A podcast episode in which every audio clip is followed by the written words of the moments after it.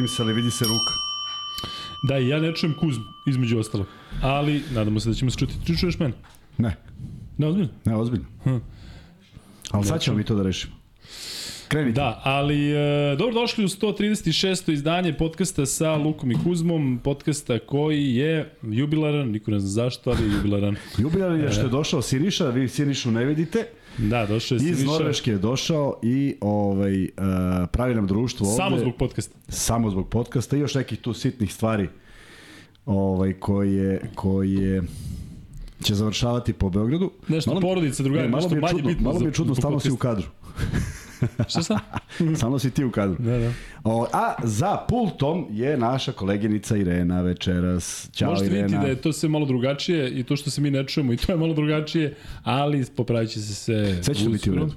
Da, tako da u suštini ne treba nam slušalice sada, dok ne se ne Da, sad bi nam bilo bolje bez slušalica, ali uh, ono što je najvažnije, a verujem da bi neko napisao da nas ne čuje, tako da verujem da nas gledalci čuju i to je ono što je možda i ne možda, nego sigurno najvažnije. Vidite malo drugačiji dekorisan sto Sve i da krenem drugačije. i da krenem sa nečim. Dobili smo poklon od Dejana Miloševića. On je bio nedavno u Beogradu i vidi šta smo dobili.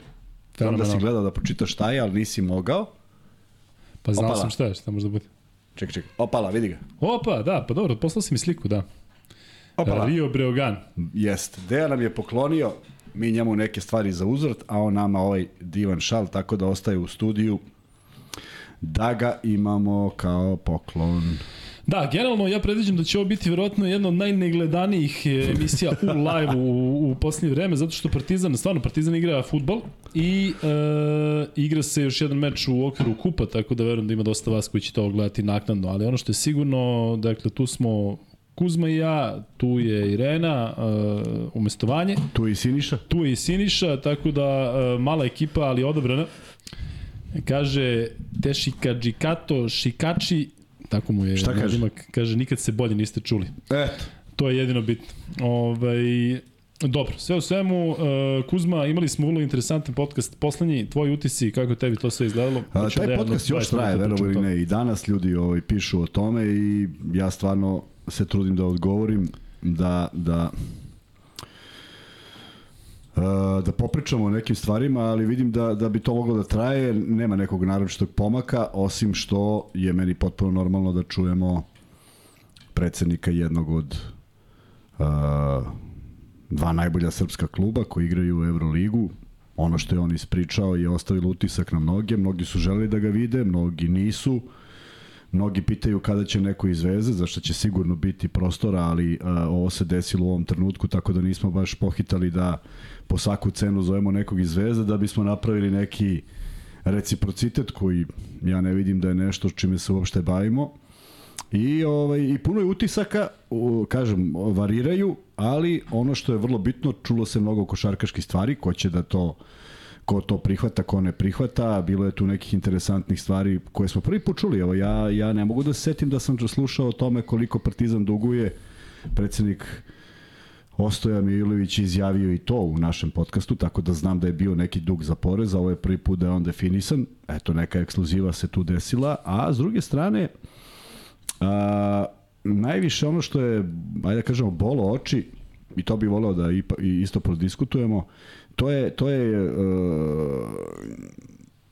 njegov, njegovo izražavanje po pitanju wild card.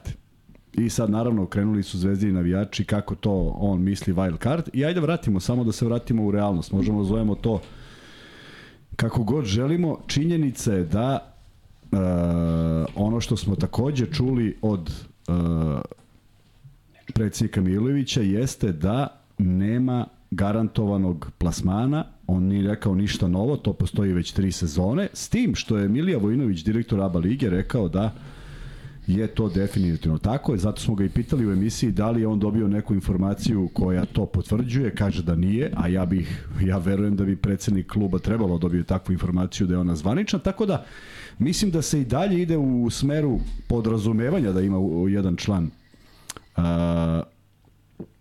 ABA lige, ali da to nije nešto što je do pre tri godine bilo kao tako zapisano i nepromenjivo, tako da u tom kontekstu i rekao da je ovo poziv koji nastane naknadno. Uh, šta bi bilo kad bi bilo i da su svi ruski klubovi tu, ne mogu da zamislim, ali bila bi ozbiljna gužva po tom pitanju, pa je pitanje kako bi raspoređena mesta i koga bismo ove godine gledali u Euroligi, a jedina stvar koja bi se svega toga dobra desila, to je da bi proširenje za ta dva kluba bilo kudi kamo jednostavnije, zato što onda ovih 18 koji igraju plus dva ruska kluba, to bi zaista dalo jednu ozbiljno dobru celinu i mislim da bi tu bilo vrlo malo klubova koji bi još konkurisali sa nekim kvalitetom, sa nekim budžetom, sa svim onim što Euroliga traži da uđu među tih 20, onda bi te sve ideje podele na istok i zapad, na konferencije, na divizije, na čuda bilo, bilo kudi kamo logičnije moguće, ali šta će doneti budućnost vidjet ćemo u svakom slučaju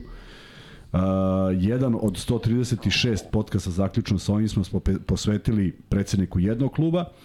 Uh, iskreno, posle svega toga sam razmišljao kako bi bilo dobro napraviti intervjue, ne samo sa pojedin, pojedincima koji stoji za velike klubove u regionu, nego što i ne šire. Uh, ja jednom, jednom našem ovaj, gledalcu sam rekao, pošto imao je zamerku kako, kako Ostoje Milović nije čovek iz košarke, do, faktički mi je to i rekao da je do 2017. nije mnogo znao o košarci, a onda sam ja prosto pitao kako bi mu izgledalo da mi odemo sad sednemo u kola, odemo u Mihi i napravimo intervju sa Ulijom Henesom.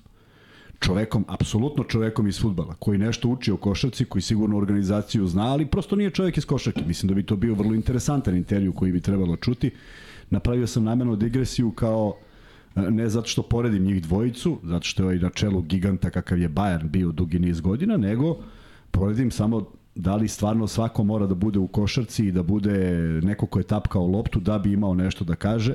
Prema tome na gledalcima je da procene da li im se to dopalo, da li je to onako kako su zamislili i naravno ogromna većina ljudi je zadovoljna podcastom, tako da što se nas tiče uradili smo jednu dobru stvar ka nekoj normalizaciji razgovora, jer nijednog trenutka ono što mi je bilo vrlo važno nije spomenuta zvezda u negativnom kontekstu, niti bismo volili da bilo ko spomene Partizan od gostiju iz Crvene zvezde.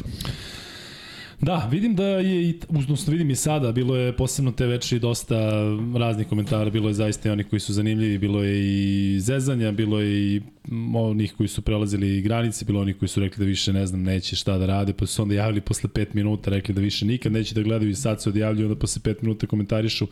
Sve to, da kažem, deo igre. Morate shvatiti da, mislim, ne morate ništa, ali e, vi znate da mi pričamo ovde, evo već više od godinu dana koliko traje podcast o tome kako, kao što je Kuzma rekao, želimo da se normalizuju neke stvari I ja zaista ne vidim da je išta loše proisteklo iz tog podcasta. Evo, Luka Manolović ima jedno objašnjenje koje, koje je na mestu i generalno ovde ljudi e, kažu nije bilo smešno, nije bilo opušteno, niste to bili vi. Ja i Kuzma smo razgovarali o tome pre podcasta da je ovo jedan od e, možda dva ili tri gosta gde smo bili na vi da ni ja ni Kuzma sa njim nismo imali kontakte ranije. Pa zato možda na početku je bilo malo da kažem ajde onako jednostavno baš e, po PS-u, ali videli ste tokom podcasta da smo se svi opustili i to jeste poenta. Pritom smo zaista dobili odgovore na neke brojne teme o kojima mi pričamo ovde, neke stvari su prvi put ekskluzivno rečene, e, a sve da bi se normalizovala situacija da bi bilo pozitivno. Jeste da to nije, da kažem, u našem manijeru, zato što jednostavno znate da ovde uglavnom kada uglavnom pričamo o Kuzma i ja, ali e, kada dolaze gosti to su ili bivši Kuzmini saigrač ili neki sa kojima smo povezani, tu je bio Darko Rejaković koji je moj bio trener, pa još neki naši ljudi koje znamo zajedno ili, ili jednostavno su su e, već na neki način bili bili ranije i pre podcasta povezani sa, sa Kuzmom ili sa mnom, ali e, zaista mislim da, da da su neke jako dobre stvari proistekle iz toga. Ne samo da smo dobili odgovore, nego primjer radi Kuzma je ovde napravio jedan deal za momke iz kluba Soko, što je jedna fenomenalna humanitarna akcija i ako neko misli da je to loše, zaista ne mora više da gleda podcast. Neće nam, neće nam e, nedostajati. Dakle, ako mi sada moramo ovde da se pravdamo kako je tu bilo mnogo dobrih stvari, mi smo sa tim čovekom pričali pre podcasta i posle podcasta. Možda smo pričali onako i iz ofa nekim lepim stvarima kako da se stvari normalizuju, I onda ako neko ima nešto protiv toga, ja mislim da nije problem u nama. Da je bilo drugačije od onoga na što smo svi navikli, jeste, ali e, zaista, zaista mislim da, da ništa loše nije proisteklo iz toga. I naravno da ćemo pokušati da napravimo balans i da čujemo drugu stranu i e, to je jednostavno, ajde da kažemo onako novinarski, po branši, ako ja i Kuzma ne gledamo sebe kao novinari, ali je da kažem normalno. Normalno je da, da, da čujemo šta ima da kaže i druga strana te dve strane su najbitnije u srpskoj košaci, koliko god mi ovde pokušavali, evo čuo sam i ljudi koji najavljuju kupa, kao ne smemo da opišemo druge timove, kao mora svi, svi imaju istu šansu, nemaju svi istu šansu i svi znate da ovo polufinale sutra će praktično 99% odrediti šampiona kupa. Mi možemo da budemo korektni i da kažemo jeste sportski je nadati se, ali svi znamo kolika je razlika između Zvezdi Partizana i svih timova u ABA ligi, a da ne govorimo koliko je to samo na nivou Srbije i videli ste sa kakvim timovima su igrali Zvezdi i Partizan i opet je to bilo manje više rutinski, Partizan protiv Spartaka, a Zvezda danas protiv Borca i pričamo naravno i o tim mečima. Danas planiramo da pričamo i o pre svega derbiju koji je na programu sutra, da možda malo zakačimo reprezentaciju i nešto o čemu ćemo pričati tek kad dođe vreme za ove prozore, ali E, planiramo na kraju malo da, da pomenemo i NBA ligu, nije Vanja tu, tako da ću ja sam pričati, znate da je Kuzma veliki fan NBA ligi, ali da ne voli da priča. Tako da sve u svemu, bit će ovo još jedan e, dobar i dug podcast, nažalost Irene koja je tamo već lupka po tastaturi ili šta da se radi, tako to ide. Bilo je zaista dobrih i dobrih fora, tako da, da svaka čast vama koji ste bili onako zanimljivi i duhoviti ali e, generalno po svim tim temama smo pričali mi ovde sa vama, mi sami, sada smo saznali nešto eto, oko te KLS lige, odnosno KLS-a, oko, oko tih nekih e, stvari oko Trinkijerija, bilo je tu milion, milion nekih odgovora, a moram priznati da je meni bilo zanimljivo da čujem nešto o čemu sam ranije razmišljao, odnosno ja sam imao neke svoje u glavi ideje, odnosno ja sam imao neke svoje razmišljenje kako je došlo do nekih kontakata, došao je čovjek i rekao sve, nigde nije zastekivao, nigde nije pre, prećutkivao, vodili smo jednu baš konstruktivnu, pa u nekim momentima i raspravu videli ste kada je pitao Kuzmu, dobro, pa kako vi mislite da se to reši, ne znam, na nivou ABA ligi, Euro ligi ili već šta. Tako da, e, dosta, dosta pozitivnih stvari. E, vidimo da je podcast gledan, već ima neke rekorde što se tiče komentara ili lajkova ili već čega god. Tako da, uh, sve u svemu, mislim da je taj ponedljak prošao dosta dobro. E, sve u svemu, da kad si već spomenuo kup, danas sam ovaj, sedao i razmišljao šta mi to što mi najviše smeta u kupu. Šta je ono što, što određuje da ti već znaš i favorite, ne samo po imence, nego uh, cela fora kupa u prethodnim vremenima je bila u tome da se neki mali nađe u završnici da iznenadi. Znaš kako je to moguće? U onom starom sistemu takmičenja kada ti ne možeš da tempiraš formu, sada su svi klubovi tempirali formu za finalni turnir, a tada je bilo ono, u sred sezone, pa neću zaboraviti boraz budućnosti od zdravlja u Čačku. Dakle, mi smo išli na tri fronta, igrali i već videli kako smo se plasirali, došlo zdravlje i pobedili pola koša. E, to je moguće samo kada si ti negde u nekim svojim utakmicama pa se neko fokusira ovako, zaista gubi tu draž zato što verujem da taj Čačak može u nekom momentu u sezoni da, odre, da odigra bolju utakmicu. Da bi Spartak mogao da uh, pogodi Partizan, ajde da kažem one, one momente kad, su, kad je Zvezda imala minus fazu, kad je Partizan imao minus fazu. Zamisli da su tada uletele te utakmice. E tu ne znam šta će da se desi. Ali ovde kada su oni svi e, ovaj, našpanovali formu za upravo ovaj period, stvarno uh, lepo je gledati kup, lepo, lepo je vidjeti pojedini igrače, lepo je vidjeti neke poteze od igrača koje u suštini ne znamo ili manje poznajemo, ali to je to, to se završi na tom nivou, da vidiš nekog talentovanog igrača, da vidiš neku ekipu koja je pružila malo veći otpor uh, velikima i to je to. Evo ove godine je kostur takav da se Partizan i Zvezda sastaju u polufinalu.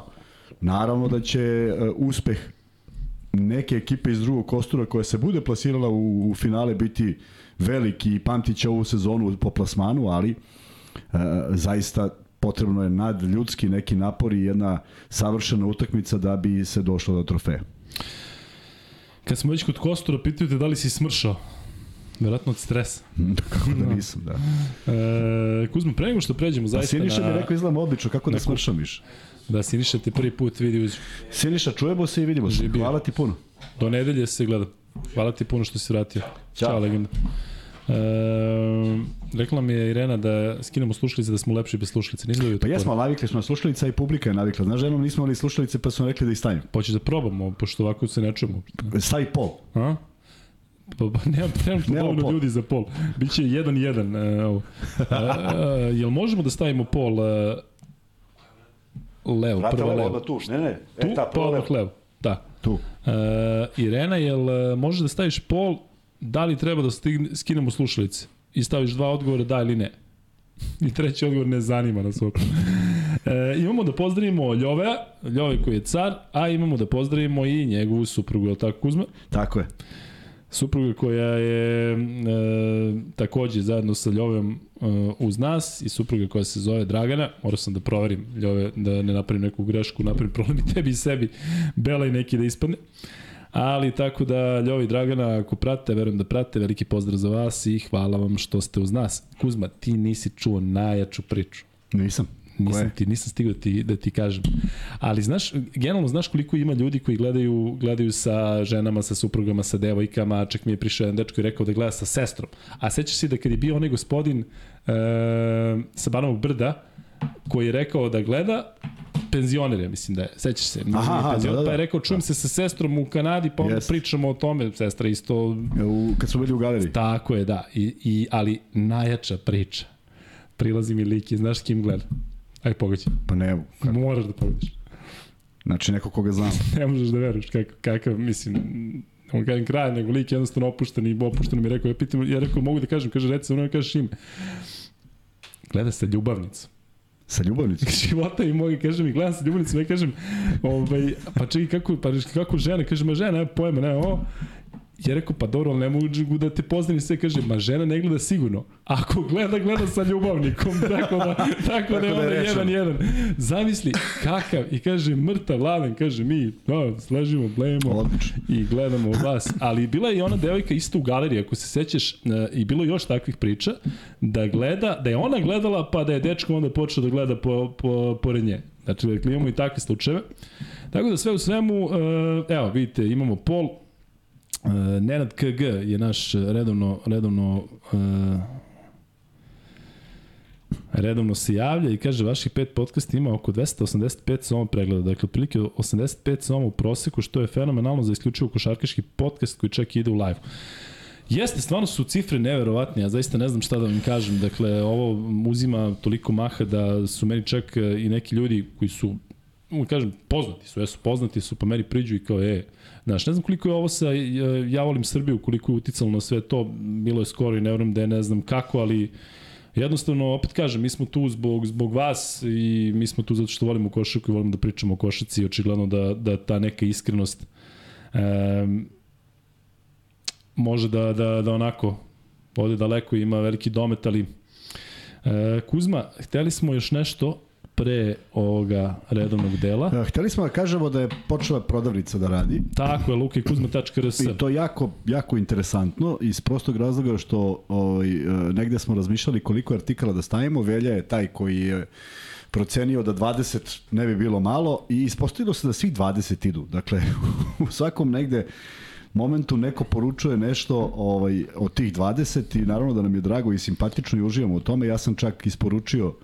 nekoliko poklona, to jest nekoliko naručbenica ovaj, direktno, nije mi bilo teško. Da, ako poručite u Beogradu, velike su šanse da Kuzma bude da. taj koji će vam doneti ili recimo sutra ja, tako da ovom novom momku tako nosim. da kurire, ali ovaj... reci čovjek ljudima zašto sutra nećeš ti nositi nego ja.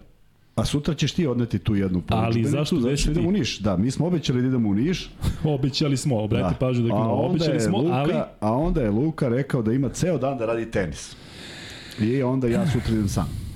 Da, trebalo je da, da idemo zajedno i um, petak se potrefio kao taj dan i kada je derbi i kada je trebalo da idemo. Međutim, prvo ja radim Australijanca u 9.30, dakle australijska košarka ulazi u samu završnicu, tako da je sutra drugi meč polufinala između Sidneja i Kensa.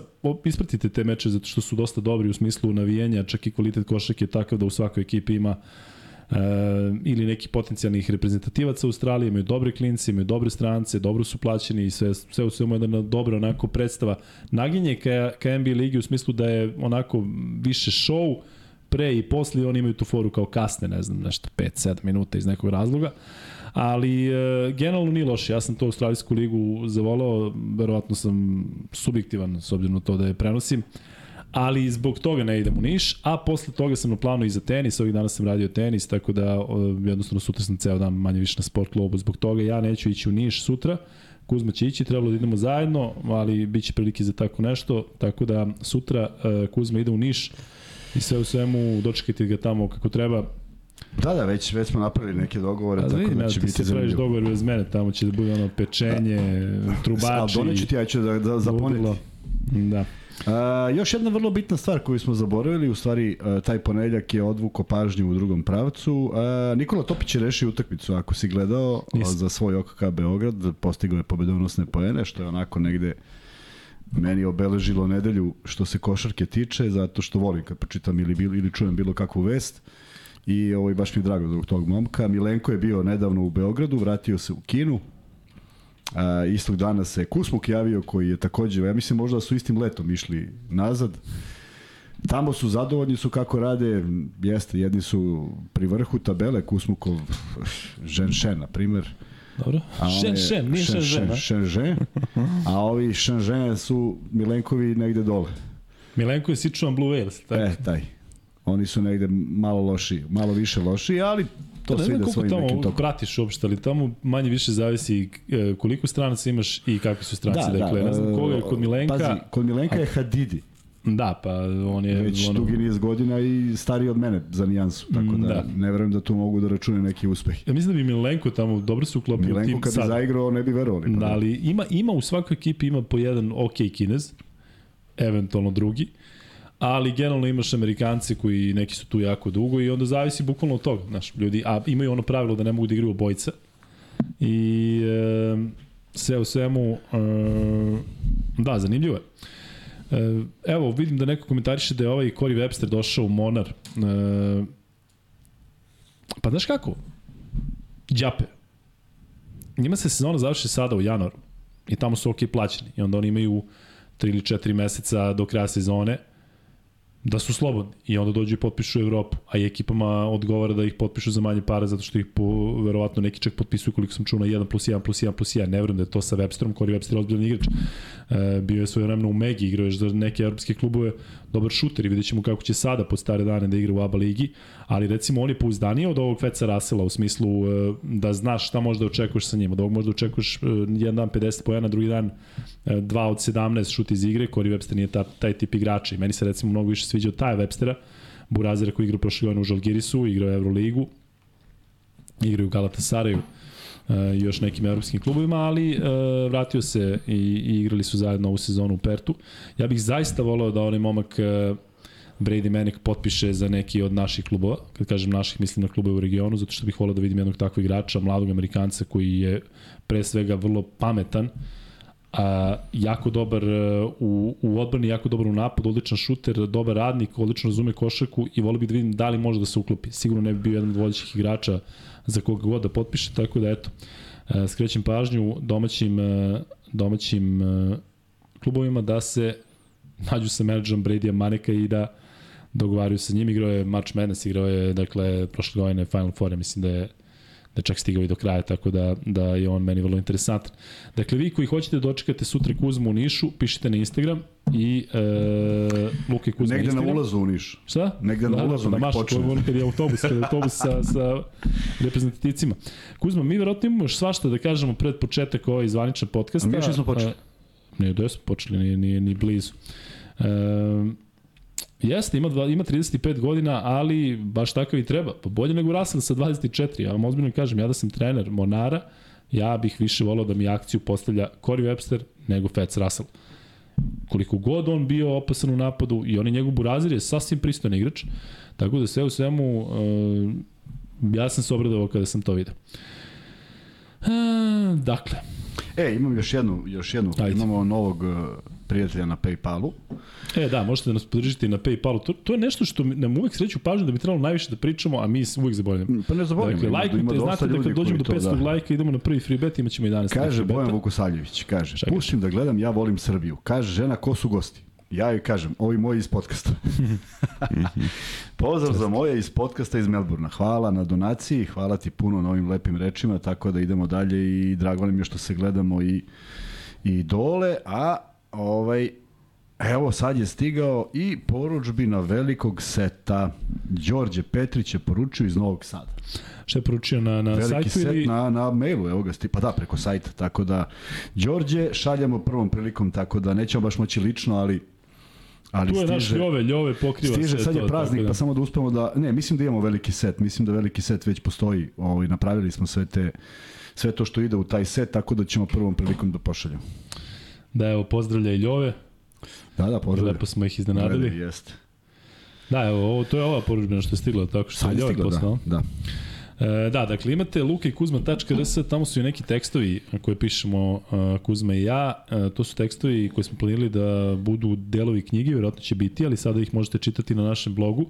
I uh, to je otprilike uh, preteča podcasta, odnosno kako smo se ja i Kuzma upoznali, kakav je to odnos bio pre podcasta i uh, kako je cela ova priča krenula, tako da postepeno idemo um, jedan segment, uh, segment po segment, dakle, uh, glava po glava kako je došlo do, do podcasta koji evo sada je zaista uzeo maha i Zahvaljujući vama smo postali zvezde, Kuzma je bio zvezda i pre ovoga ja sam imao neke druge formate u kojima sam bio, radio na sport klubu, ali sada nas svi prepoznaju uh, po tome i zaista je uživanje uživanje kada vidite koliko se širi dobra energija, malo malo pa neko priđe i ima neku priču zašto nas da. gleda, s kim nas gleda, kako nas gleda, tako da... Da, e, u, u sklopu toga, to smo zaboravili takođe, u sklopu toga kad smo došli do prodavnice, uh -huh. a, Velja kojeg ćete jednom prilikom upoznati, Luka i ja smo, ovaj, kako je ovo krenulo poslednjih 10 dana i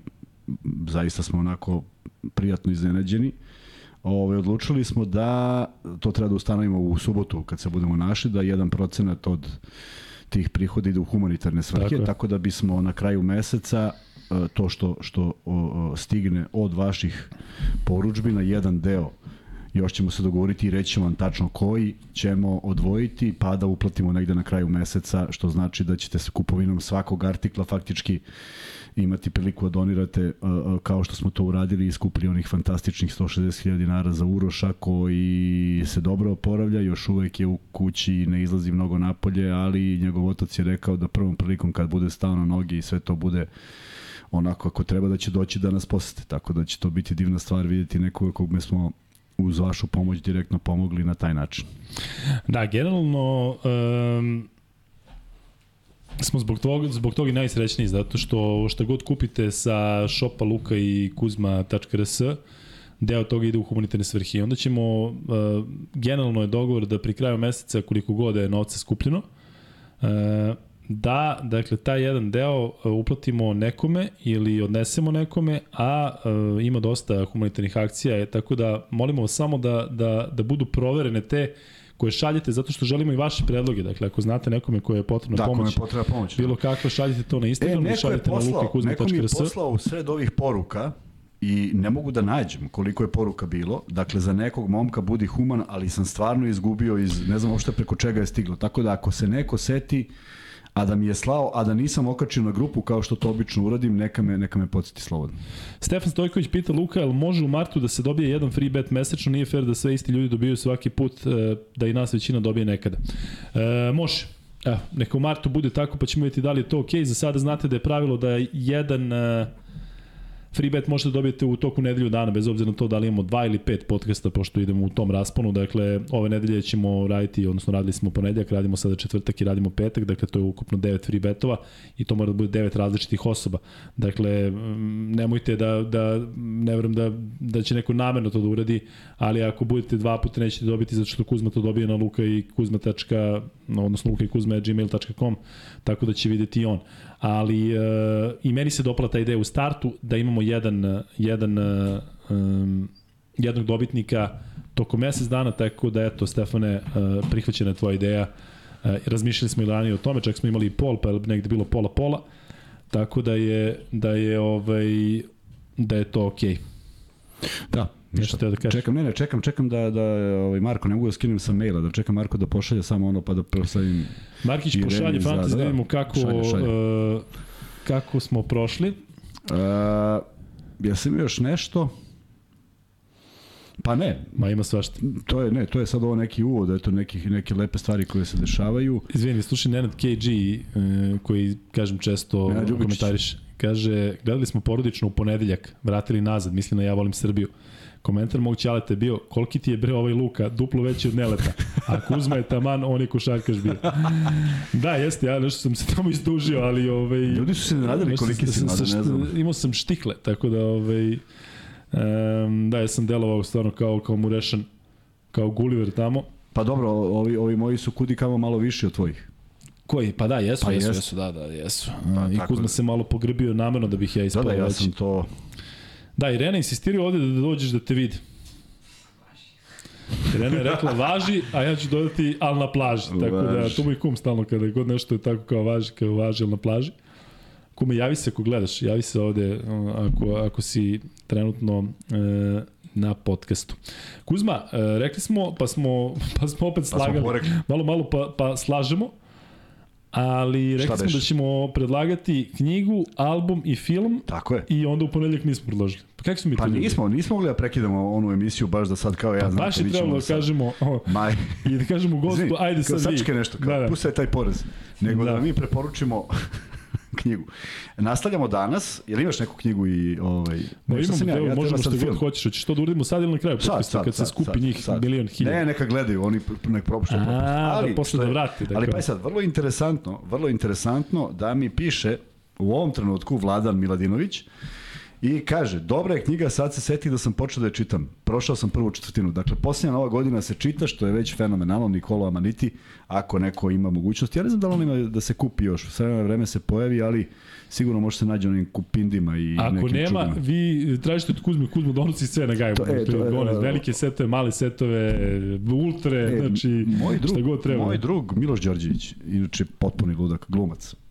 A, opaljen pošteno i družili smo se mnogo dok sam ja radio u klubu dole na Dor Dorčelu i ovaj, on je vežbao kod mene. Imao, on je vrlo atipičan i znate ga iz ove serije, ja ne znam na kom kanalu ide, ali ja ne znam da li si obratio pažnju, u avionu se nešto dešava.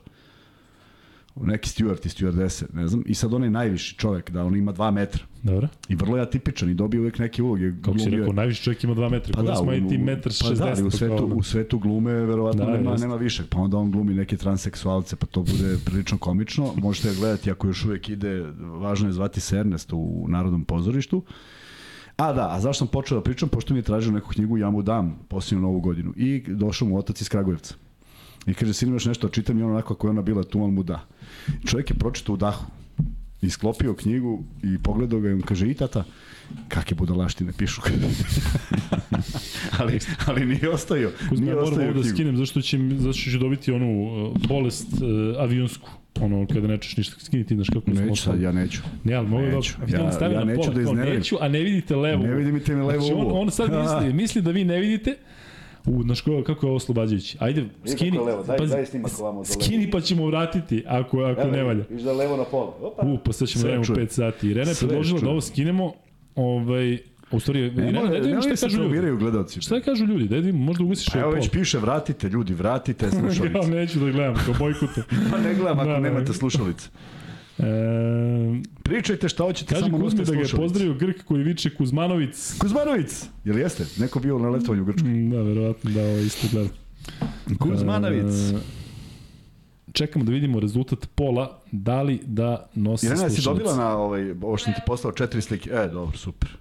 Evo ga Beki, Beki iz Max Beta. Max Beta u smislu da je tamo iz Sledjanice, gde si Beki kuća stara, potvrdi da si to ti. Uh, E, kad smo već kod nekih no, novina, evo danas je odigrana još jedna utakmica, odigrali su baš Soko koji si spomenuo i Singidunom Crvena zvezda. Odigrali su utakmicu, e, pošto nemaju, nema lige iz, iz dobro poznatih razloga, rešili su da igraju s vremena na vreme utakmice i zamisli šta se desilo danas. Danas je Milan Srdić, dečko koji je počeo da trenira u Singidunom Crvenoj zvezdi pre nekih meseci po dana možda, možda mi je malo tu promaklo, došao iz Novog Sada, sedne na voz, ej. sedne na ovaj brzi voz, nađe se sa Dražom kojeg ti takođe poznaješ i onda ga Draža vozi na trening. I to sve funkcioniše fenomenalno.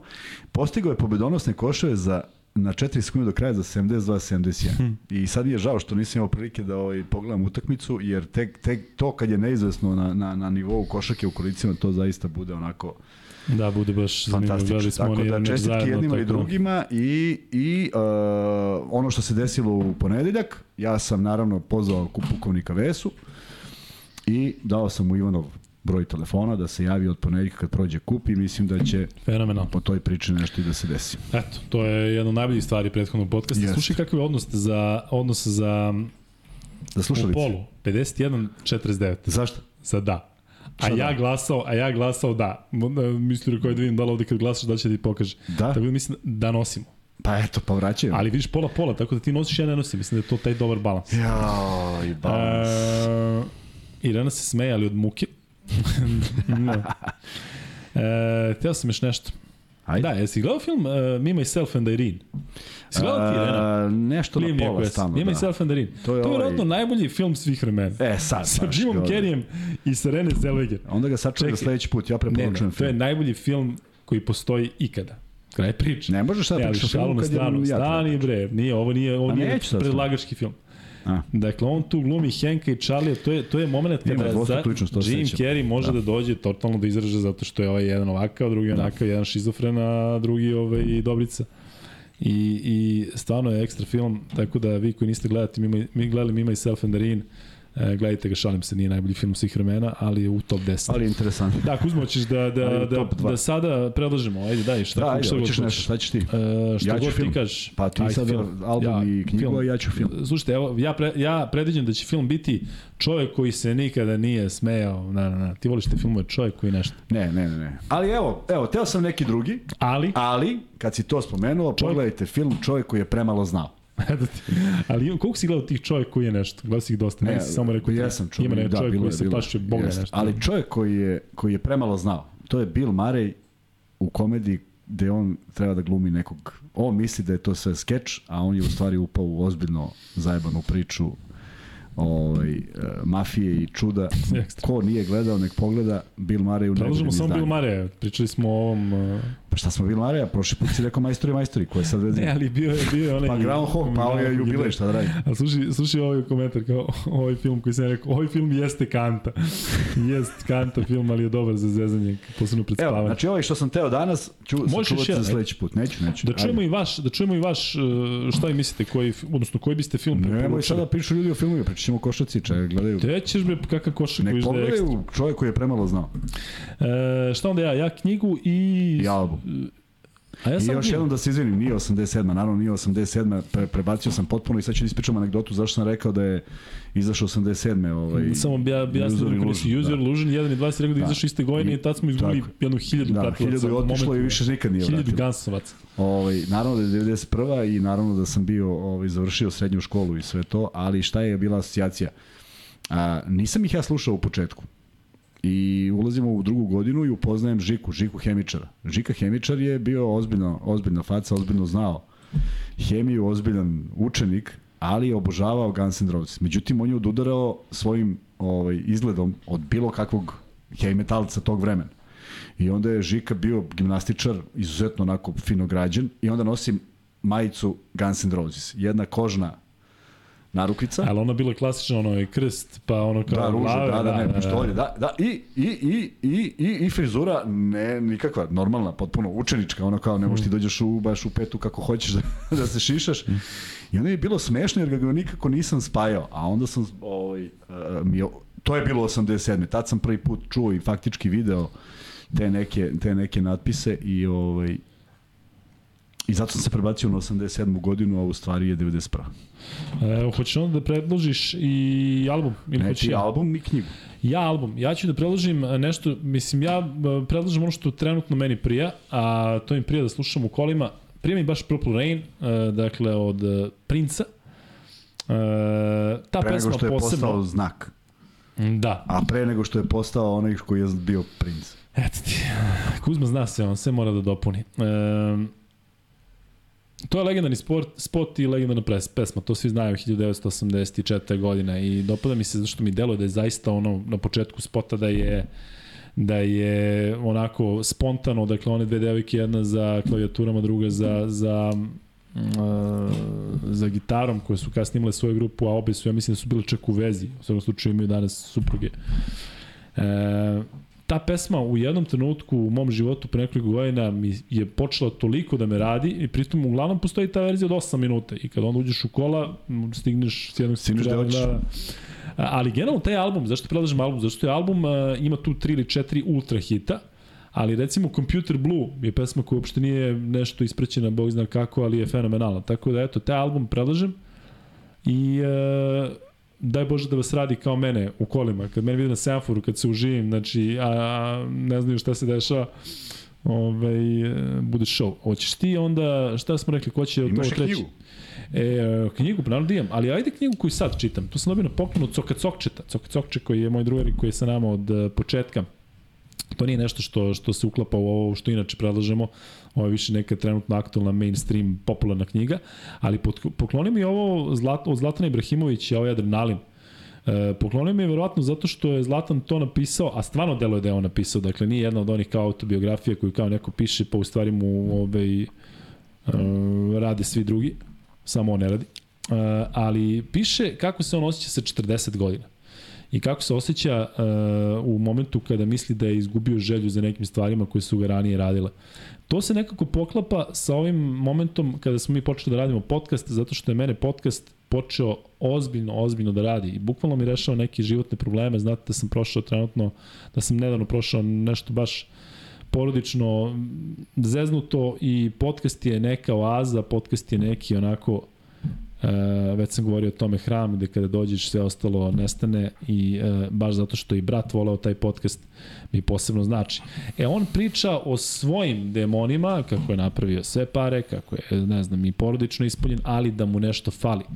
I jednostavno tu sam uspeo da se poistovetim sa većinom stvari o kojima, o kojima piše, e, s tim što je naravno veći deo futbalski u smislu da on govori o tome kako se vratio u Milan, pa ne znam čemu, ali eto, to je ta uh, knjiga koju možete naći sigurno u svim ovim um, savremenim uh, knjižarama, tako da ne knjižarama, ne knjižarama savremena, nego ovim koje su, koje su sada ultra popularne. Ali eto, to je nešto što trenutno, trenutno čitam, nisam još pročitao do kraja, tako da Coka Cokče hvala na poklonu, tako da će Kuzma ove neke ozbiljnije knjige u sledećem podcastu. Šta nam još ostalo? Imaš nešto? O, o Kantu, ja ću kasnije. Ono, Ajde, da, da. Schopenhauer. Šta je moja keva kad je otišla u, u, u knjižaru? I ne znam, Schopenhauer, ne znam šta. I on ovaj kaže, imamo na bulevaru. I on kaže, gospodine, molim vas, imamo kao samo dva, dve su ostale Kaže, molim vas, ili možete samo da mi zadržite, idem, penzija, ne znam šta, ovo ono. Kaže, gospođo, te dve knjige stoje već 15 godina, kaže, niko nije uzao. Kaže, ne, ne, ali sačuvat ću vam, kaže, a moja kjeva se izbulina tražila, ne znam koliko dugo, pa je Schopenhauer. Uh, tako da, sve u svemu, mm, da, upravo si Bob George. Da, ide ka tom. Uh, može preporuka šta jesti za večeru? Kaže Stefi Stojković. Pa izbaciš, što bi rekao moj drug Vladan, izba, izbaciš hranu iz ishrane. Ne. Ovaj, sedeo je, u, sedeo je, otišao je u prodavnicu u Švajcarskoj i htio da kupi... Si da neće biti košak i Nema košak i ošte. Pa jesu, jesu hteli, kaže, pričate ono kao vi što znate da pričate. Ovaj, odlazi u prodavnicu u, u Švajcarskoj i zove mi iz prodavnice kaže, kupujem dve paprike šilje. I kaže, koštaju 4 evra i 20. Dve. Ali kaže, stvarno su identične, one po evropskim standardima. Pa kaže, 20 kila da uzmem za te pare. Kakve dve paprike, kaže, najverovatnije ću izbaciti hranu iz ishrane ako želim da preživim u Švajcarskoj. Um, da, ovde sada pominjemo princa i šta je bio, kakav je bio Da, Prince je legenda, on ne znam da li znate njegovu biografiju i kako je krenulo sve to iz malog mesta. I ozbiljno muzičar je bio. A neverovatan je bio. Da. I stvarno ima tih priče koliko bi visok, šta je nosio, da li nosio potpetice, Jeste, nije. nosio je stalno, je nosio u spotovima. E, generalno vidite koliko se, neverovatno i on i taj Michael Jackson i sve te neke, da kažem, ikone, ali Presley, koliko su mladi otišli. Pa znaš mm. da ima oni klub 27 koji je sve ovaj, veći, tu je tvoj. Tu je moj, da. Ali on je nevjerojatno, kad pomisliš da ima 27 godina, on je delao koji ima 36. Ono, pet godina pre smrti. Pa, težak život bio. U Aberdeenu. Da, sa German Shepardom. Germanom da. Shepardom, da. E, mm, Da, 1-0 za Partizan, kažu. Da, to je ono što sam rekao da neće vjerojatno biti mnogo ljudi u live-u, uh, zato što se gleda Partizan Šerif, a gleda se i FNP. Ali mislim da je krajnje vreme da dođemo do košake. Kuzma, uh, da idemo okolo na okolo, se slažeš? Ajde. Reci mi, ali stvarno me zanima, uh, kup danas, ali pre toga da mi kažeš kako je izgledao iz tvog ugla kup u tvoje vreme, pa, šta je to znači? Da, da, ovo što ti rekao. E, jesi na početku, ali e, taj prelaz, gde si ti bio, odnosno tačno u kom trenutku svoje karijere, kada je kup Radivoja Koraća evropski postao kup domaći Radi A, nisam nigde bio. Mislim, nisam više bio u zemlji. Pre, prestao si da, da igraš. 2003. je prebačen, da. Ja sam već izašao 2001. Je to za tebe kao igrača bilo, bio neki udarac u smislu, Jest. je tako? Jeste, da. Zato što ja znam da se ne upozorio, da. čekaj, u čemu se radi? Znaš, da, da, da, premo da saporte, pa ne da, znam da, šta. Da, u čemu je fora?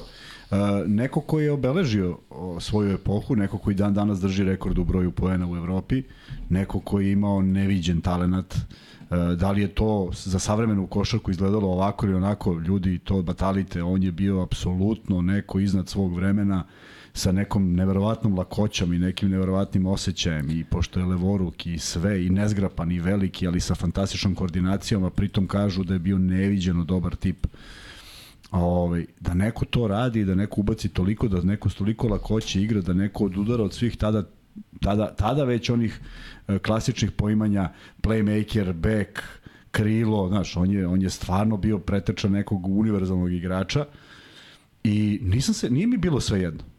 Mislim, kako bih rekao, meni je ta počast bila tada i zauvek. Šta si igrao ima... Kup Korać nekad? Hm? Evropski, si igrao nekad? Kup Korać. Pa 97. 98. kako nisam. Je tako? Pa da. Kup Korać? Pa da. Kup Korać. Kup Korać. Kup Korać, pa da. Sve, sve mi u glavi kup sa portom. Ne, Kup Korać.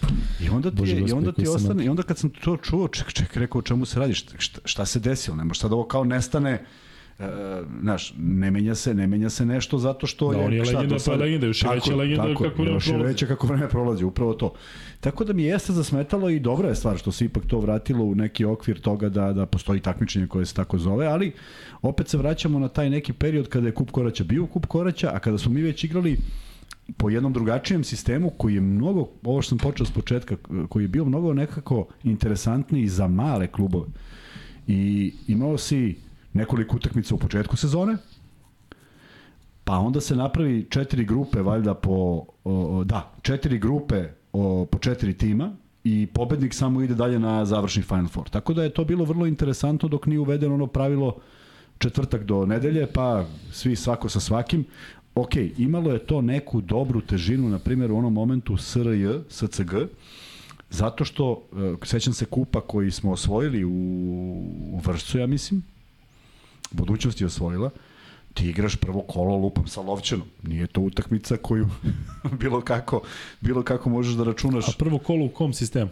U ovom sadašnjem, ovakvom. Dobro. Znači, ti nalećeš četvrt finale, to može bude izuzetno ozbiljan protivnik koji samo da, sticamo da. okolnosti. Tako da nije bilo lako doći, zato što nije bila polarizovana liga ovoliko, ali nisu to bile utakmice koje si mogao da zanemariš i da preskočiš ili da odigraš onako ili da igra nekih drugih pet, nego jednostavno... Je bilo nešto osim trofeja?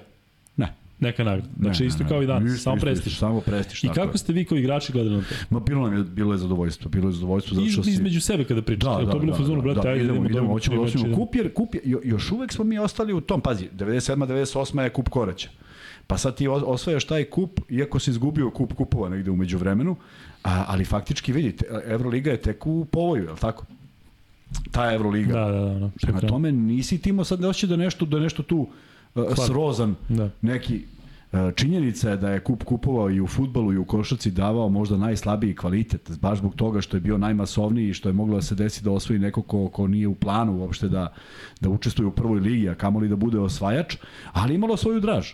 E sad, naravno, kad sve provučeš kroz financije i neko pogleda koliko to košta, naravno da se nikom više ne ispati da tu sad postoji neki sportski motiv i da neki treći ligaš uzme kup, pa kao on ide igra protiv nekog Bajerna, znaš, koji je slučajno tek sezone kiksne, onda to neko kao, ko će ovo da proda, pošto definitivno sve mora da se proda, sporta nema, nema u naznakama, ali, ali mi je žao zato što je bilo mnogo više draži i kažem, neka ekipa mogla da te nagazi u lošem momentu u sezoni, jer ti si morao da obaraš formu. Ti si mogao da traješ pa da oboriš, traješ pa da oboriš, ne možeš ti sada da traješ pa... E tu je moglo da se desi da, da te neko nagazi, pobedi, zauzme ti mesto, ode na taj Final Four, napravi neki uspeh koji bi pamtio. Ovako je ovo je samo stice okolnosti da su Zvezda i Partizan u uh, kosturu jedne strane, pa će neko uspeti, uspeti da se domogne finala. Prema tome, uh, nažalost, tako je, uh, shvatam da i Spartak i Metalac i, i, i ko je tu i, i Borac, da su, da su oni došli tamo verovatno sa ono, nisu, nisu rezervisali hotel za, za večeras. Uh, da, Milo, vidjet ćemo sutra. Pa, da. Verovatno smo samo večeras.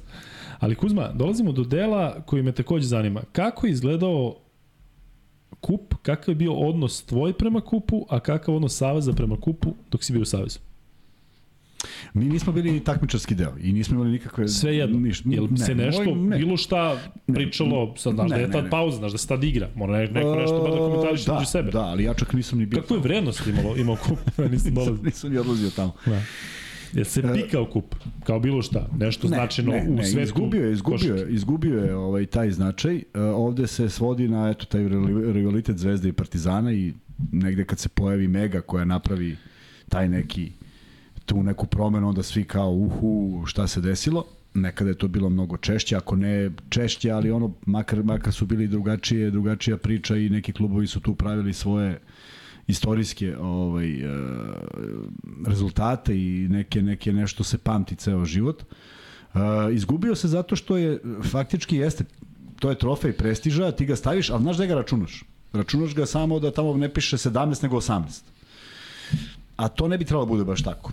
I kamo sreće da postoji neka, neki, ne, neki, uh, neko ko bi mogo da razgovara o tome da se i taj kup kralja, koji je takođe sad postao prestižna stvar, samo što je tamo to kup kralja. Pa... Komentarišu kako je Real danas preživeo pro, pro, pro, da, i kako su pokrali, ali pa evo, Barcelona sad ide igra protiv Unikahi, tako da delo da se tamo tempera, ali prekidam te, zapamti da si stao. Ne, pa Gile vodi protiv Makabija 63-59 u posljednjem minutu, tako Odlično. da mogu A tvoja omiljena ekipa Armani su iz... Yes, da, moja omiljena ekipa. izletali. A FNP inače u ovom trenutku ima plus 15 protiv Mitalca, tako da i to ide, ide u... Pa da, u nekom, nekom očekivanju. Ti znao da je struja trener Spartaka? Aha. Od nedavno, da. Pa da, ali baš je nedavno. Znam, da, nije, da, da, nije da, vodio da, da, u da, da, decembru, nije da, vodio. Da, nije, nije. Pa struje koji nije radio godinama.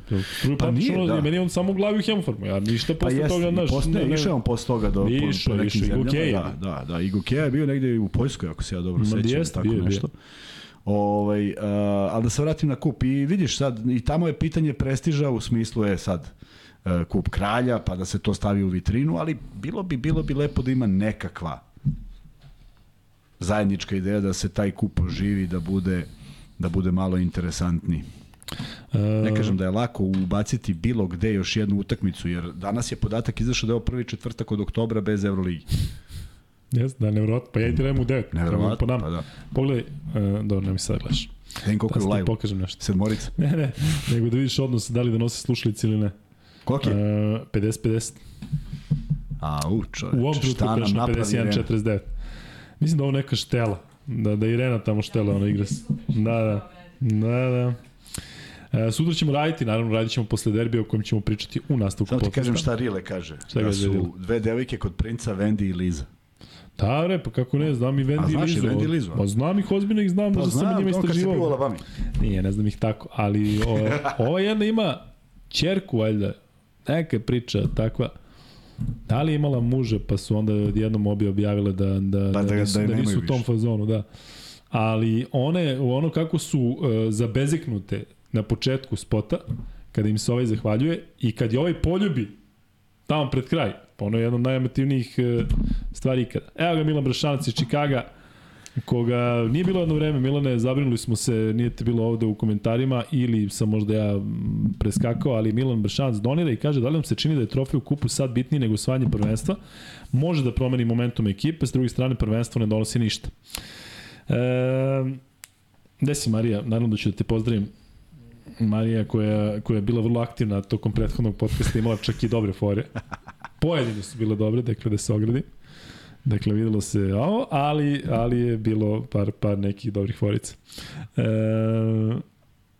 I onda su ovde pisali Luka se smeje dok čita kao komentare e, u prošlom podcastu. Bilo je dobrih fora. Bilo je dobrih fora, bilo je bez veze stvari, bilo je More Vančik da radi, da radi malo dugme banovanja, ali ovaj, vidim da su se neki od vas dobro zabavili. E, šta kažeš Kuzma, da li vam se čini da je trofej kubu sad bitniji nego osvajanje prvenstva? Zašto ne znam da li će se prvenstvo igrati? Čuli ste i objašnjanje za KLS prošle godine, ne možda šta će biti ove godine. I da li te generalno iznenadio taj, taj e, potez zvezde? Si očekivao da će igrati? Da. Jesi, da će ipak. Uh, uh, mi smo čuli predsednika Partizana da se ogradio i da rekao da to nije bio dobar, dobra odluka, ali na kraju smatra da jeste.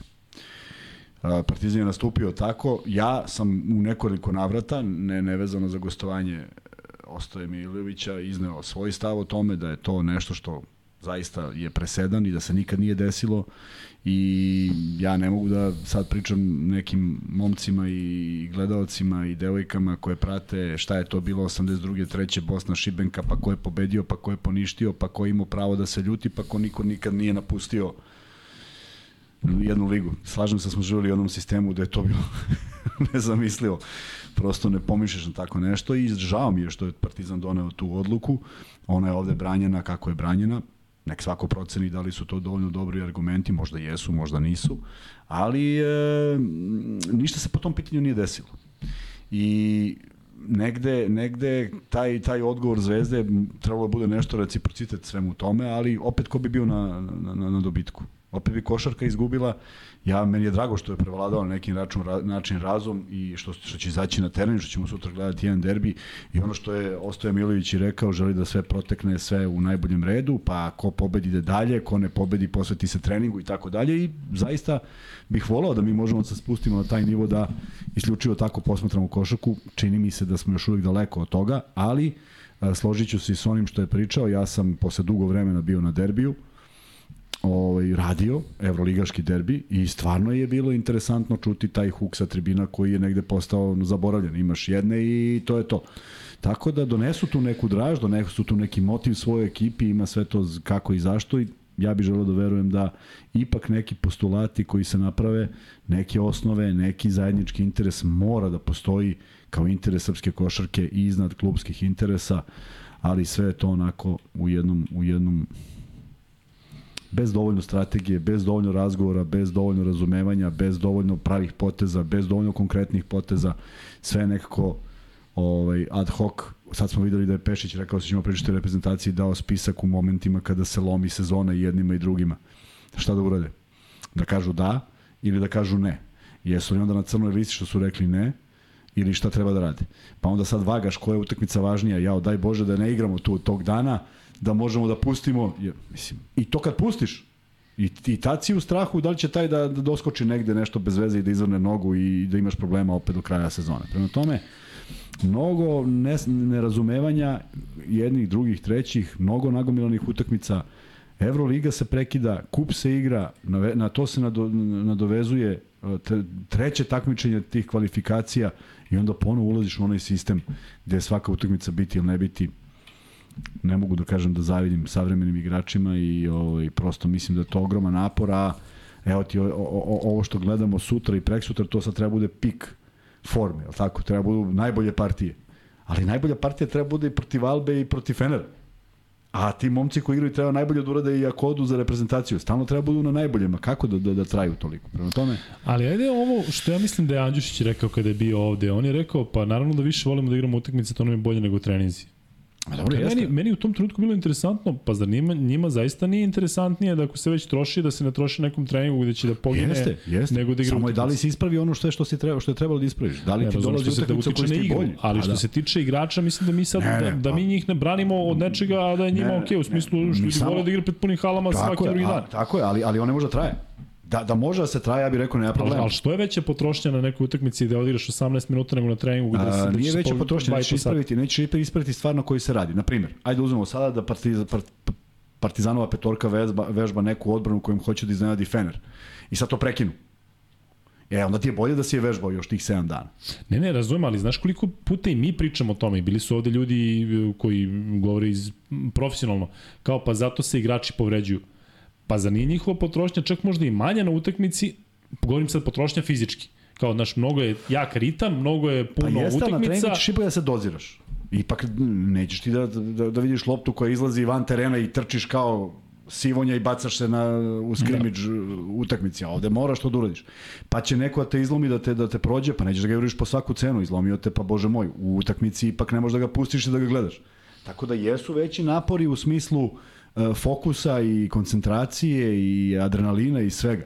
I taj takmičarski moment na treningu možda imaš, možda nemaš. Nema ga baš svako da, svaki dan da moraš da pobediš protivničku petorku. A ovde to pro, mora prosto da postoji. A da bi sve to trajalo i moraju se ponavljaju konstantno iste stvari. Zaista mislim da su igrači u prošlosti bili obučeni. Ne da su bili bolji, samo su bili obučeni, jer su radili manje više iste stvari iznova, iznova, iznova, iznova i kad naučiš jednom to ide. Tako da, ovaj, A ovde treba promeniš tri ekipe. I onda kad se skupi reprezentacija u ovim prozorima posle dva dana ili jednog i po treninga, kao vi kako ne, ne deluju, kao šta treba da deluju, kako bi to bilo jednostavno, ti ih samo skupiš, a oni... I roke, da. da. Tako da, e, sad, tu sam uvijek bio, i, i, ono, ono, ono što je meni uvijek upadalo u oči, što ne znam da li je moguće da se, da se sprovede, možda ja imam samo neku fiks ideju, možda nije moguće, a, Evo, pogledaj, vidio si koliko ima nekih talentovanih igrača i u tom Spartaku i u tom, ne kažem da su za reprezentativnu selekciju, ali govorimo o nekim igračima koji će svakako u nekom momentu biti slobodniji od ovih što igraju Euroligu. Ja stvarno mislim može se napravi dobra ekipa od toga. Ali ta ekipa da traje.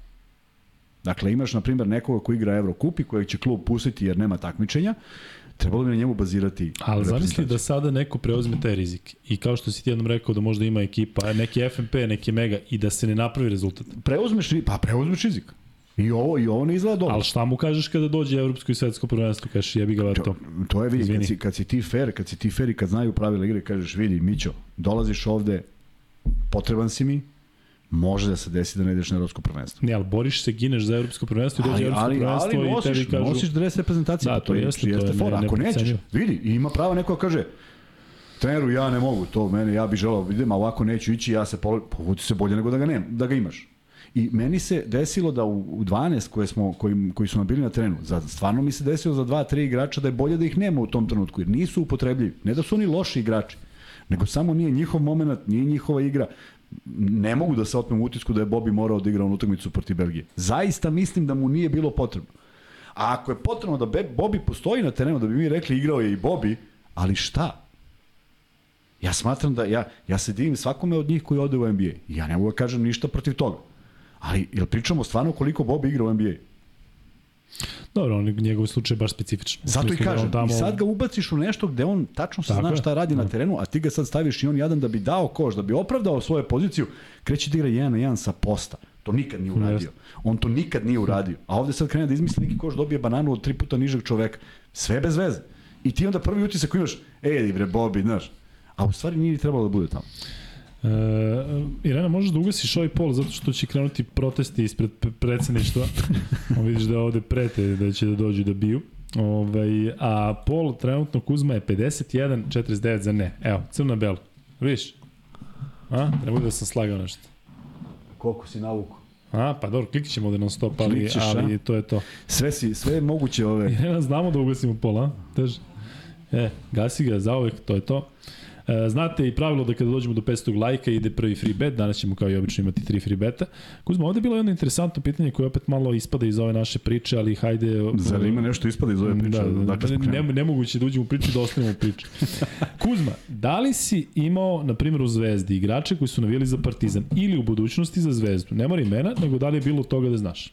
Je bilo toga tipa, čak možda i na, na nivou neke šale koje evo ga ovaj navija za mi, mi prosto o tome nismo pričali činjenica da niko nije navijao za budućnost. Ali se tad navijalo. Ma kako? Ka, kako ne, ne, u smislu sad si ti odrastao, voliš neki klub i sad jednostavno, znam, Ma jok. to negde... Ma kakvi. Vidi, vidi, tu su, tu su neki stice i okolnosti. Više nego što je neko to gravitirao ka tome. Dakle, uh, ja sam bio ubeđen, mada ne znam, nismo ni pitali, pitali Olivera Popovića, ali on je dečko igra u Partizana. Otkud ja znam da li on navio za Partizan? On je za mene bio Igrač Partizana. Da, mislim da ček nešto i rekao. Onda se on pojavio u Zvezdi. Ja mi bili cimeri. Nikad ga nisam pitao za koga navija, što me briga za koga navija. Jer znam kako izgledamo kad iđemo na teren. BFC je bio drugačije. Ipak smo izašli iz okvira tih večitih rivala. Mislim da je velika većina navijala za Zvezdu. A da li ti, lično, kada si recimo bio u BFC-u, šta su za tebe značili meči protiv Partizana, a meči protiv Zvezde? U smislu i navijanja, i folklora, Partizan u tom trenutku bio bolji klub. A tako, bio je ispred jest, zvezde koja se muče. Jeste, jeste. Jel kod tebe lično bila neka razlika? Igram sada protiv Beogradskog uh, kluba najčeg ne, ili tipa zvezdu, daj da ih ne, slabiji su? Sad ću ti reći, ali iskreno ti, ovo, ovo, je, ovo, je, ovo je stvarno tako bilo, bar moj osjećaj. Prvo, ogroman su mi izazov bili Berić, Brkić, uh, Lončar, Znaš, ono kad on dođe i kaže, pa mogu sam da izvisim reprezentacije da, da ti nisi bio povređen, mislim, ko zna šta bi bilo, ali bi makar bio u tom užem krugu da, da mogu da probam da vidim kako to izgleda. Tako da su bili veliki izazov, ispod koša rebrača. Znaš, pa hoćeš tamo da proturiš loptu, nije sad to ne igraš svaki dan, tako da je taj, taj BFC prva godina 1-1 u regularnom delu. Uh, dok je Zvezda bila stalno u problemu. Oni su došli na naš teren sa šest igrača. Znaš koliko je neprijatno... Bukvalno šest igrača. Bukvalno šest. I u jednom trenutku su ostali je problem bio, nema plata, ne povređeni Raspad nekog sistema. I to, I to pritom nema koji igrači. A, Trifa, Mirko Pavlović, Neja Šilić. Znači, ipak okosnica neki igrači koji su, ako ne Mirko, pošto je bio u Americi, ali Trifa i Neša su vodili zvezdu kroz one titule 91. Dobro, Mirko bio ozbiljni igrač. Upravo bio... to. I oni ostaju sa Krgovićem, Rakočevićem i ne znam ko je šest. Ej, ti dolaziš na, na zagrevanje, neprijatno ti je da igraš. Imaš Da, oni- neku tu emociju. Oni dve kolone jedva Da, izdrže. oni nemaju dve kolone, imaju jednu loptu, Da, da. uz dve lopte. Znaš, negde ti negde postoji to zato što ti je zato što želiš da se, da, da se, da se nadmećeš, a u stvari ne, ne deluje ti da možeš. A, a A taj naboj ekipe protiv naboj ekipe sad protiv Zvezde ili protiv Partizana idemo u po, Pionir. podjednako, podjednako, Jednako. ma podjednako smo išli, ma da. Pa mi smo izgubili od Zvezde tu jednu što je Mavrenski dao posle isteka ovaj, Jeste, ono iz levog, levog. tako? iz bližeg ćoška kamere, Tako, donjeg da. ćoška, isteklo Jeste, vreme, on da, da, šutnuo da, da. priznali, mislim, pokupili se bez sa terena. koska, tako? Da, da, da, ali prosto isteklo vreme, to svi videli. I još jedan poraz od Zvezde u, u celoj toj priči Zve, uh, BFC, BFC, Beobanka i budućnost. U Ne, po, budućnosti ponovo nismo... je moklo. A Ivica bio, bre, do, do, kakav je bio? Bio dobar igrač. Odličan igrač je bio, tako Odličan. da ne, on je igrao i za FNP i za Zvezdu i bio odličan playmaker. I za možda profi kolor, ja mislim. A neko delovo miran. čup, Miran, tako, miran, ništa, da, da, da, da, onako, baš, baš I ništa nisam čuo posle nje o njemu. On je na rad Geberovoj akademiji u gde, gde se to nalazi, na primjer Peču ili tako nešto. A tamo? Da, da, da, i on radi kao trener dugi niz godina. Da. Tako da snašao se tamo i cepaju. Rade s klincima, to sve dobro funkcioniše, koliko sam ja upoznat, ne znam mnogo, ali znam da je bio tamo i da je bio zadovoljan. Tako da da, Ivica Mavrenski je tada dao taj pobedonosni koš, ali nije nam postojalo, sad ćemo mi s ovih da igramo mekano, sad ćemo protiv ovih tvrdo, daj samo ove da pobedimo. Ma jok, nama, nama, u BFC-u, glavni rival, nisu ni Partizan Zvezda, nego budućnost. Jer mi smo se klali za to treće mesto. Znaš, ovi su večiti rivali, a mi bi da sušunjamo na tu treću. To su bile utakmice na život i smrt. I onda kad se Topalović pojavio prvi, kao, kao prvi, ajde da kažemo, uslovno rečeno, iz, i- od, od, nas nekoliko koji su išli dole, Danilo Mitrović ga je sačekao na i kaže, sam sam te da li ćeš da dođeš stvarno. Jer ti sukobi koji su bili, njih su njih je napala publika kad igra utakmica budućnost profi kolor, pa su tamo stradali i Topalo i i ovaj kako zove trener Lukovski, znaš, bilo je tu svega i svačega. Tako da a, potpuno podjednako smo prilazili svim utakmicama i nikada nismo pričali ko za koga navija, jer je potpuno to bilo nešto što nije imalo nikakvu težinu u, u celoj toj priči. Kaže ovde da je Brkić navijao za Partizan da ima neku anegdotu sa Mitrovićem. Znaš čemu se radi, ne? Ne znam. Um, FNP u ovom trenutku uh, i dalje ima plus 15, 56, 41, evo sada trojka za metalac, e, počelo je drugo polovreme, dakle ide ka tom polufinalu uh, FNP Mega, a mi ćemo u nekom trenutku u ovom podcastu pričati o Partizanu i Zvezdi i o ovome što se dešava sutra uveče. Ali, e, Kuzma, da se vrati malo, pošto si pomenuo reprezentaciju, ti ni u jednom trenutku nisi zakačio bilo šta što ima veze s reprezentacijom. U smislu neki, ne, ne, ne, negde nešto. Ne, Ništa. ne. Je, nevjerojatno. Stvarno nevjerojatno. Nije pravedno. Nije, nije... Ja, znaš, znaš, sad, Pa evo recimo da je danas situacija kao ti bi sigurno igrao bar ove prozore, tako? Pa ne, vidi, da je situacija kao danas, na primjer, već, da, da, da ja danas imam 18 godina da postignem na finalnom turniru u finalu 42 pojena bez promašaja, ja mislim da bi sve novine pisale o tome. Tad niko nije izvestio, jer niko nije znao da ćemo mi dođemo na turnir, a mi otišemo da isto ti partizan. danas imaš 18 godina, to rekao bi ja u podcastu, ne znam Ti- s kim i šta bi ti, rekao, pa, e, ovaj koga mali, bi ja mogao da mali. Kuzma. Ima neko Je, znaš. je. Vidi, ovaj, uh, mislim, da, mislim da imam neko, neku, neku onako možda i, i, uh, i idealističku priču o svemu tome. Znaš u kom smislu?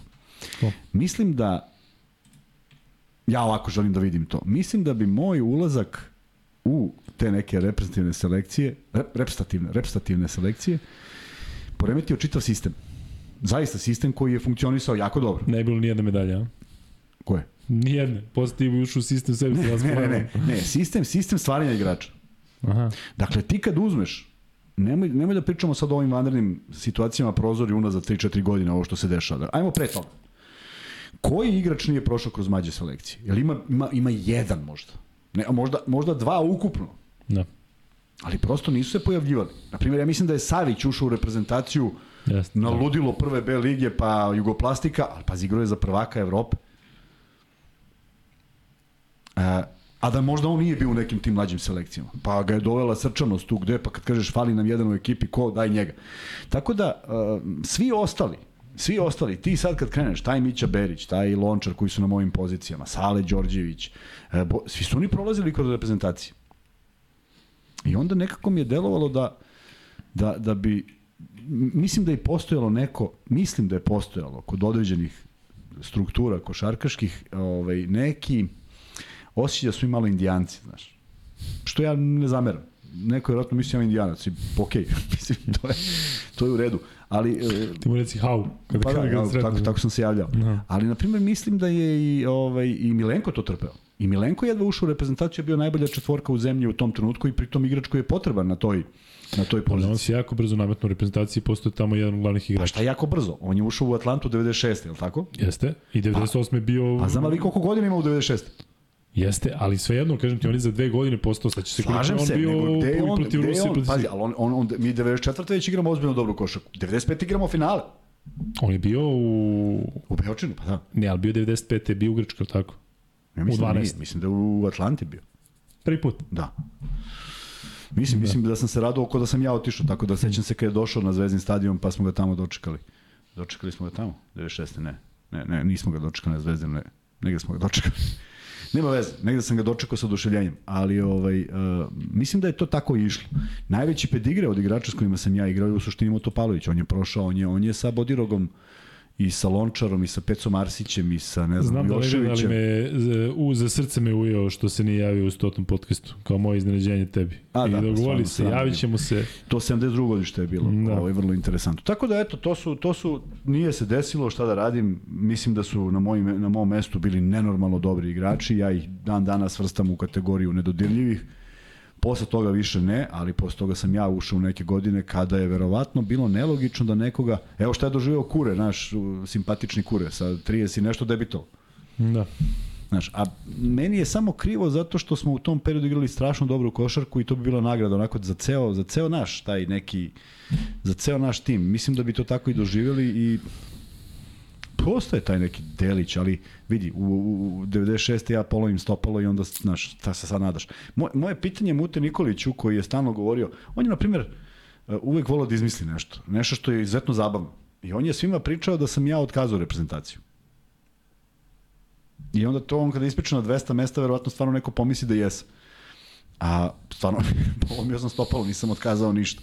Ali sam u jednom razgovoru rekao, pre, pre svega toga, Ma daj, Remuto, pozovete nas tamo 18 i znaju se koji 12 ide. Više iz neke zajebancije, razumeš? Ne zato što ja ne bih mu želio da se nametnem tamo. E onda je on to prenosio, da bi ga ja sledeće godine, kad bi igrali podjednako dobru košarku, pitao kako je moguće da nisam na nekom najširem spisku od 160 imena, nisam zaborio da igram. Dobijali smo Partizan sa sve njim uh, kao trenerom uh, ovaj, 96. 7.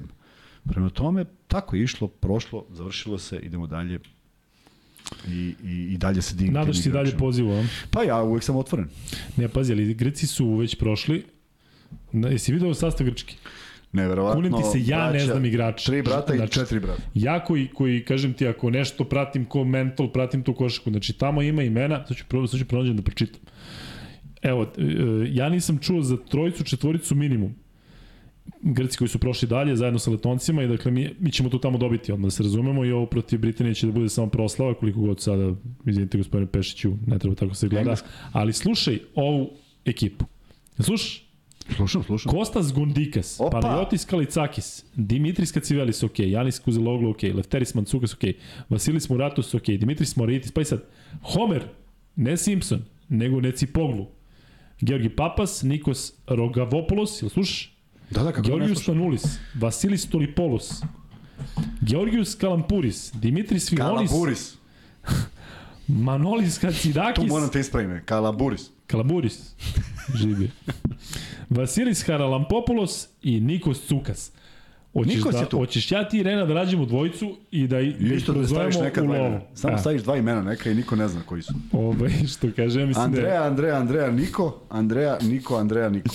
Ali Dare Plavšić koji ima mnogo dobre fore. I sad radimo je on jedan meč, neke kvalifikacije radim ja, neke kvalifikacije radi on. I on prenosi Grčka Letoni. mislim da je tek došao iz Amerike, se vratio. I kaže, spušta slušalice, znaš, pauza neka, ja on spušta slušalice, kaže, brate, garantujem ti da ovaj, kako se zove, Bože gospod. Kako se zove trener grčki, selektor grčki? Trener Fenerbahče. I Tudis. To sad sam čitao ova imena, pa ne znam gde se nalazi.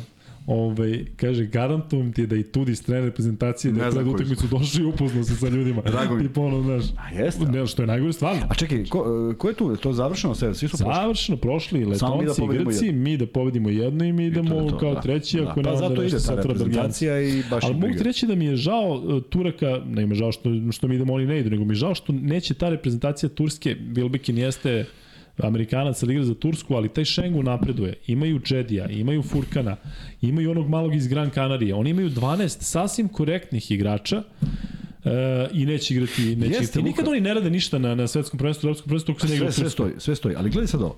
Oni su jedni od najprevrženijih FIBI. I uvek daju igrače za prozore i to se tamo ne posmatra kao, je tako? Znači, Dobro. znači najprevrženiji si, a trpiš ogroman, ogromnu štetu. To u kom smislu? Pa u smislu isto je se oni okupljaju jako teško. Bez obzira što tog Larkina mogu da, da, da daju. Ne mogu sve, ne mogu ove iz NBA. Imaju, imaju takav, takav, takav raspored e, igrača da, da ne mogu svi da dođu u istom trenutku. I dešava im se da, da stalno negde zakasne za, za neki, da, da uđu negde. U ostalom, mi smo bili ne, ne toliko daleko. Ja se nadam da ta utakmica čak i protiv Grčke ne sme da bude pod nekim znakom sumnja, tek o Velikoj Britaniji da ne govorimo. Ali hoću da kažem, nemo, svi, neko se oklizne i ne prođe. Eto, oni, oni nisu prošli, jer jedne košarkaške ipak vele sile u svakom smislu nema, a oni i dalje ostaju privrženi FIBI kao to je zakon, ajde malo neki ustupak, ajde malo nešto se priča, ajde malo nešto mam, da se ti prozori na neki način urede da bi svima bilo bolje. Um, fali nam još malo više od 100 lajkova do free beta. Još nismo free beti. Nismo, e, sporo ide danas, baš rekao sam ti, šerif, e, šerif tamo, šerif vamo, frki mrki, nisu navikli ljudi na četvrtak, šta? Šta šta? Pa na jok nego ko je, vidiš da, da idemo okolo nakolo, da, da je to glavni razlog. Imamo po 15.000 ljudi u live-u, sad pazi, 1000 i po ne može doći. E, U Kuzma, 11 se uključuju. šta šta rade? U 11 se Pa uključuju. da, u 11 će da gori. Tako da i Irene počela da se isteže negde oko 15 do 10, bit će još istezanja, ne brini ništa. Ovaj, kao, kao u, u avionima, na onim preko kenskim letovima, znaš kad kažu posle 8 sati, ovaj ti se ti gledaš film, ovaj ti kaže idite sad istegnite se, pa ne znam, uradite ovo, pa ne znam Niko ovako. ništa to nije govorio. Kaki. Um, mogu ti reći da mi je, e, ne, vraćamo se unazad, pa je sad ovo. E, imaš puno pozdrava, Kuzma, imamo mi zajedno, ali imaš ti konkretno pozdrav iz? Bijeljine. Koga ja? Baš me briga e, za tebe. Koga je? Čitaj ali moje recimo, pozdrave. bilo je u, samo tvoje, samo pitanje za tebe i samo... E, žao mi što nisi igrao za reprezentaciju, bar da osjetiš kako je to. Mi Da, smo, da, da, samo da vidim kako izgleda to. Znači, jer sa skoro svima sam se susreo negde tu i tamo. Nisam, sa- nisam protiv Danilovića igrao, nisam igrao protiv Savića, koji je već bio dosta stariji, nisam uspeo Paspalja, ali ajde sad koga jesam, Bodirogu, Lončara, Miću, Harisa, uh, Rebraču, Bulija, Dejana, Drobnjaka, Saleta. Saleta, tako je, znaš, to, to je stvarno protiv svih sam imao prilike da igram i negde smo pobeđivali u krajnjem slučaju, bez obzira koliko su bili ti timovi jaki. Jedan od najlepših momenta u tom mom igranju košarke je bio onaj u kome su pričali ovde i Darko Rajaković, a kasnije Ilija Kovačić, dakle to je bio taj duel eh, tada Srbije i Crne Gore protiv Amerike, jeste to bio revijalni meč, ali bio krcat pionir i 2005. i 2007. i nosili smo dresove reprezentacije, Bodiroga je došao danas, danas onako da nam da neki vetar u leđa, bio je Murešan, bilo je zilion tih nekih likova. Ja se sećam da je počela utakmica i Darko postavi prvi napad za mene i ja postavim trojku u punom pioniru protiv Amerikanaca i ceo pionir skoči, to je nevjerovatno i pronaći negde taj snimak. I kasnije se to pretvorilo u nešto što je više taj, taj neki revijalni, revijalni basket nego košaka, ali ta trojka i posle da još jedno 4-5, to je tako lepo kada daš za, za svoju reprezentaciju gde god u punom pioniru trojku E, prosto neobjašnjivo. I volao sam da se ložim kad sam bio u Americi da okrećem leđa američkoj zastavi, da pokazujem tri prsta u puno, i sećam se puna dvorana u Tugalu, dakle sve afroamerikanci, vidite kako sam politički korektan, sudije, njihova ekipa, delegati, moja ekipa, sve, ja jedini plav sa repom ovako i piše Spasovski, stavili mi pogrešno mi stavili na leđe, stavili mi Spasovsk Y. Ne znam ko je to mislio. I ja držim tri pršta. Šta Ovima nije jasno. Je. Svi su bili protiv A mene. jesi ti objasnio ima da si ti deo ne, po- pokreta nesvrstanosti? Šta?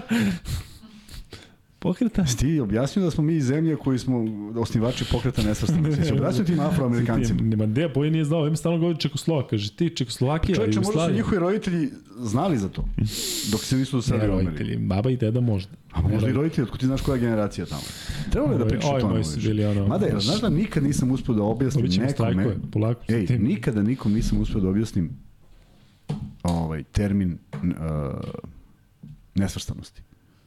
Pa nisam, ajde, pomozi mi. Šta mi Pa gledaš, nema šta, prosto su dve velike sile. Ne, ne, a misliš termin kao termin? termin? Da. E, I ja sad kao pričam nekom tamo ponosno, znam znaš, da mi smo bili... sa an. Mi smo An. bili, pa, da. mi smo bili unsvrstanosti. da. E, Elem, Kuzma igra se protiv Duleta Hauptmana. Jesi igra protiv. Hauptmana? Igrao sam. Kažu da je najlepši na skok šut ikada. Njegove. E, iz Dovca sam igrao. Eto, U, ti sad. u, na Rogli smo bili na pripremama i spustili se da igramo protiv Smelt Olimpije. Igrao Jure i čuvali smo se međusobno. A mogu si da budeš u najmanju ruku trener kao, kao Zdovc i da uzmeš lovu, a ti hoćeš podcast, hoćeš da pišemo knjige, ove stvari koje ne donose lovu šta ti, uopšte. sve, gre, sve Znaš šta, treba da budeš trener, pa da napraviš lovu, pa da uložiš u podcast i onda možeš posle vremena da se vratiš. Ja ću da radim sam, ono kad si bio bolestan, kad sam pričao 3 sata, znaš, da, Vanja sedi tu, a ja 3 sata pričam u kameru. Sam, samo ja, 3 sata. I u jednom trenutku počnem da gubim glas, nema vode, znači ono, nema panike, ne znam kako sam ono izdržao. Ne znam što si ostavio tako samo, to uopšte nije korektno. Unaligned. Šta misliš, jel može to? An? Unaligned. Pa ne zvuči mi nešto. Ne može. Kako, se, kako je napisano to? Aligned. Un, unaligned. Okvir. Um, Non-alignment movement. Pokret nesvrstanosti. pa da, da. Pa Logično. dobro, to je rečenica cela. Pa nesvrstanost. Da. Um, šta mislite, da li Zvezda sprema neko iznenađenje za 1. mart? Da li će da registruju još nekoga? Da, da, kako da neće. Jeste, non-aligned movement, tako je. E, da objasniš ti sad ovim tvojim. Prizovem na Facebook live. Sve ih pozovi. Imaš telefon, nemaš? Ma Nađi kakvi telefone? Nemam, ne, u mom imeniku posle ono kad su mi meni software imam tvoj telefon i ženin i možda još dvoje. E, Gde smo stali? Hoshi, Gaki, Kisame. Burazeru, ti si kraljina. Ako je ovo citat Juniora Soprana, ti, brate, se javi gde god da si, ja se od sada posvećam samo tebi, porodica ništa. Ako je ovo, ovo to što ja mislim, onda si objasnije. E, Luka, slučaj Andrew Andrewza, o tom potom, bit će prilike. E, da li mislite da bi Bulmaro legao zvezdi? Ja sam, evo, grob- osvojio, A, da, Džila osvojio, Neće raditi podcast Eto. iz ovog studija sigurno, ovaj, tako da tamo mu ide, nema, ne, i produžuje se ugovor. budućnost je ovaj, osvojila kup. E, imaš još nešto? Javlja još nešto? Ne, to sam sad pročitao. FNP Metalac 62-54, vraća se Metalac, 28. minut, čekamo posljednjeg eh, polufinalistu u kupu Radivoja Koraća.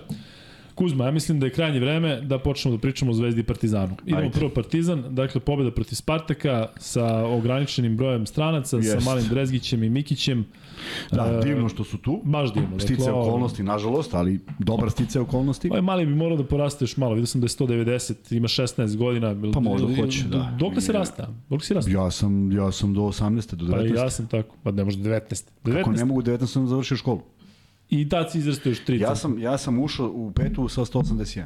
Izašao sa 195. Ljudi idete u petu. U petu Tamo se raste, U petu se i dakle rasteš. Znaš, I uzmite neku na trećem spratu jednu ovaj, učionicu. Da. E, Spartak, kako ti si, jesi vidio nešto tamo, neko interesantno, nešto interesantno? Mene nisam, struje nisam, da je nisam mogao da tu. gledam utakmicu, malo sam samo ovaj, pratio rezultat i sve to očekivano da, da će Struja pokušati da parira, parirao je neko vreme i izgledalo je to pristojno. Naravno, ovaj, Partizan je mnogo e, kvalitetniji, pitanje je bilo razlike, ali to negde u ovom segmentu i nije bilo nešto pretjerano bitno i da je bila veća razlika i manja, potpuno nekako nevažno. Ali kažem, žao mi je što te ta iznenađenja su jako redka i skoro da i ne mogu da dođu do izražaja takve ekipe u jednom turnirskom sistemu koji svakako svakako ovaj pripada i fizički spremnijima i igračima koji igraju na višem nivou i nekako zamisli kako izgleda njima ta utakmica protiv Spartaka uz svo poštovanje tih mladih igrača nekako nekako nije nije kao da ne pripadaju istom rangu i na neki način i ne pripadaju. Međutim, e, veliki uspeh za Spartak iz prostog razloga je Ramazović kad je došao na čelo kluba, to je delovalo kao vrlo interesantno, bivši igrač. Svoje vremeno je on igrao za Spartak 90-ih, krajem 80-ih i 90-ih. Vratio se, postoje neke stvari na mesto, ne znam zaista kako to funkcioniše u realnom vremenu, ali su oni prvaci. Oni su uspeli kao prvaci Srbije da se plasiraju na taj završni turnir, to je znači pokazatelj da imaju jednu talentovanu ekipu, doveli su trenera koji sigurno može da napravi nešto još od njih za neku budućnost, pa vidjet ćemo kako će to da se odvije. Kako može da bude ta budućnost za Spartak realno? Čemu oni da se nadaju? Šta je domet jedne ekipe? Evo, da sada da se uloži čak i neki novac. Koliko je moguće parirati čak ne možeš, i u ovakvom Ne možeš formatu? u sistemu, čak ne, ne možeš u sistemu da pariraš. Ne, ali u sistemu, ali da li recimo sad Spartak da se pojača, Pojača da, da imaju ekipu, da li zemlja. mogu da pobede Megu ili FNP ovako u četvrtfinalu kupa? Sledeće godine, za dve godine. Pa ne, ne, ne, trebalo bi trebalo bi da postoji neka zamena tih. Vidi. Na primjer kada bi Spartak odigrao još sezonu 2 i stvorio tu neku ekipu i bile te, ti, ti neki momci dobili na kvalitetu i sve nešto što prati jedan razvoj košarkaški, a,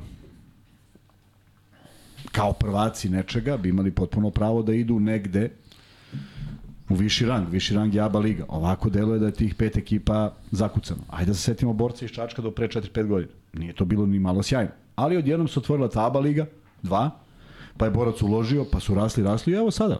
Tu su gde su, ne kažem da je sjajno, možda je moglo bolje, opet je na njima da, da, da vode klub, ali su stalni članovi ABA lige i pritom teško da neko može da ih poremeti. Sad, da li neko ima mogućnost da, da uloži toliko novca u jednu sezonu, KLS, gde je pitanje da li će tebi ulaganje doneti to što ti želiš, jer različitih igara može da bude i da neko te prosto onemoguće da dođeš do tog nekog ovaj, nivoa da se boriš za ABA ligu, to je veliko pitanje. Ali nije ništa transparentno, nije ništa jednostavno. Lepo ti treba napraviš takav, takav sistem gde, gde se ukršta sad posljednje dve ili posljednja jedna ili da postoji neka izmena ili da postoji bilo šta što moda, može da dovede jer onda bi i ulaganje bilo opravdano. Ovako da uložiš da bi bio prvi ili drugi ili treći ili četvrti u KLS-u i tu si desi, pa što?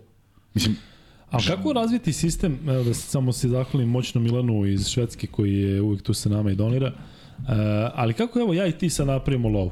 Dobro. Dobimo na lotu. Dobro. Dobro. Podcast nam donese, ne znam, lovu. I hoćemo da uložimo milion u neki tim. Ili dva miliona. Kako mi vratimo tu lovu? Niko, znači, ne u smislu da, da znamo, jer bukvalno baciš kako kroz prozor i puno, ali da li bi mogao sistem da se napravi Ne može. tako da to vrati? ne može. Kako ne može? Pa ne može, aj napravi. Pa neka prava od nekih prenosa, neke karte. Malo, Budeš nešto... malo, neće niko platiti. Karte. Standard takav kakav jeste, ne možeš naplatiš kartu. Sad ti, Pa, ali napravimo igrače, prodamo igrače. Viš kako Asfalt radi, da, zamisli on tamo, ej, zamisli on tamo 30 godina dolazio za džabe na utakmicu. Sad ti dođeš i kažeš sad plaćaš kartu. I on kaže sad neću dođem. Znači, potpuno, ali tako je. Ali napravimo nekog malog e, Ćuki Čiču, koji ima 16 godina i prodamo. ga. Ili nam je to interes? Ne interes, nego nam je to... Prodamo ga u Juventud. A što moraju da nam plate? Zato što ćemo ga kao veliki klubovi potpisivati na 6 godina. Gde nam je... e, Ne, ide to kako tako. neki biznismen koji Ne nije može. ultra... Ne uh, može. neko dođe i predstavlja njemu biznis plan i kaže, e, ajde ti nama daj milion, vratit će ti se kako? Nikako. Nikako. Nikako. Daj nam milion zato što voliš košarku. I bolje voliš košarku nego boks. Da, i onda pa se posle pitamo zašto država mora da stoji za klubova. Tako. Pa upravo to. Da. Upravo to. Tako da, A koliko veruješ recimo ono što se često pominje sad recimo, eto, govori se o, o tom porezu Partizana ili sad recimo, hoće Zvezda da dovede Mirotića, da navijači kupe Mirotića. I sad Mirotić vredi, lupam, 3 miliona, sva, od e, 3 miliona navijača svako da evra. Veruješ u, u, u, u taj sistem? Sada, evo, uplatite račun Ne. ili ne. Nek 300.000 navijača uplati po 10 evra i dolazi Mirotić. Pa tako može da skupi, ali ne verujem u to.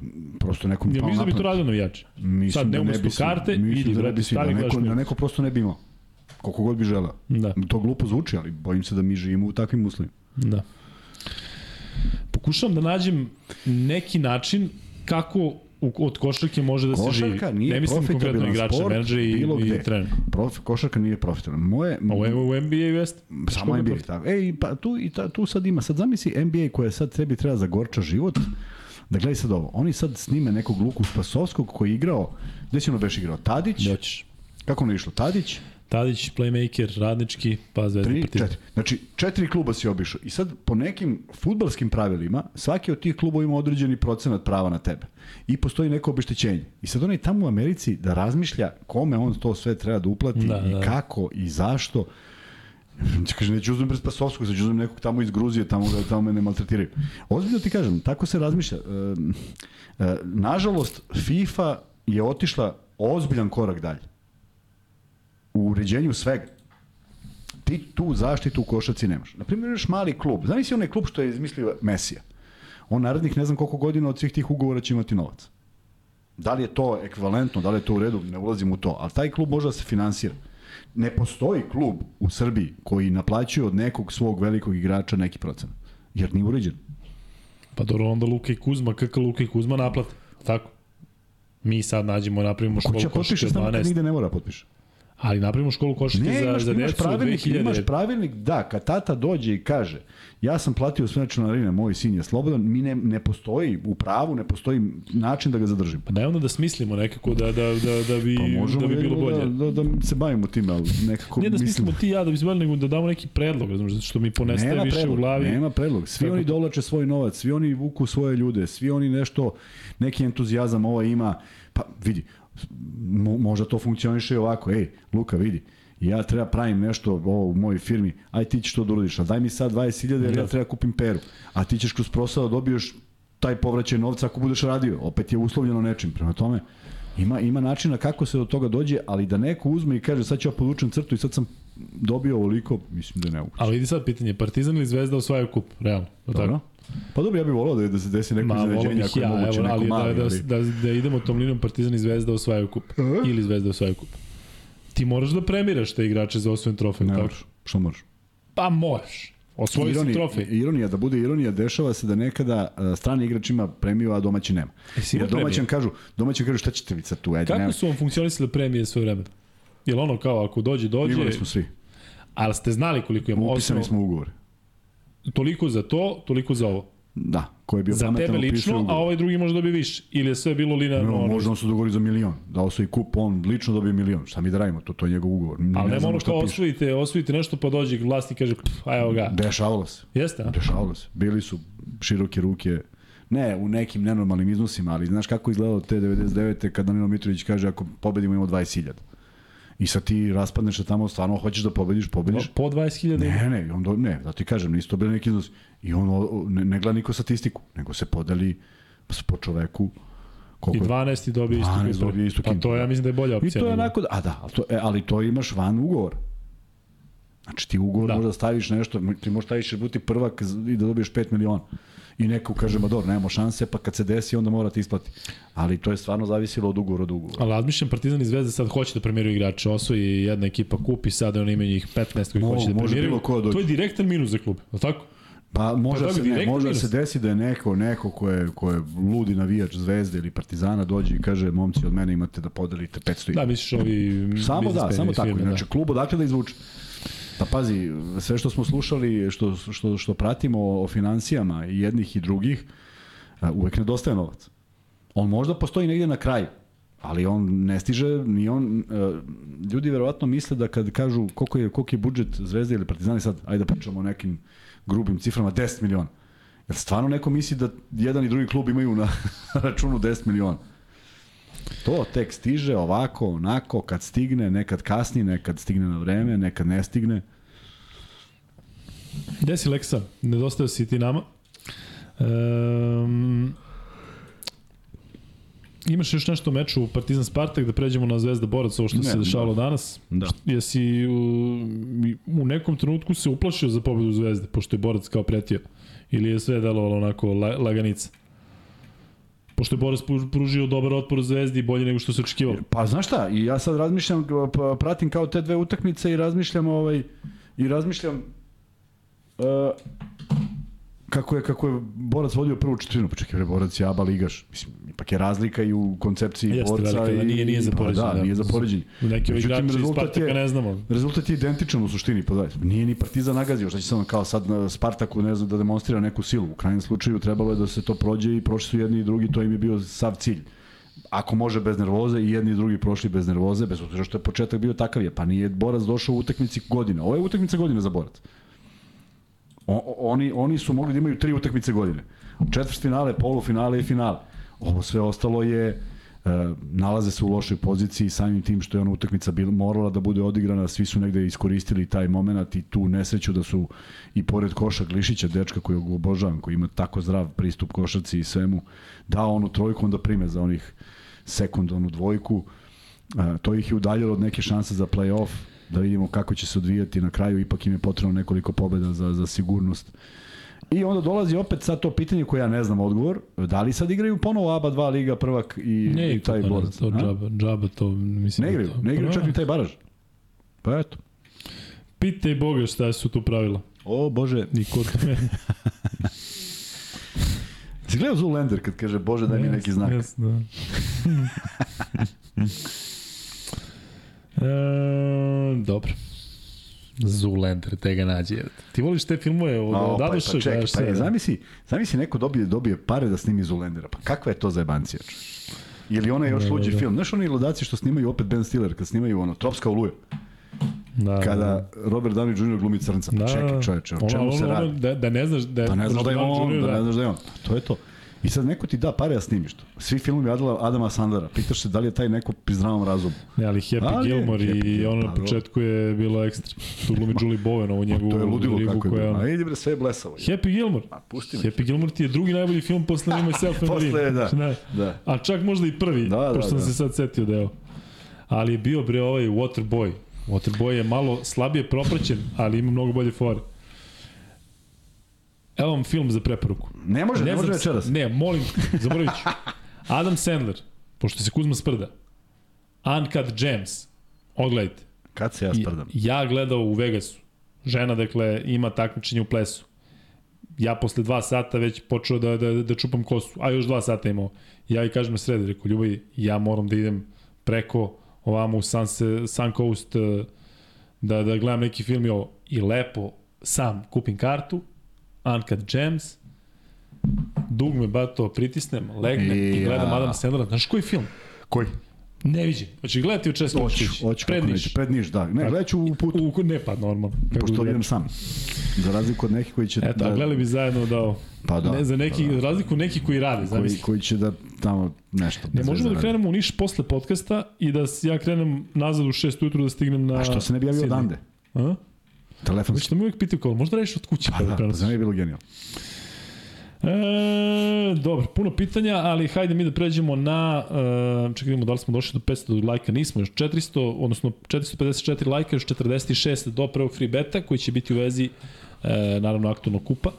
E, Kuzma, Partizan i Zvezda igraju u polufinale. Jeste. Koliko je u prednosti Partizan zbog toga što je imao dan pauze u ovakvom Ma ja, formatu nema tu ništa više. Kao nema ništa, Zvezda još, su, još se ljudi tuširaju. Pa dobro, tuširaju se, ali kako si sam konstatovao, to sve ide u rok službe. Jeste nekom za nijansu lakše, ali viđali smo one duple nedelje, pa je pitanje kome tu šta bude lakše, pa su jedni i drugi odigrali dobre. Druge utakmice, prve lošije, što je bude onda i uvijek interesantno kako odigraš drugu bolje nego prvu, ali eto, dešavalo se. Prema Kaže, tome, igraju Baraž kao i prošle sezone, javljaju ljudi, da znaš. Šta, igra se baraž? Ne. Znači opet će igrati borac sa pobednikom ABA lige, verovatno. Da.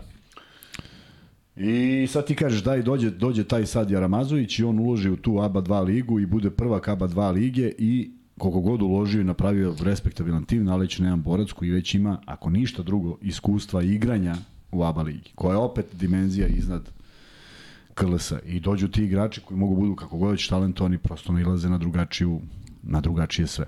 Velike su razlike. I ti ako pogledaš, ako hoćemo ruku na srce da budemo iskreni, tebi je to treće takmičenje treće takmičenje u SFRJ je bila Srpska liga. Pa ne smo, nismo je pratili nešto baš ko blesa, je se slažeš?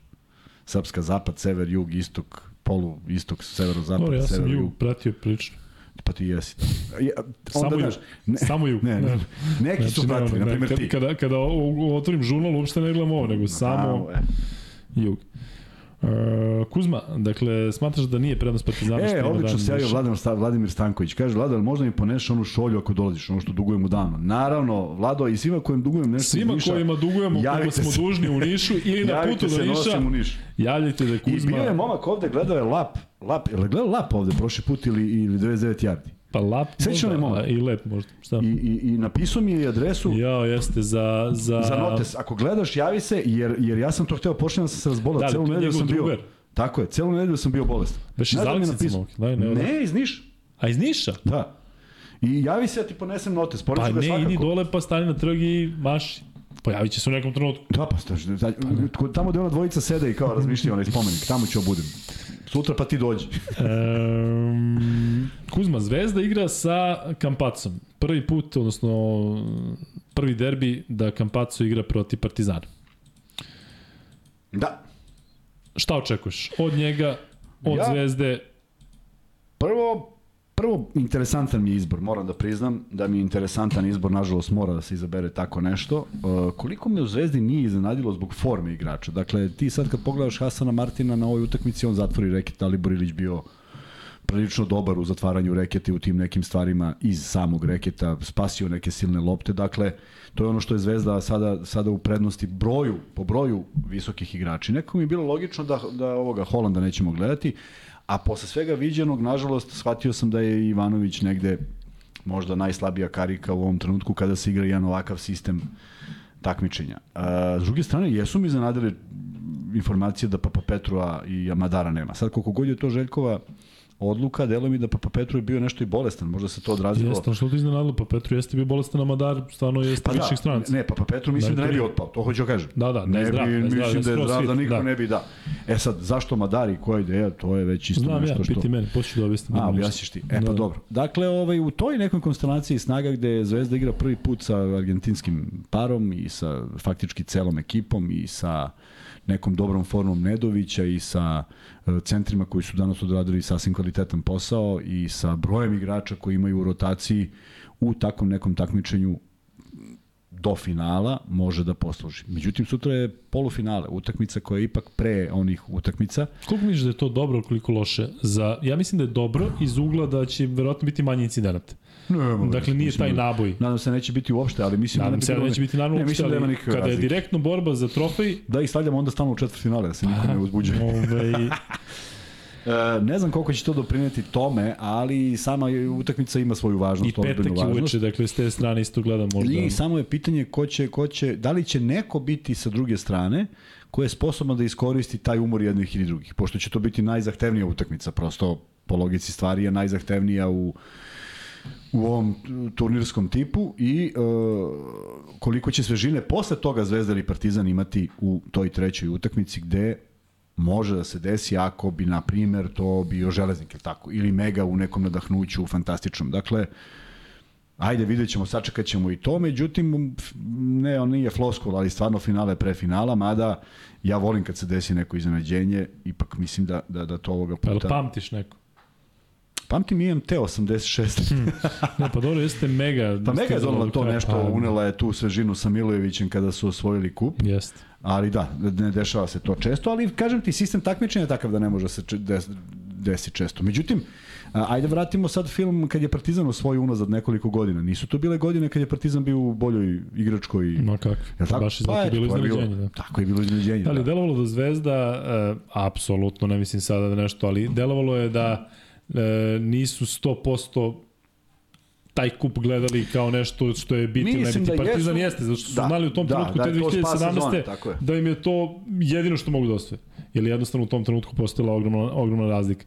Ali ovo je prvi zaista derbi u kupu uh, u posljednjih x godina da je zaista da će kvalitet pre svega biti biti na, na višem nivou, zato što mislim da je Zvezda jača nego ikad, da je Partizan jači nego pa možda čak i nego ikad u odnosu na, na ako govorimo o periodu od pre nekih 15 godina. Jeste 2010. je bilo što je bilo, ali Partizan je sada zaista, zaista sila. Zvezda sa, sa, sa ovim kompletnim timom. Znaš kako je stanje povrede Lazarević? Ne. Trebalo da kažeš nešto, pa makar treba, a makar ako treba da slažeš, samo da imamo da imamo nešto da ponudimo. Ovako, Razgovarao sam sa doktorima sinoć. ne razgovarao sam sreo Zvali sam, su me, zvali su me u 2.15, sreli smo se u 2.15 na, na, na giru su Sreo sam njega pa doktor. I kažem, E, Laki, šta je bilo? I on mi kaže. E, Elem, Kuzma, e, što se tiče same utakmice, e, A, ko Partizan, bude bolji ajde da pobedu nek slavi. Ajde da, da uđemo malo u nešto košarkaškije. Dakle, Partizan tokom većih dela sezone, i to je nešto po čemu je Partizan e, postao prepoznatljiv, Partizan preuzima, sve preuzima. Da. Koliko to može da bude problem sa Kampacom i Vildosom? Pa vidjet ćemo. Mogu Zato što jedno je kad Lesor preuzme nekoga, Jest. ne znam, ali da Lesor ostane na Kampacu, to ne deluje kao dobra stvar za Partizan. Kako misliš recimo da će braniti Partizan pik? Ne znam, nadam se. Ja i onako ne volim kad ga brani kako ga brani. A sad i u rotaciji ima jednog igrača koji manje to može. Koji manje to može, kakva rečenica. Da, Jedno je- se jednog- spojem, jednog, da. manje to može. I, uh, ispočetka ću. No. Dakle, sad im nedostaje Ne, jedan gas, igrač. Sad, vrati, vrati dva vrati minuta sve unazad. ispočetka. Da. uh, Ne, u stvari, vi ste svi isključite, pa Sad im nedostaje taj jedan igrač koji je u toj rotaciji izuzetno bitan, to je Papa Petru. Ja da Lazarević igrao danas, ali Igrao ne znam Lazarević, kako je, ne znam nije- kako je... nije šutno, ne, ne, ne, igra, igra. formi. Mislim, formi koliko je nije, sposob, deluje je u ne deluje formi. kao da je nešto Ali iz vidi, Zadra. Ali vidi, tu on od, ispegla svoje i uradi ono što treba i doda, preseče, skoči, padne i ostalo i sve što treba radi, tako da mislim da tu energetski donosi ono što, čim, ga je, čim je bio u igri. Ne verujem da je imao razloga da on sad bude nešto da bi se rezultat držao, a sama činjenica da je bio na terenu znači da je dovoljno zdrav. I bit će on neko ko će otežavati igru u Partizanu, za koga god se zalepi, ako ništa drugo, taj defanzivni moment je uvek tu prisutan. I Zvezda jeste imala dobru defanzivu A ovo sve ostalo, momci što su radili, znaš, Gagić kad šutne tri duge dvojke, znači da je to ne, ne neka izrađena akcija, ali Kad smo već kod Gagića, ti delo da ima kvalitet za nešto više od borca u ovom trenutku? Ne, mislim da je on duplo da to veći nego što sam ga, što ga se ja sećam. Tako da, ovaj, u, tu, tu inače... Porasta, da više u petu pa izrasta. Išao da i on je nešto upisao za, ispite završne, pa ne, baš se baš je ogroman. Tako da ne verujem da bi mogao nešto, donao je tu neko iskustvo, ali video si čim tu malo se izmene igrači i čim ga izbaci iz reketa, stvarno je pokušavao sve, dao nešto što možda nikad nije dao, neke trojke je pogodio, ali generalno kad nije to ta igra, tu nemaš sigurnosti i onda je samo Ima bilo taj pitanje dečko vremena. posebnu energiju, možda po kvalitetu on nije na nivou, sigurno nije na Ne, i nivou on je bio, Euroligi, kao što, ali ono što smo pričali za, za Marinkovića, šta ga je sve to strefili, on je negde bio premlad za ono što se dešavalo u Partizanu. I Jeste. možda nije mogao nosi samo taj teret i ko zna kako bi to da bilo da bi je neko... ono perfektnu ne- luju. Pa da, da mu je neko samo sklonio taj teret, možda bi to sve bilo drugačije. Ali sad možda. E, Kuzma, što se tiče tog pick and rolla e, i svega, ali ajde da idemo ovako. Dakle, sada sa Kampacom, kada igra Zvezda, koliko to može da bude drugačije od onoga što smo videli u prva tri derbija? Dakle, ajde da uzmemo e, kao reper prvi derbi ABA lige, pa onda dva e, duela u Euroligi, dakle, jedan i drugi na, na, na jednu loptu. Da. E sada igra Kampaco. Koliko taj scouting, sada Partizan kad radi scouting Zvezde, sa te prethodne utakmice, koliko se ovo menja i koliko konkretno očekuješ od bekovske linije, da li mogu recimo u nekom trenutku, i to da ljudi pitaju Kampaco ili Dosi Nedović da budu petorci? Jel onda mora Nedović da igra trojku? Znaš šta, ja mi, eh, pazi, eh, Campazzo je igrač koji, njegova visina i snaga ne odgovaraju tom nekom njegovom angažovanju u odbrani. Mislim da je izuzetno dobar defanzivni igrač, koliko god to glupo izgledalo. Ali mislim da će u slučaju ako je on baš na egzomu, kao, kao nekome ko organizuje napad Partizana, biti uvek u toj situaciji da se igra ispod koša i vidjet ćemo koliko Partizan to može da iskoristi. Kada Partizan otvara utakmicu tako, to bude zaista problem. I s tim je Zvezda ovaj, zna da se da je to tako i prosto moraće da, da se brani od toga na određeni način. Da li će sva trojica biti na parketu? Mislim da bi to bila dobra udarna onako jedna, jedan moment kada su preko potrebni poeni. Zanima me kako bi Partizan odgovorio s obzirom da je ta trojka ipak brža od bilo koje trojke Partizana. Kogod da je u Partizanu Samo na terenu. trojke Partizana, ne znam da li postoji trojka brže u Euroligi. Upravo to, da. Dakle, sad stvarno izgledaju onako, e, ko, e, koliko će to uspeti da, da zaustave, tu je sad ta neka odbrana koju Partizan ipak promenio i odlično eksploatisao u posljednjih 5-6 kola, otuda Ali ti izvini, ja ne mogu rezultati. da zamislim sada ako su recimo Nadal, Nadal, Nadal, Nadal, Federer Federer, i- Đoković i i, i, Feliciano Lopez. Ali Campazzo, Vildosa i Nedović igraju zajedno. Ko ih čuva? Znači, ne jednom je Avramović. Zona, stano svi u zonu. Pa ne, ali ozbiljno. Pa čuvaju Ali ih sad ta trojica koja, pa dobro, Koja Trifa, trojica, ali- ali Trifa, Avram i, Jel tako? Trifa, Avram Madar. i Egzum. Ali vidi, sad opet, opet se vraćamo na ono preuzimanje. Video si danas, e, Nedović dobar procenat za tri od neke trojke. Tri je bilo valjda promašaja. E, Kampaco je pogodio opet neke, neki promašio. A može to da bude rizik. Može da bude rizik da Lesor ne dozvoli pro, prodor. Možda će ih kam, uh, jedan od te trojice razbiti trojkama, ali i tu treba neka, neka, neka onako fokus i treba da imaš dobro veče i sve to. Nešto će morati da se rizikuje. Mislim da će Partizan rizikovati taj šut iz prostog razloga što ako dođe do preuzimanja naročito Lesor sa najnižim, a to je Kampaco, onda negde problem. Ako ništa drugo, problem je u skoku. Kampacu i da baci bombu na koš, ipak Lesor ne može sad stigne i da, i da pokupi tu loptu. Tako da tu je sad Zvezda ipak izraža, izražajno jača po broju igrača. E, Činjenica nema Papa Petrova koji upek mogu da igra i 3, 4, pa i neku peticu da preuzima ako nije Može, Kuzmić u da. igri. Tako. Sad to sve nedostaje, moraće da se kombinuje, moraće da se traže neke nove pozicije i možda ćemo vidjeti neku odbranu koju nismo videli. Kao što je bilo ono iznuđeno kada je jadni jadni, zaista u, ne, ni u kakvom pežorativnom smislu. Avramović kad ispada iz odbrane jer je prvi put bio na poziciji donjeg Da, da. Prosto mora da napraviš nešto da bi zaustavio, ti na, zaustaviš koliko god je moguće, ali negde postoji rupa. E, ako bi Partizan rizikovao s tim, to ne bi bilo dobro, a moraće s nečim da rizikuje samim tim što je skraćen za dva igrača koja su rekao bih, ako ništa drugo, Madar možda ne u nekoj svojoj formi životnoj, ali u sigurno u brzini i činjenici da je bio neko ko može da parira ovim igračima. Tako da sad svakako jeste Partizan sporija ekipa, opet kad pogledaš tu trojicu na zvezdinoj strani, treba i Pantera neko da čuva. Nemaš sa četvrtog malog. Jedan od njih trojice treba čuva Pantera. Nije ni to, nije ni to, to lag zadatak. Ubaciš Lazić da bude četvrti. Igraš sa njim četvrti. igraš sa najnižom mogućim, da. Ali Kuzma, koliko je, evo kaže da taj dan pauze nije prednost za Partizan, ali koliko uigranost i forma jesu? U smislu da stalno pričamo o tome kako izgleda trening Zvezde kada znaju Jest. da Campazzo igra Jest. 1. marta u Euroligi. Jest. Da li on igra u prvoj petorci ili u drugoj petorci? Dakle, gde, koji je on faktor na treningu? Ja bih to volao da vidim, iskreno. Fizič, znači, znači Da, sad se sprema, vidimo, da. sprema se utakmica Zvezdina poslednja protiv uh, Makabija, protiv kojeg god. Šta Campazzo radi na treningu? Kampaco igra. Gde? Koji? Igra u, U protivničkoj, u protivničkoj, u protivničkoj Tako je, da ti oteže, da bude što teže. A e, gde igra sad na treningu pred kup? Igra u prvoj. Sad menjaju, sad se menjaju. E, o tome A, pričam. dobro, vidi, svaki, svaki taj A trening ABA Partizan lige... očigledno u ovom trenutku deluje zaista kao deluje, jedna kompaktna jest, celina, Deluje, ali ovi gde dobijaju... se tačno zna šta i kako. Tako je, ali ovi dobiju jednog igrača kod kojeg je lopta. I to je velika razlika. Znaš, kad bi u, kad bi u, u, u Zvezdu ili u Partizan ulazio sad neki igrač koji ne igra Euroligu, a uđe na poziciji 3, vidi, to može bude ovako, može bude onako. Ali ovo kod ovog je lopta. On zna šta da radi s njom. On prilično dobro zna šta da radi s njom. Uh, igrači očigledno uživaju da igraju s njim u toj Jadranskoj ligi i to zaista izgleda dobro. Prema tome, imati nekoga koji je toliko dobar na lopti i koliko ima takvu energiju, to sad može bude, ej, može bude bre i mača dve oštice, može onda izgori u toj želji da nešto pokaže pa bude najgori na terenu. Nadam se da neće, zato što mislim da je igrač koji ima mnogo više kvaliteta nego što bi ovaj, ga to omelo da, da, da to ne pokaže. Tako da svakako Zvezda jeste, bez obzira na ove probleme koje ti govoriš u pripremi treninga, treninga je drugačije. Ali oni se za skup spremaju od poslednje utakmice Evrolige koju su pobedili, znači u jednom odličnom naboju, i onda je to sad potpuno sve istumbano i ti imaš dovoljno vremena da čak i kroz ove utakmice vidiš nešto. Video si puno puta ako si gledao utakmicu, komunikaciju, kad Kampaco raspoređuje, pa zašto nije, pa nešto pričaju. Znaš, ne funkcioniše tu sve, daleko od toga, ali ovo je, ovo je ta jedna utakmica koja je izuzetno bitna i treba da budu pravi. E, hteo sam to da te pitam, e, ali sad John Locke me ovde preduhitrio. Ti si malo pre na- našalio na taj način, ali da li očekuješ da Partizan igra zonu? Evo, konkretno on pita da zonu 1-3-1, baš zbog ovoga što smo pričali, a meni je u glavi nešto 2-3. Zona 1-3-1 je zona kojom ti hoćeš da prepadneš protivnika. I Dulo Jošević kad je bio u Partizanu, to je jako dobro funkcionisalo. Ali je stvarno prepadanje.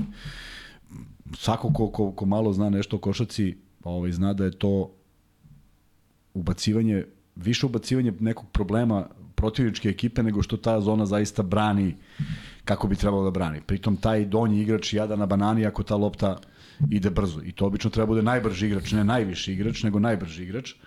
Uh, treba imati strašan osjećaj kad krenuti, kad stati i to mora mnogo da se vežba. Jel tako? To je, ne, to je nešto što je mora da se... apsolutno. To mora da se vežba iz prostog razloga što svačija želja u, toj, u tom momentu je da lopta dođe u ćošak i da se zatvore svi pogledi. Ti kad dobiješ loptu u ćošku u zoni 1-3-1, zaista svi pogledi su zatvoreni. Ti kad stanu tri visoka, a Partizan je to radio sa tri visoka. Najniži je ispod koša. Tebi je čak i najbolje da baci, ali kome da baciš ispod koša kada nema nikoga nigde, jel tako? Imaš samo onog čoveka na suprotnom ćošku do kojeg lopta nikako ne može da stigne. Međutim, tu je tajna u, u, u tim nekim momentima kada lopta leti prema tebi i kada ta lobdana kreće prema tebi da ti napraviš taj prodor i da rešiš. Ako si to uradio u pravom trenutku, ti si rešio tu odbranu jer svaka, svako prebacivanje na suprotnu stranu je, je otvorena pozicija za šut. Opet je i to rizik. Možda neko i to hoće da ti što pre odigraš, da što pre šutneš. Tako da svakako treba biti strpljivo u toj zoni. Ima napada, koje ne moram vada ja da crtam ni jednom ni drugom treneru, ima napada koji su vrlo delotvorni, ako se ispuštuju, ali samo ne ući u paniku. A cela odbrana je takva da uđeš u paniku. Jer zaista, ako, ajde uzmemo na primjer da je Nedović taj koji je u ćošku. Nedović kad primi loptu u ćošku i pogleda, to su sve igrači od 1, 2, 4, 5 koji kad rašire ruke, oni kod da su se spojili. A ti nemaš ni jednog tvog koji može da priđe u tom trenutku, čak nema i ni da priđe.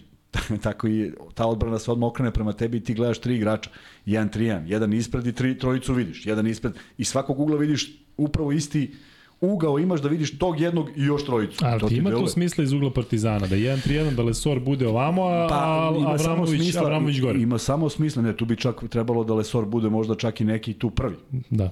Ali, ali onda trpi skok. Onda svaki promašaj trpi skok. Ne možeš da zatvoriš, ne možeš baš sve da popuniš. Međutim, to iziskuje vežbanje. To zaista iziskuje vežbanje. Ako nećeš, mo, dešavalo se. E, aj stavimo nešto, pošto si negde u nekom momentu znao da igraš, pa je ti postaviš, pa vidiš da su oni izgubili dve lopte i kažeš, uh, uze smo dve, batalju ne igramo, više sad će, sad će da prepoznaju šta radimo.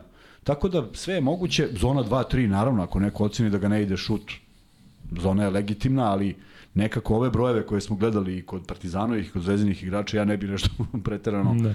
rizikovao tamo. Koliko je ra razlika u tome kada promeniš dvoranu i ti koševi i drugačija atmosfera i sve? Ej, Koliko ti tome to smo pravilo razlika? to, tome sam dosta razmišljao. Mi smo nekada tome toliko pridavali značaj, pa kad dođemo da igramo, ako nisu izabrali loptu koju su mi odredili, mi nervozni. Molten kao ne. Ma da, ona, na, ili Tigar 11, Da, Tigar da. 12, jebote, ono. A, a sad to, sad to toliko je dvorana, toliko je tih utakmica da to više nema nikakav, nikakav značaj. Stvari, jedni Mislim drugi da su u istoj ne- situaciji Tako je, novim košima, ali novom. koliko bi se recimo ti kao trener oslanjao na šut u dvorani u kojoj si odradio jedan trening i jednu utakmicu? Pa, o, p- prvo objasni, tu ideš, tu ideš na ono o čemu stalno pričamo, mora postoji neka racionalnost. Znači uzimaš šuteve koji jesu, nemaš ti sad kao primio si loptu koju bolju poziciju tražiš od momenta kad si sam šutiraš, ako si ga nacentrirao u dva, tri šuta, fenomenalno. Nedovića nisi- koji će sigurno sutra da mm, capne 6 ili 8, šutnuće 6 ili 7 ili 8 Neka, trojke.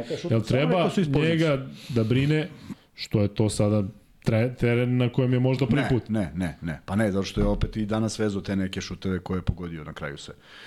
Ne, ne, i ne treba razmišljati o tome. Mislim, koš je koš, jeste to malo drugačije, negde bude tvrđi, negde mekši, ali kako bi ti Gde rekao? ste bili najmekši koševi gde si igra, ikad igrao? Novi Sad, pa to je bilo fenomenalno, pa mi samo nabacimo na koš. Gde je mali ili veliki? Spence. Veliki Spence. Pa i mali, i u mali. Pinki u makar. jedno vreme ulazilo sve. Mali, Pinki pa imao ti- razredane koše, što god baciš pogodi prvi obruč. Pa mi dođemo, oni nikad nisu merili koše, pa mi dođemo pa ga spustimo na 3 cm. I jao, milina, je sve pogađamo, sve jake ovima, znaš. A onda je propao parket u Spensu, pa je to bilo upadanje, to je bilo stvarno diskutabilno da li možeš da igraš. Međutim, tako smo bili tretirani bez veze, tako taj BFC niko nije imao neku dobru, dobar tretman u Novom Sadu. Čudo da smo i ovo uradili što smo Kuzma, uradili. sutra ideš u Niš sam, a kad idemo zajedno u Beočin? Daj da obećamo da Ajde, po gde je Beočin? Nas neko zvao? Pa su nas zvali momci, Ne, bre, pravili neko zvao, klipove. mislim, čitaš nešto. Ajde kad Ne, bude bila utakmica u Beočinu. Ajde, Beočinci, javite- javite se kad je utakmica prva, sledeća dolazimo. A da nije u subotu. I u nedelju. E, Eto, prva sledeća dolazimo. Free bet, da, Irena kaže free bet, htio da, da kažem. Dakle, free bet vezan za Radivoja Koraća, koje godine je rođen, jedan od najboljih košarkaša ikada iz ove zemlje, Radivoj Korać, i ko prvi odgovori dobija prvi free bet. Dakle, e, koje godine je rođen Radivoj Korać, nećemo tu tužnu godinu kada je kada je otišao. Da. E, nevjerovatno zaista da je bio toliko mlad. Sada kad gledam njegove slike, on nije delovao kao Ma kakvi? 31-godišnjak. A dobro. Bravo, Simke, Simke, dao si pun. Uh, pun datum, 5.11.1938. Simke, čestitamo i Simke ti dobijaš uh, prvi free bet, šalješ uh, maxbet ID na lukajkuzma.gmail.com. Uh, Irena, ti možda staviš pol uh, ko dobija sutra u derbiju, odnosno ko pobeđuje sutra u derbiju i samo stavi Partizan i Zvezda. Možeš. A, gledaj sad ovo, pogledaj sad ovo, o- ovo što je vrlo interesantno. Ti sad pričaš njegove godine rođenja, 38. 60, 60-ih OKK Beograd pravi te rezultate. Znači, po svojoj logici stvari, bez obzira što je on stradao pa smo ga upamtili i da mu se desila ta tragedija. On je mogao da traje i trajao bi do nekih godina. Izvini, zapamti, ja tek sad shvatam da ti i Koreć niste uopšte živjeli u istom vremenu. Pa da. Nevratno. E, sad pazi ovo. Zamisli ti kako izgleda kad mi treniramo u toj Korećevoj javli. Koliko si ti privilegovan da čuješ nešto o njemu. Taj A teren koji imao više te ne odnos postoji. kao klinac? Baš kao klinac, kao klinac. Pa pazi ovako, prvo idemo i kao gde treniramo u Koraćevoj avli. Sad prvo pitanje postojiš ko je Korać. Onda uđeš u te memljive prostorije stare 300 godina na tom terenu Koje su iste kao što su bile koji su da. iste kad je on bio i ti vidiš jednu istoriju, jednu tradiciju, jednu, jednu nešto neverovatno i onda čuješ ko i onda ne čuješ samo o, o Koreću, nego o Trajkoviću, o Erkiću, o ovome, o onome, o plejadi igrača, pa ti se onda tu pojavljuje taj Blaško Tarac. Pa onda moj brat od tetke igra za OKA Beograd, pa ti vidiš, vidiš njega na terenu sa Rajkom Žižićem, opet jednom ikonom košarkaškom. Tako da, ovaj, e, e, to što, što, što nigde ne postoji, što se sve stalno negde šapuće, to dovodi od toga da deca i ne znaju. Evo, koliko je, sad je generacija napravljena tih nekih mladih košarkaša koji ne znaju ko je Ranko Žeravic. Pa srećom postoji ta neka dvorana pa će možda pitati tatu, ej, ko je bio Čika Ranko, tako? Ali plejada mnogih ne postoji. Plejada mnogih su u nekom zaborava, bili su fantastični igrači. I vraćam se na ono što mi stvarno smeta, a to je to nepoštovanje tih ljudi ovaj, kroz prizmu, e, nije se tad igrala košarka kakva se igra sada, to ne valja. Ne može ne valja. Ne može ne valja. I 45. ništa nije valjalo s ovog aspekta. Ali da nije bilo tih ljudi 45. ne bi bilo košarke. Verovatno su u koš ubacivali i ono prelom noge ako uradi ukršteni, ali tako je bilo. I opet su se pojavili neki igrači koji su u tome bili vanserijski. I svaka epoha izbacila tog nekog vanserijskog. Tako da, pa eto, pa da pogledamo, je li Džabaro borio rekord, ili bio rođen ovaj Lebron? 80. To je ta godina. Pa eto ti. Da. Znaš, pa on sad obara x godina kasnije uh, rekord. Ne, ali baš moram da proverim da on kada je, da li se ovaj rodio, kada je ovaj borio, jeste. A znaš šta mene je zanimljivo? Ja Znaš čemu nisam da razmišljao? Koliko je puta Džabar ubacio u koš? I koliko je Jordan puta ubacio u koš? A misliš fizički da su postigli koš? Koliko su puta ubacili u koš? To je ono što me zanima. Ima, Misliš na utakmicama? Mislim da, Koliko kroz da, da. karijeru ima tačno Pa koliko dobro, je puta ne, ali, šut. ali kod Džabara je to lako, zato što on postigao jednocifren broj trojki i samo podeliš... Ne, baš me zanima. Ne, nikad nisam razmišljao, znam koliko je poena, ali Da. nikad nisam razmišljao koliko je to puta prošlo kroz koš. Na primjer, da. Da. li je on da li ja mislim da je on više puta probacio loptu kroz obruč LeBron. Sigurno? Pa kako ne? Pa to. Te si se toga setio. Pa spra, palo mi na pamet koliko je nekom potrebno, nekom izrazitom troligašu koji bi stigao do toga, treba manje mnogo. Steph Curry Pa ima da. koliko hiljada trojki. Pa da. Dve, To da, sigurno da, bude manje probačaja kroz koš. Da, Steph Curry je skoro trećinu svojih pojena dao, dao šutem za tri, ukupno. Um, pitao Dilija Živdinović i pitao zašto im nije, tako, Ja, znači nisam poslao, eto. Kuzma nije poslao, kažem da je čovjek u sutra stresu. sve da pošaljem. I pita i ovde i Leo Armando i ostali. Ne zamerite Kuzmi ovih dana je Sutra mno, šaljem. mnogo je raznosio paketa po Beogradu Razno- i sa luka i pakete. kuzma.rs tako da zbog šopa i aktivnosti oko šopa E, što bi rekao da. jedan moj bivši saigrač, da nisi ej, poslao? sticem, sticem spletom neverovatnih okolnosti. Naime, nisam poslao. A ovaj, kad si skapirao da nisi postao? Sad, jel? Ne, danas sam shvatio da Da. sam zaborio da pošaljem. Sutra Kuzma šalje Ali sutra kad ova tri tri ponedljika i ovo. sve šaljem. A slobodno tako ako nešto baš vidite da je, da je ne znam šta, onda Dobro, poslite slobodno, Kuzma. slobodno javite Luki da mi javi da zovite, nije uplaćen. Ali na fiksni. Na fiksni, Na fiksni, zovite i broj. samo, samo Svi koji noću. mi se javi dobit će broj. Samo noću. E, Kuzma, još malo moramo o Partizanu i Zvezdi. Ajde, ajde. Jesi spreman? Dakle, nego šta? E, koliko je Partizan u prednosti u reketu?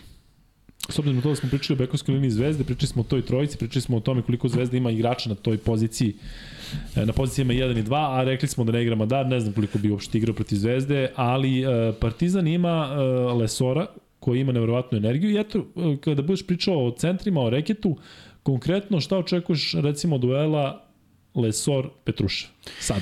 Pa Lesor. Petrušev nije kraj. Lesor Petrušev je Lesor Petrušev, Lazarević i Hasan Martin. Ma ne, ne, ne, izvini, Lazarević. Kuzmić, Hasan Martin, Petrušev. Pa dobro, Lazarević. Lede je Lazarević, Hasan Martin, Petrušev i tako dalje. Dakle, oni ipak su brojčano nadmoćni. Naravno, to ne, ne igra glavnu ulogu, opet glavnu ulogu može da igra inspiracija pojedinca na kojeg uopšte ne očekuješ i ne gledaš ga kao nekoga ko je opasan, otvori utakmicu i to krene. Imaju jedni i drugi takve igrače. Imaju igrače koji imaju velike motive, svaki od njih, ima Smajlagić motiv, evo, ako ništa drugo motiv mu je što, je on, što su oni Madaru u tim nekim, kako ono, Rising Stars. Ne znam koji je kriterijum pa da nema Petruševa, to mi je malo onako čudno. Pa zar nije, da nije možda da je već igrao jednu sezonu? I, I to sam razmišljao, da moguće da, Da. da je on bio deo Efesa, Jeste, pa ne može bio bude je Rising. Stars, ali po godinama je to to. Jeste, jeste, po godinama. da. Uh, ako je to, onda, onda ima onaj defanzivni gde nema čak ni jednog Ni Lazarevića, ni Ok, Blažića. nema, ne znam koji su kriterijumi, kažem, ne, ne želim da omalovažavam da postoje, možda i postoje, ali negde... Tražili su negde, da to prokomentariš. negde kad smo gledali NBA, bre, bilo transparentno, bre. Ti pogledaš ono, Jordan ne može prođe niko. Šta sad mi kao tu kako on igra odbranu, tako? Pa si onda imao plejadu onih po, po, po različitim timovima. Harper igrao strahovitu odbranu i kad je došao u Chicago, on igrao strašnu odbranu. Ovaj, tako da je bilo tih igrača koji su bili u svakom timu i jesu slovili za najdefanzivce. Ali ovo je bio kompletan, pa je verovatno išlo đuture sve. Znaš, kad si ti neprelazan u odbrani, a još pritom i daješ najviše pojena. Bilo bilo uzorno da te ne stave. Ali ovde, kažem, u Euroligi ne znam kakvi su kriterijumi. I, ovaj, I nikad nisam nešto pridavao značaj svemu tome. Ja sam obožavao da igram odbranu.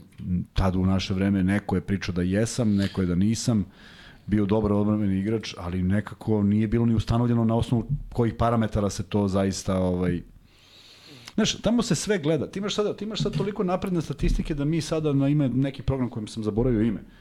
Mi možemo da ukucamo koja petorka igra najbolje zajedno u nekoj ekipi i daje, naj, daje najveće pro, produktivnost. Pa onda koja je petorka najviše podbacila defanzivno. Pa koja je igrač petorke dobio najviše poena od direktnog konkurenta. Znači ima sve to nešto. Ako bi se na tome nešto baziralo, pitanje je kakvi bi bili rezultati. Kaže Marko Jeremić, Lukini područnjaci imaju područnjake. Tako ti to Marko noši s očiva i kada ceo dan Ma gledaš sve, u ekran, jutro sa Australijanac, pa onda dva tenisa, pa onda ovde čitam vaše komentare.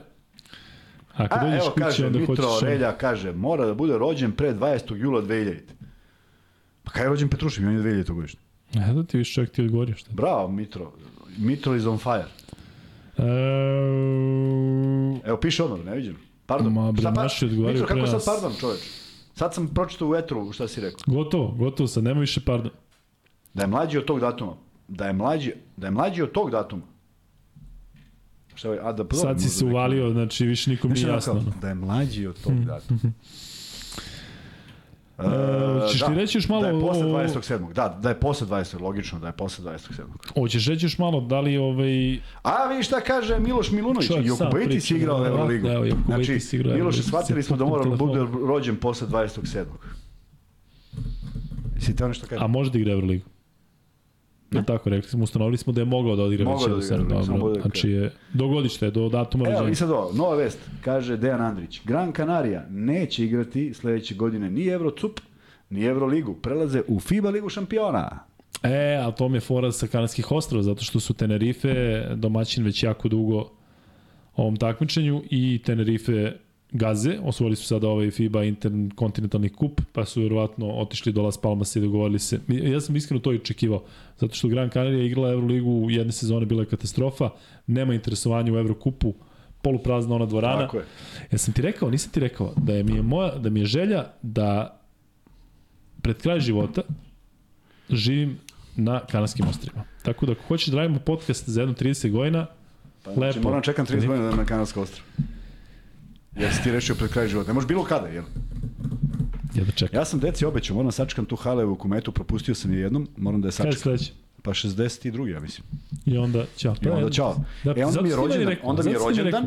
Pa znaš da si ti meni ranije rekao, ja umirem tog i tog da, datuma. onda mi je rođendan, pa da ne bude da proslavim, pa da, znaš, nego tri dana kasnije. Kad, znači, Pa ne, oproštom od 4. 5. Kuzme, avgusta. 4. 5. avgust 62. Da, nemoj brinati ništa. Ja bi sad potpisao i mlađi sam od Kuzme Ja sam 60, obećao, ja ne bih, 61. nego sam obećao. A ti moraš da ostaneš, da, da, Kad da. obećaš nešto tako, moraš da ispuniš. E, Sam obećao idemo u Niš, moramo u Niš. Čovjek ide u Niš bez da mene, vi u verujete to?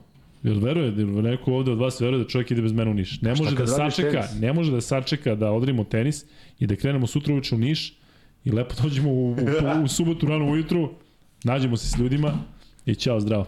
Kuzma, ali objasni ljudima da nećeš ići na utakmicu, tako? Ne, ne idemo u utakmicu, idemo u Niš. Da, znam da je to teško razumeti. Ali bilo bi, bilo bi dobro da odeš na neku utakmicu, uopšte nije derbi, nego odeš tipa ono lokalni neki futbalski, ono, Pa ne igra, ne igra niko, šteta što ne igra niko. Ovaj idemo idem da damo da da, da pa mi radimo podcast sutra. E, Irena, ili ima sutra nešto ovde neko dešavanje? Ima u jedan, do je, pre jedan neće moći, pričala je Irena o tome. Prejana. Da. Onda u jedan. Onda moramo da gledamo derbi, to jest moram da se vratim kući da ga pogledam pa da dođem. Znači ideš u, niz, u Niš rano ujutru, Da? krećeš kući negde oko 5, Da, taman kad nije gužva. Petak u 5. taman. Znači, ne možeš bolje. Otvor ideš 140. Ne možeš bolje. I tu sam. Možda stigneš do podcasta. Stiće, stiće. Stižem do podcasta stiže. sigurno, nego samo pogledam Znaš kad je utakmicu, jednom išao tako neku varijantu za Sarajevo, išao je sa ovim svojim... Uh, Bio sam za Sarajevo, vratio se, odgledao utakmicu, vratio se, otišao sutradan. I tad je ovde nešto, znaš kako mi energijom zračio? Znači, Da, još, energijom još, polu- pazi, još ovde je ono, uh, svetu man- vodicu man- polivam i ne vredi, da. Dead man talking. ne walking, nego talking. Brzo, ko je glumio u Dead Man Walking u mušku i žensku luku? Drd, drd, Ne znam, je li ovaj... A, gotovo Brad, sam. ne ovaj, bre, bre, Sean. Penn, Johnny Depp, zezaš? Ajde, ko je bio treći glumac, pored Ne, Susan ne, ne i- Ne možeš? Da. A, možeš. Ja sam ga samo jedan. Luk, ajde molim te piti Kuzmu nešto za Lazića da makar jednom pitanje odgovori, jer svako si do sad postavio je prebacio na nešto drugo. Ajde. Kuzma, šta očekujemo od Lazića sutra?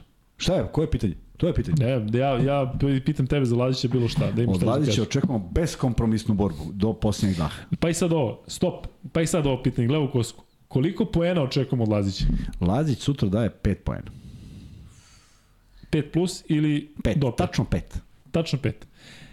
Vidjet ćemo šta kaže Kuzma, ali volao bih da vi sada ovde pišete, dakle nije free bet, A nije što ništa bre tako. ljudi bre samo Laziću? Pa zato što braniš čoveka tako žilavo, tako srčano, tako onako, da si bar jednom rekao, pa moglo i bolje da odigra, sve je bilo drugačije. A ovde sada svaki drugi komentar je o Laziću. Zašto Kuzma, pa misle da, da, da, da, da, da te plaća, pa da nosiš ranko odela. Znaš šta, sa, svašta piše? Ranko delo nosim, to je stvar tačno. Kupio mi ispod klub. Ehm, ja tako, imamo ranko gore, jel? Imamo ranka. I najkvalitetnija, ti kažem ja odmah. Ranko? Sam ti reklamire tako za dž. Pa valjda će se javi neko, bre, sve sam Ranko, izdatamio, javi se. Ranko, Ranko, javi se, desi Ranko. Žerovice, javi se. Ehm, Šta sad gledaš? javlja Aca Živanović sa sport kluba da su Austrijanci sutra u 9.30, ne u 10 kao što stoji u dispoziciji. Aconi, znam da ne gledaš, ali ako gledaš, nisam ni vidio dispoziciju, znam da igra u 9.30, tako da nemoj da brineš, nego šalji taj tenis da imamo da li radim tenis. Kuzma, Partizan i Zvezda, uh, da se malo sada uh, odmaknemo od košike, jel, uh, jel će biti šabanerija klasična ako bude nekih incidenata, videli smo u posljednjih mesec dana, Da posljednjih dva drugačije. meseca, da može da bude bez ičega. I sad tamo verovatno uh, i biće pun navijača jednih i drugih. Čija to možda bude greška? Ko je sad odgovoran za bezbednost za sve? Ili su navijači sami od sebe ti koji će da kažu, ej ljudi, da je stvarno da, da, da ne pravimo belej. Uh, ne znam šta bih ti rekao. To je, to je E, tvoj odgovor. Pa, znaš šta, toliko je izašlo iz okvira svega toga, kažem ti, neke stvari o kojima nismo pričali ranije, sad su glavna tema, ko za koga navija, ko... Već se priča sigurno o sudijama, ko sudi. Ovi sad već imaju taj pritisak da, da će glave da im izgore kad osude nešto pogrešno. Um, ambijent će biti sigurno kao što je bio. Znaš da su padale i baklje i svašta nešto. Ajde da verujemo da ima malo zdravog razuma, da to bude neko navijenje, da to bude neka... Kako možemo mi da pomognemo Kuzma? Šta da pozovemo? Ne, možda Šta da uradimo? vidi, vidi, vidi, ne, Hoćeš da tipa damo Mo, sutra tri free beta od po milion dinara, da da, će da, će, beta, nešto a će, da ne bude incident. Da, I nešto će da se desi sigurno. Ne, ali šalno stranu, stvarno, šta, šta, šta možemo da uradimo da, da pošaljemo dobru poruku, dakle, sad bez zezanja, dakle, ljudi, ako ste zaista mogli da se suzdržite i da... I da to li- prođe u granicama Da svi Sport. uživamo u navijenju. Evo, Kuzma je sam rekao koliko mu je bilo drago da čuje i Huki jednog i drugog e, e, jednog i drugih, jednih i drugih navijača.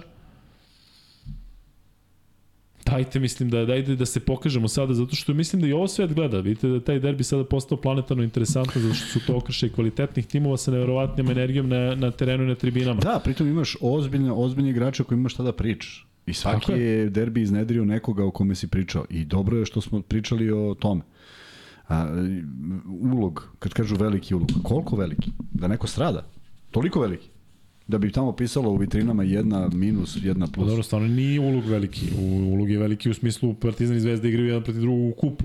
Ali ulog kao ulog fizički... A, upravo, upravo, zato i kažem. Da. I sad, ne, ne znam, ne znam kako bih, kako bih opisao koliko bi bio srećan da se tog 40. minuta sve završi i jedni krenu kući, drugi krenu kući i odu kući. Ne mora da se grle i ljube i ono Ne mora piće, ništa, nego- samo navijači jedni na jednu stranu, drugi na drugu. Čoveče, znaš ti koliko tih nekih pozitivnih stvari, eto ja gledam često košarku kad, ne, kad, kad nije Euroliga, kad gledam neku ABA ligu ili nešto, gledam u kafiću. Pun jednih i drugih. Pa naravno, pa da. E, prozivka za Evancija, ovaj priča, ovaj navija, ovaj se Zna veseli. nekada da pređe granicu, ali Ma pređe, e, al, pre, al završava se, znaš, on, Jeste. ti vidiš, raduje se, onda se svi na, na, nadure što se ovaj raduje, onda se okrene rezultat, onda se on učuti, onda su svi ovi drugi veseli.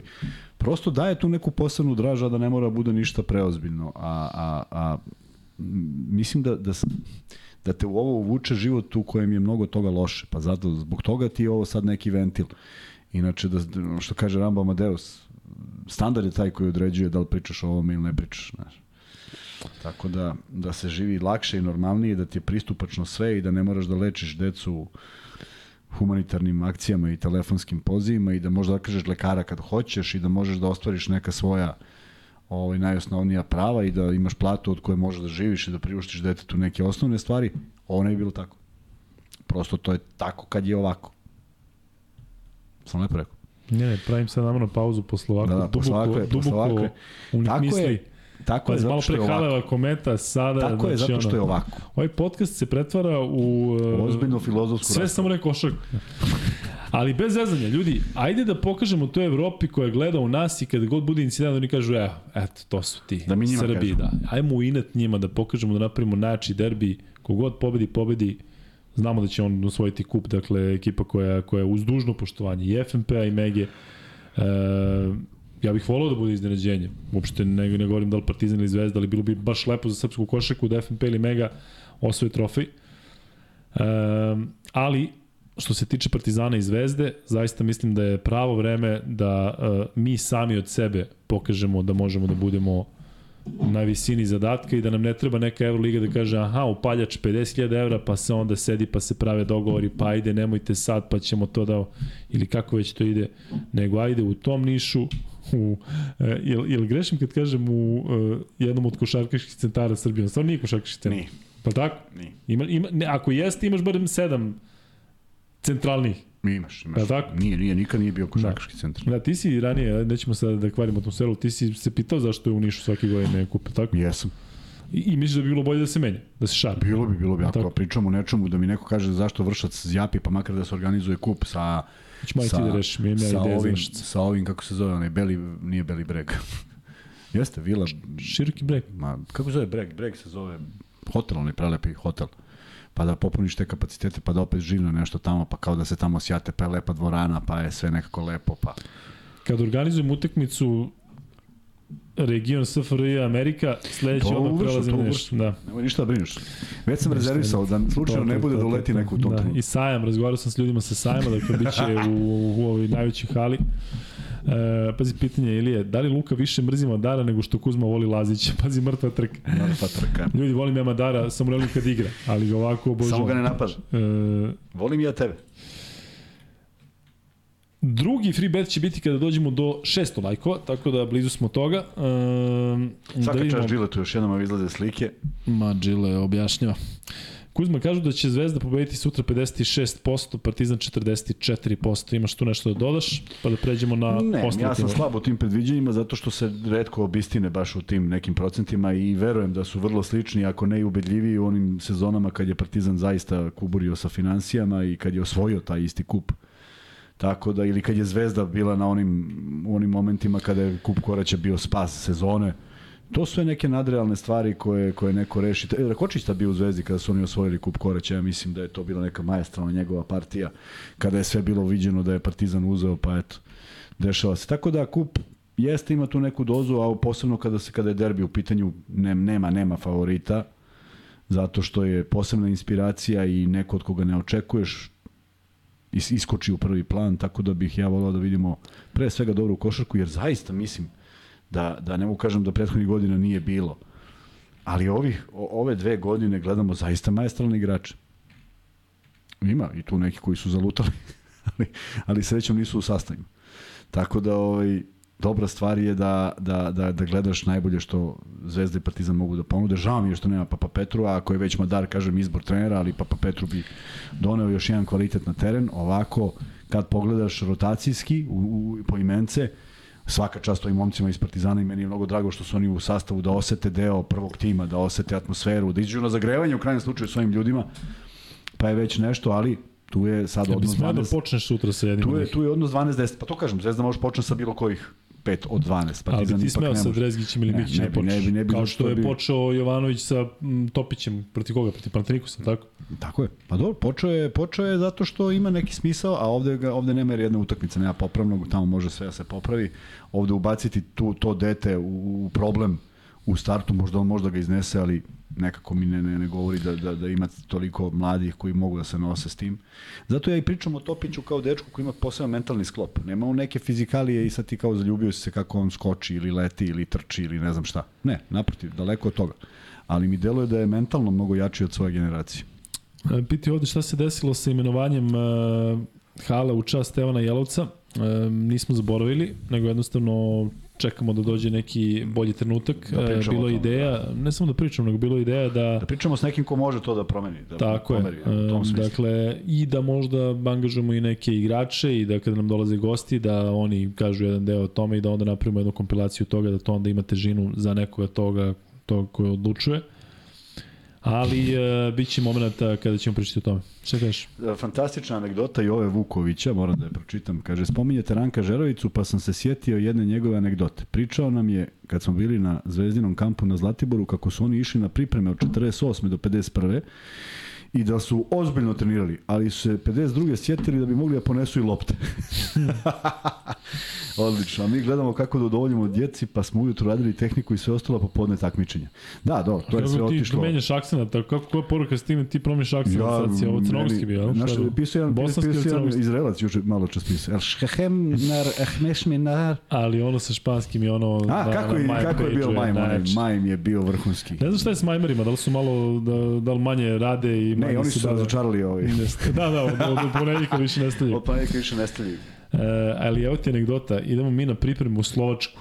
E, u Bratislavu, ali ne u Bratislavu, nego u nekom mestažice pored Bratislave gde je jezero, hotel, teren. I dolazimo, I? dolazimo, ideš od Bratislave uh, jedno pola sata, sat, prolaziš neke buđake, neke šume, seoske puteve i izlaziš ovako otvorno, jezero, hotel, odmaralište pre tereni, samo nema terena za košarku. Svi I ostali. sad vidiš našeg ovog koji objašnjava, razumeš ovom Jel nešto, ovo je moguće? ovako i oni sutra donose koševe i stavlju. A mi smo, i možda čak i preko stra, prva dva dana, bato, A, trči oko jezera. Tako da ovaj Sećaš se tih priča? bilo je zanimljivo. Ali ne možeš da veriš koliko je taj koliko smo mi svako je nosio po 10 maraka. Šta si mogao za 10 maraka da kupiš slovačkih slatkiša? Ja ne mogu ti objasniti, mi smo dolazili sa punim kesama, smo se vraćali da, da, da. I pritom su okej slatkiši. Tako da idete u Bratislavu po slatkiše ako je ista situacija Ne, a kao nekad i Vratite se 96. vremeplovom u Da, da. Bratislavu i kupite slatkiše. Da, pazi, ali ako imate, ako imate mogućnost vremeplova, Da, da, obavezno idete u Bratislavu zbog imate slatkiša. DeLorean, Da, nikako, nikako bilo šta drugo. Kuzma, posljednje pitanje u vezi E, Partizani nije Zvezde. interesantno, jel ti nije interesantno jedna stvar u povratku u budućnost? U filmu? Da, ima samo Kecu jedno interesantno. U svim. Šta? On je toliko upečatljiv utisak ostavio kad su se Ćale i Keva ponovo smuvali, ili tako, sa onom sviranjem gitare i svim Da, što je da. radio. Kako je moguće da se ne sećaju, ne njega, nego da, da im malo liči na tog dečka njihov sin? Da nisu misliš da uopšte nisu ono. A gde si samo, gde si samo to našao? Kad ima toliko Pa nema toliko, koje- to je jedna vrlo bitna stvar. Jedna jedina. Aha. Nema toliko. Nas- Dosta dobro su ispravili greške, ali taj je, i znaš koji je još problem? Koji? Kad se on vrati da vidi Doka kad mu je javio, jer znaš da je on otišao ponovo? Kada Dobro. Doka ubijaju. I, On je upravo otišao. i nije... Pa taj tek, tek treba da se vrati. To je Da. treći koji treba da se vrati. Kad si gledao posljednji put Portugal? Ja 80 i neki. Ali, Prekjuče su dali. ali Christopher Lloyd, Je majstor. Ima 38 godina tu. Delo je kod 92. tako je, ali pritom njegove sad. dve najbolje uloge su koje? Jedan film koji si rekao da nisi gledao, kad sam mislio da raskinem, da raskinem Leti iznad kukavičeg gnezda. Leti iznad kukavičeg gnezda je broj 1, tako je. A koji je drugi? Da. Uf, nešto ovo je radi kad je Vanja, tu nemoj da brineš ništa i onda Vanja ovaj preveće očima, Nešto je da počelo ovaj, ovde, ja. ne znam ko je ovo pustio, šta je ovo. Kuzmin telefon koji je uvijek pojačan na način. A koji, ne znam koji, Drugi, je- koji je drugi? nisi gledao šta možeš da radiš u Denveru kad si mrtav. Pa kako nisam gledao, samo sam gledao jedno. Nisi ga gledao. Tako nam se zvao, tako nam se zvao odlazak po Colorado, znaš. Šta možeš da radiš u Denveru kad si KSS? Da, pa uvijek kad je Denver, tako i sad za Jokića isto nešto. Da, dobar je tu ovaj Andy Garcia, sasvim dobar. Pa si mi rekao da nisi gledao? Ma, rekao Jimmy sam ti Santo da, da, Tosnije. kad kažem nisam gledao, znači nisam gledao sto puta. Dobro, ko glumi Critical Bila? Ne Ajde, vidiš, to, ne, to E, ne pa znam. naravno da Glumi ne. Lloyd. Ne glumi Lloyd. Samo sam probao, samo sam probao. Ljudi, pišite da ste gledali Things to do in Denver when you're dead. Christopher Walken je tu objasnio. Nevjerojatna, nevjerojatna kombinacija glumaca. Ovo je jedan od meni od omiljenih filmova. Ima da ga gledam čim dođem kući pa da povučnici A budu to je, on je u top 2 između onog prvog i onog drugog, što si već Ne, rekao. ona je bila više šala. A, Uncle James je onako, šala, Uncle pa James je bio, kad Uncle James mi je e? bio ovo. Mi ovde prenosimo si ozbiljne neke da. stvari. Kuzma, kada smo kod ozbiljnih stvari, koliko Zvezdina, pričamo o prednosti Partizana zato što su igrani, zato što su u bolje formi, zato što su dobili posljednji derbi, ali koliko može da bude e, zaista Zvezdina prednost što, to što ipak imaju u timu više domaćih igrača i igrača koji znaju šta je kup. Jel ti jednom egzumu koji je došao pre pet meseci, nisam siguran da zna ko je koreć, Dobro, on je, on je sad, znam, ali, ne znači ali mu u, u svi su meri, igrali da. u Nišu Zvezdini. Ne znači ko, je igrao, u, ko je igrao protiv Zvezde u Partizanu, kup u Nišu? Mm, niko.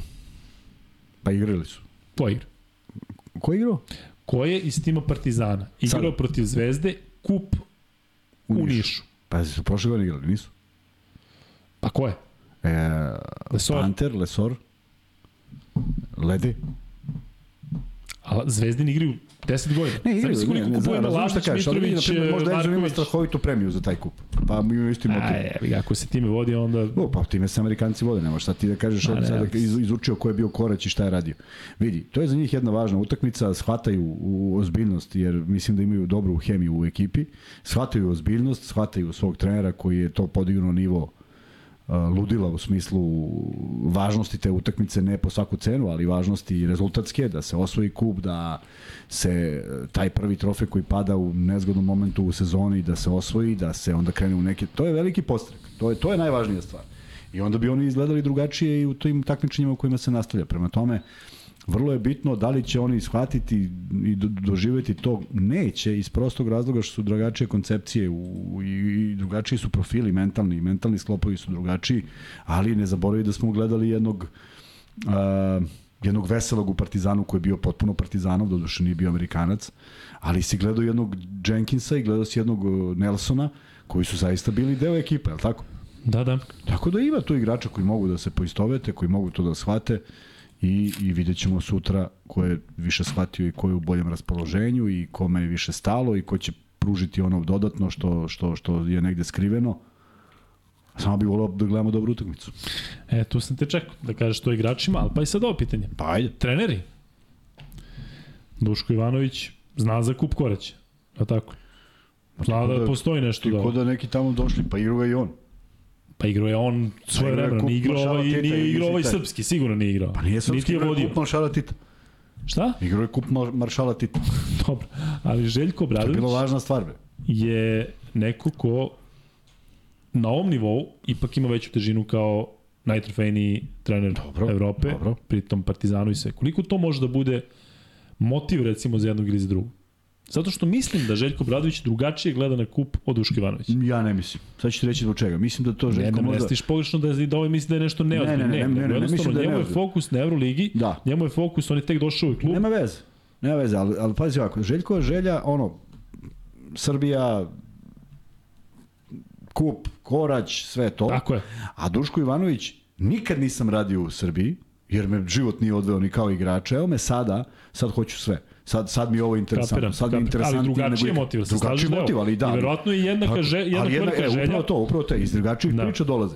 Možda, možda to Željko doživljava na poseban način, ali ne vidim da, da, da bi Duško to mogao doživi osim kao jednu želju da, da, da već i u tom prvom trofeju, jer vidi, ono što smo shvatili od jednog i od drugog, ne uljuljkuju se kad odigraju do, seriju dobrih utakmica, ništa tu nije gotovo, nemaju euforiju, bar i ja nisam primetio, Tako da uh, oni su treneri koji žele da idu, da idu do kraja. I uh, jedino što bi što što i, i čak jedna stvar koja mislim da ih vezuje je činjenica da kogod bude izgubio a stvarno uradio sve i pobedio bolji, ne, po, ne izgubio loši, nego pobedio bolji, ovaj, da će oni to reći svojim igračima. I da će potpuno mirno nastaviti dalje u smislu, ok, probali smo sve, nije išlo iz tog i tog razloga, ovi su bili bolji večeras i idemo dalje. Dakle, imaju čak i tu dozu da nije kraj. Ovo je tek početak trof, trofejne sezone, nekome će to da se ovaj neko će sutra imati korak bliže. Opet neću da govorim zdravo za gotovo da je završeno.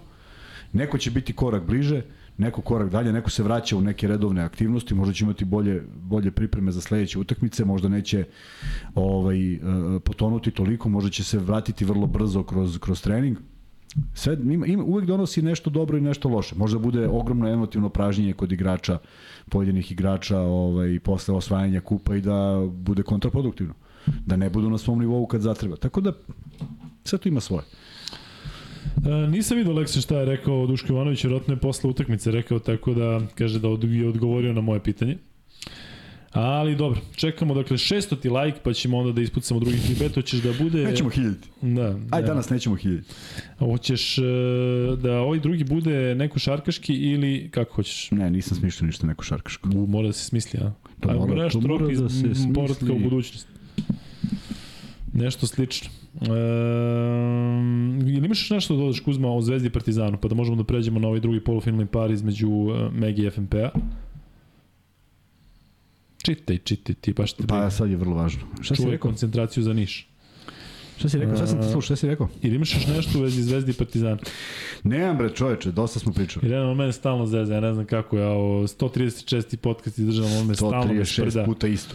I, I stalno ovde ja moram da izlačim, čovjek gleda u telefon, šalje poruke tamo za parking, ko zna zašto i Da, zaboravio sam da kupim vredi. parking. A ti gledaš, ono, gledaš TV program kad ima portik u budućnosti opet da se, da se gleda. E, Kuzma, da pređemo na Megu i na FNP. Šta očekuješ od tog drugog polufinala? Je li prošao FNP? Prošle. Koliko su pobedili? Neću da ti kažem. Sad ću, e, sad ću uzmem telefon. Inače nisam mislio da ga uzmem. I na Google kuci FNP rezultat. FNP rezultat. Da. da ti izbaci Tako nešto. je. Bulatović, Tako je najlakše ja- naći. Da. Ovaj šta očekujem? Očekujem da da jedna ekipa koja se diže ozbiljno u posljednjih mesec dana, ređaju samo pobede i dobre partije. Jedna mlada ekipa koja je očigledno trebalo neko vreme da se sklope kockice, sa puno entuzijazma ulazi u ovaj kup. E, dodatan entuzijazam je taj, kao što je rekao ovaj, ko beše izgubio od Đoković sad, ovaj, Cicipas izgubio. Dobro. Ne, Rubljov, Rubljov je rekao. Šta je? da kaže, odmah mi se sloši kad vidim da sam u- na toj strani kostura, kao šta da očekujem. E, tako ovde postoji taj jedan moment koji je olakša, olakšavajuća okolnost da Mega ili FNP naprave nešto što možda nije bilo zamišljeno kao tako da prođu u samo finale. Biće vrlo interesantna utakmica jer jedni i drugi posjeduju i dobre trenere koji znaju šta rade i Igrali dobre su danas, igraju i su, da. danas igri su ove sezone jako Tako interesantne je, tamo. Tako je, tako je. E, mega u jednom usponu e, forme. FNP je baš pao. FNP je izgubio vođu svoje ekipe. I meni je žao što je on otišao. Ja verujem da je možda FNP inkasirao neki novac ozbiljan i sve to i ovaj dečko se lepo snašao u toj nekoj prvoj utakmici i sve je tu lepo, ali Ali vidio si recimo protiv budućnosti tamo je pa to da, bilo baš, ja baš sam, loše. ja sam neko ko nikad nije voleo da mu ode sa igrač. I onda sam i na taj način vezan, gde sad on ide, kako miš ide, kako, kako neko otišao, mislim. Zato će ovaj podcast trajati večno. Zato da tog objasnim kako to izgleda. Tako da mi je žao što je otišao jer se izgubila hemija u ekipi, izgubio se vođa, izgubilo se to nešto što je FNP-u donosilo, tako da, da si me pitao na početku tih serije utakmica, na početku ligi rekao biti da je apsolutni favorit FNP ovako u ovoj, jednoj utakmici sa nekim usponima i padovima u protiv metalca, to sam pratio rezultatski da to nije baš bilo sjajno, a opet jeste razlika jednog aba ligaša i jednog jedne ekipe koja nije u tom rangu, nekako je ubedljivije delovala Mega. Ali to su mlade ekipe, ne znaš kako izgore i da li izgore, da li shvate ozbiljnost meča, da li požele više nego što mogu. A, Kako je FNP da se podigne sada kada su izgubili lidera? Treba neko da se nametne kao novi Pa lider da, ili treba da neko ispune da- njegovo mesto timski, jednostavno treba da se neko da raspodeli? preuzme, da se da, mora se promeniti Ali čak vidiš i način igre. konkretno, da li Valinskas, da li... Pa on je, Valinskas je bio, sad ja ne znam kakav je momak što je došao, ovaj novi, Nismo, ni, nisam, nisam, nisam imao prilike da vidim, tako da znaš, teško sad tu kao neko daj mi loptu. Ne ide to baš tako. Mora da se promene i neke akcije, pa si negde da si rešava vrlo lako i da si znao određene kretnje i prosto čitao si igru svog playmakera koji, kad pročitaš igru, znaš kad ide na šut i kad se ti ustremljuješ na skok, sa toga više nema. Sad ne znaš kada ovaj šutira, ne znaš kada se pozicioniraš, tako da cela ekipa trpi kad se tako nešto desi, naravno što kod je neko poentirao na način na koji on poentirao. Pa i očekivano da FNP sad nije u toj fazi da je baš favorit u odnosu na Megu, zato će biti interesantno. Ko bude prošao u finale, neće imati šta da izgubi, to onda možu, mogu da budu posebno Tako je. drugačije utakmice. Posebno zato što je ovaj drugi istrošen posle derbija. Tako je, tako je. Tako da, da, i da nalete na jednu ekipu koja je istrošenija. Jer, Da, ja kad sam rekao da će Partizan Zvezda sigurno uzeti kup, nisam rekao da će uzeti lako. Dakle, Da, naravno, kad pričamo o procentima verovatnoće, to je to je to što si rekao, to jeste tako i bilo bi sve bilo iznenađenje. Ali ajde, košarka je sport koji nosi ta određena iznenađenja, videćemo koliko će te ekipe biti spremne. Bilo bi lepo da vidimo neko iznenađenje, ja sam uvek o tim malim ekipama koje... Pa vidi, ne zaboravi da i OKH Beograd nije otkuda uzeo taj kup 92. godine. Mislim, malo je reći da je bilo iznenađenje. Ali ti kad kažeš pa OKH Beograd, pa kako? Pa jebi ga, shvatiš ko je igrao za OKH Beograd. Stvarno su bili ozbiljni, možda u godinama igrači, ali sigurno ne neki igrači koji nisu znali kako se do toga dolazi. Ti ako pogledaš Partizan iz 92. i shvatiš da kada već odlaze pojedini igrači, jel tako, posle osvajanja, i kada shvatiš da imaš Radovića koji je 80-ih odigrao x finala i Sloba Nikolić koji je bio tu i Bogosavljev, pa čekaj, ti momci su igrali polufinala i finala svake godine. Prema tome znaju kako se dolazi i kako se osvaja ili kako se gubi u krajnjem slučaju, ali su imali iskustvo da te utakmice proradio jedan, proradio drugi, dali neke nenormalne poene i šok za sistem u, u Sremskoj Mitrovici. Barcelona i Unikaha igraju produžetak, vidim da komentarišete i e, vodi Unikaha u produžetku 85-81. Igra jako dobro Kendrick Perry, koji je reprezentativac Crne Gore, koga smo gledali naravno svi na ovom evropskom prvenstvu. Tako da ćemo naravno vidjeti ishod te utakmice, mada meni se čini da će Barca to da dobije. Da tamo neko mora da bude finale Barca Real, ali dobro. E, pričali smo o Nikahi na početku sezone koliko imaju dobrih igrača, koliko su imali dobru petorku i dobru klupu. Nije se tu mnogo nešto promenilo tokom tokom same sezone, tako da evo vidjet ćemo da li će ovaj meč dobiti. E, nije pravedno Kuzma da ne pričamo malo i o ove preostale dve ekipe, dakle o timovima koje su pobedili e, FNP i Mega. Mega je pobedila Vojvodinu 75-62, ispostavilo se da je to bio najneizvesniji meč u četvrtfinalu. Vojvodina koja ima, ajde da kažem, jedan, jedan e, novu upravu, novog, kad govorim novo, dakle nekako deluje da se nešto promenilo na bolje, ali opet e, nisu mogli protiv Mege Još sam da... bio u da- Novom Sadu, znaš, i sedneš sa tim ljudima koje ja znam već godinama, mojim kumom i pričam s njim i kaže, ništa se nije promenilo. Rebrač i dalje... Ma, nema tim. veze, ništa se nije promenilo. Govorimo o, o, o, o, o razmišljanju, o Da. da. ljudima koji su tamo neke sive eminencije, o nekima koji su večito tu, o, o, o, o, o činjenici da... Čekaj, stvarno su isti ljudi. Da, samo se vrte. Tu i tamo, ovamo, onamo. Da. I nema, Rotiraju se, tu prosto pora, poražavajuće, ali znaš koja je sezona, poslednja sezona gde je Vojvodina igrala neku ulogu? Pa ja mislim da je Duda Ivković osvojio titulu 83. četvrte. A ja dolazim u Novi Sad 94. i shvatam da postoje Radnički, NAP, Slavija, BFC, Vojvodina, pa mislim da ima još bar dva, e, u jednom relativno malom gradu koji ne ali tu je i tu je sad glavna fora bila da ovaj pobedi ovoga i to je to u kom, u kom rangu takmičenja nema veze samo samo da, da da si bolji od ovoga i da dokažeš neku poentu tako da je šteta što sa svim uslovima koje spe, koje Spence koje Novi Sad ima u suštini imaš ljude koji nekako nikako nisu digli ni jednog prvoligaša koji tu postoji pa kažeš taj hemofon se digao znatno brže i u znatno kraćem periodu. Nisu to bili neki magovi neverovatni, nego su neke stvari postavili na svoje mesto i zaživele. Kragujevac nije. Kragujevac je tražio mesto pa su se stacionirali u Kragujevcu. To je ono što kad mene pitaju da li je to, kaže, liči, da li će ovo biti novi Hemofan. Pa kako bude novi Hemofan kad je tamo postojala celokupna infrastruktura nečega što se gradilo iz onih najnižih liga. A, a, a svi Slajonsi šetali i došli do Kragujevca. Mogli su završe bilo gde pa su završili u Kragujevcu. I naravno da je to odmah ugasilo košarku. Pogledaj opet gde je Kragujevačka košarka. Da ne govorim koje oni probleme imaju kad, kad na primjer, iz tog regiona 300 klinaca potpiše za Beograd. A, a Savez zabranio prelazak. Sad tu stalno pitaš, nemaš koga da pitaš kako je to moguće da se desi. I onda se gomilaju u beogradskim klubovima, koji su, neki su klubovi, a neki su samo škole košarke. I tako, to je milion problema koji postoje da bi, da bi se neka sredina razvila. Žao mi je što Novi Sad i dalje ima ovaj, ozbiljan problem sa, sa, sa jakim prvoligašem, sa svim onim uslovima, sa jednom lepotom, jednostavnošću u tom gradu u kojem se, kojem se živao i proveo tri divne godine. Nama nije Vojvodina bila za, za, za bez obzira što su imali sasvim pristojne igrače i sve, i trenere, ali prosto nešto nije funkcionisalo. Tako da, šteta za Vojvodinu, šteta za Novi Sad, I ne, ne čudi me tu gde jesu i to su neki dometi u kojima se oni zadovoljavaju. A ja bih voleo da vidim, jer ja mislim da je Novi Sad bogat grad.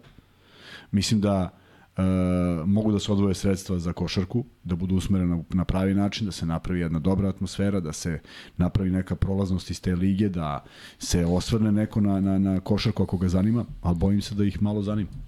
Tako mi deluje. U čast timova koji su uh, isto bili na Kupu Koraći, bili su top 8. Uh, drugi free bet koji upravo kreće će biti Da nismo da... da... isputali drugi bed, nismo. Pa nismo, nismo, a? Dugačka noć, ne bi ništa Kuzma. A, uča. Nije, tad si pričao o Halevoj kometi, A ne, počeo sam trebalo, nešto da, je trebalo drugi free bet, tad si pričao o vrtićima i šta si pričao o Da. porodilištima. No, ne, oni da... Ne, ne, ne znam što ja ne znam šta se ovo dešava. Gde smo stali? Koji, ko je ovaj podcast? Ko vodi ovo? Ko je ovo? Kako se zovu treneri metalca i Ta-na-na-na-na-na-na-na-na-na-na-na. Sad vas namno držim da se kao vi ne znate, Čije? a ovo stvari znate. Dakle, ekipe koje su pobedili FNP i Mega, e, to su Metalac i Vojvodine. Kako se zovu treneri Metalca i Vojvodine? Samo stavite prezimena i prvi koji odgovori dobit će drugi free bet u iznosu od 1000 dinara naših drugara iz Max Beta. Sećaš to plesne adrenaliste kada za himnu Bosne pozivaju metalce i zence? Ne, to je deo sam zaboravio. Šta ga? Pa Fudo dolazi sa električnom gitarom.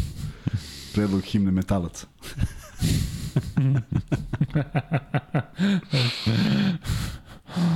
Uh, slušaj za dobar odgovor. Struja i voda je odgovor. Dakle, čekamo da vidimo da li znate trenere, kako se zovu, prezivaju treneri uh, metalca Ne, i nije Vojvodine. struja, struja iz Subotice. Da, da, dobro, ovde se, pa struja i voda, nije ni voda, voda ne Vode Vojvodine. E, ne treba nam, dakle, samo jedan trener. Ratkovica i Sakov. Prvi je odgovorio Basketball for Life i Basketball for Life šalješ maxbet ID na lukajkuzma.gmail.com tako da je to dakle drugi free bet e, Kuzma, ja mislim da je vreme da prekinemo da pričamo o kupu. Sutra ćemo pričati posle derbija o Sad će monolog o NBA ligi. Šta? Sad ćemo monolog o NBA ligi. Uf, sad vremena kad Sa Irenom, pričaj, Irena pratila sigurno. Ne, mogli bi stvarno da spremimo ove fantasy, fantasy tabele. Ajmo fantasy. Imamo i tabelu. treći free bet posle i imamo Ajmo malo da pomenemo. NBA ligu. Ajde, može. I spali koju hoćeš. Koji god staviš. Pa ne, tu je. Redom. Gde baš ovu prvu? Gde baš ovo? Ajde, imamo šta kaže, nismo se dugo družili. Top 10 timova u ligi, Admiral... Admiral Bet, ovo je, šta je breo? Ovo je ABA, ABA, da, ABA liga. Da, nešto Kuzma, nešto. Kuzma ima Dugo gubljenje, gubljenje ima tokom, tokom svakog podcasta, Prvo moram. mesto, Koke nosilje zahvaljujući ovih 237 poena u 19. kolu na prvom mestu, ali deluje da, ne, povećali su razliku, vidiš, povećali su razliku, O, pa pošto da, je to. Štediša bio jako blizu, sad je na 20 i, ne, na 18 poena. A razlika je ovde 22. Kako sam izračunao? Ko je zavlačenje? Sam Dakle, sebe zavlači u kanal. prve, znači. Drdlovan je treći ili prvi u ovom kolu, Babusaurus i četvrti i u jednoj i na jednoj i drugoj tabeli, Impar Mature su pete, ali šeste u ovom kolu. Bukvalek Planina, nisam čuo za njih do skora, ozbiljan su oni napor napravili da stignu do 3169 i do šestog mesta, svaka čast, evo ih ovde na desetom mestu. Iron Wolf je tu, oni su mi poznati, Mufloni, šampioni, Kobe Bryant 24. Kobe Bryant 24, to beše Anica Beljkaš. Da, mislim da jeste. Ja mislim da je on. Elem zadala je neki zadatak tamo u, u Evrokupu da je bila prva prošle nedelje. Je li tako? Da.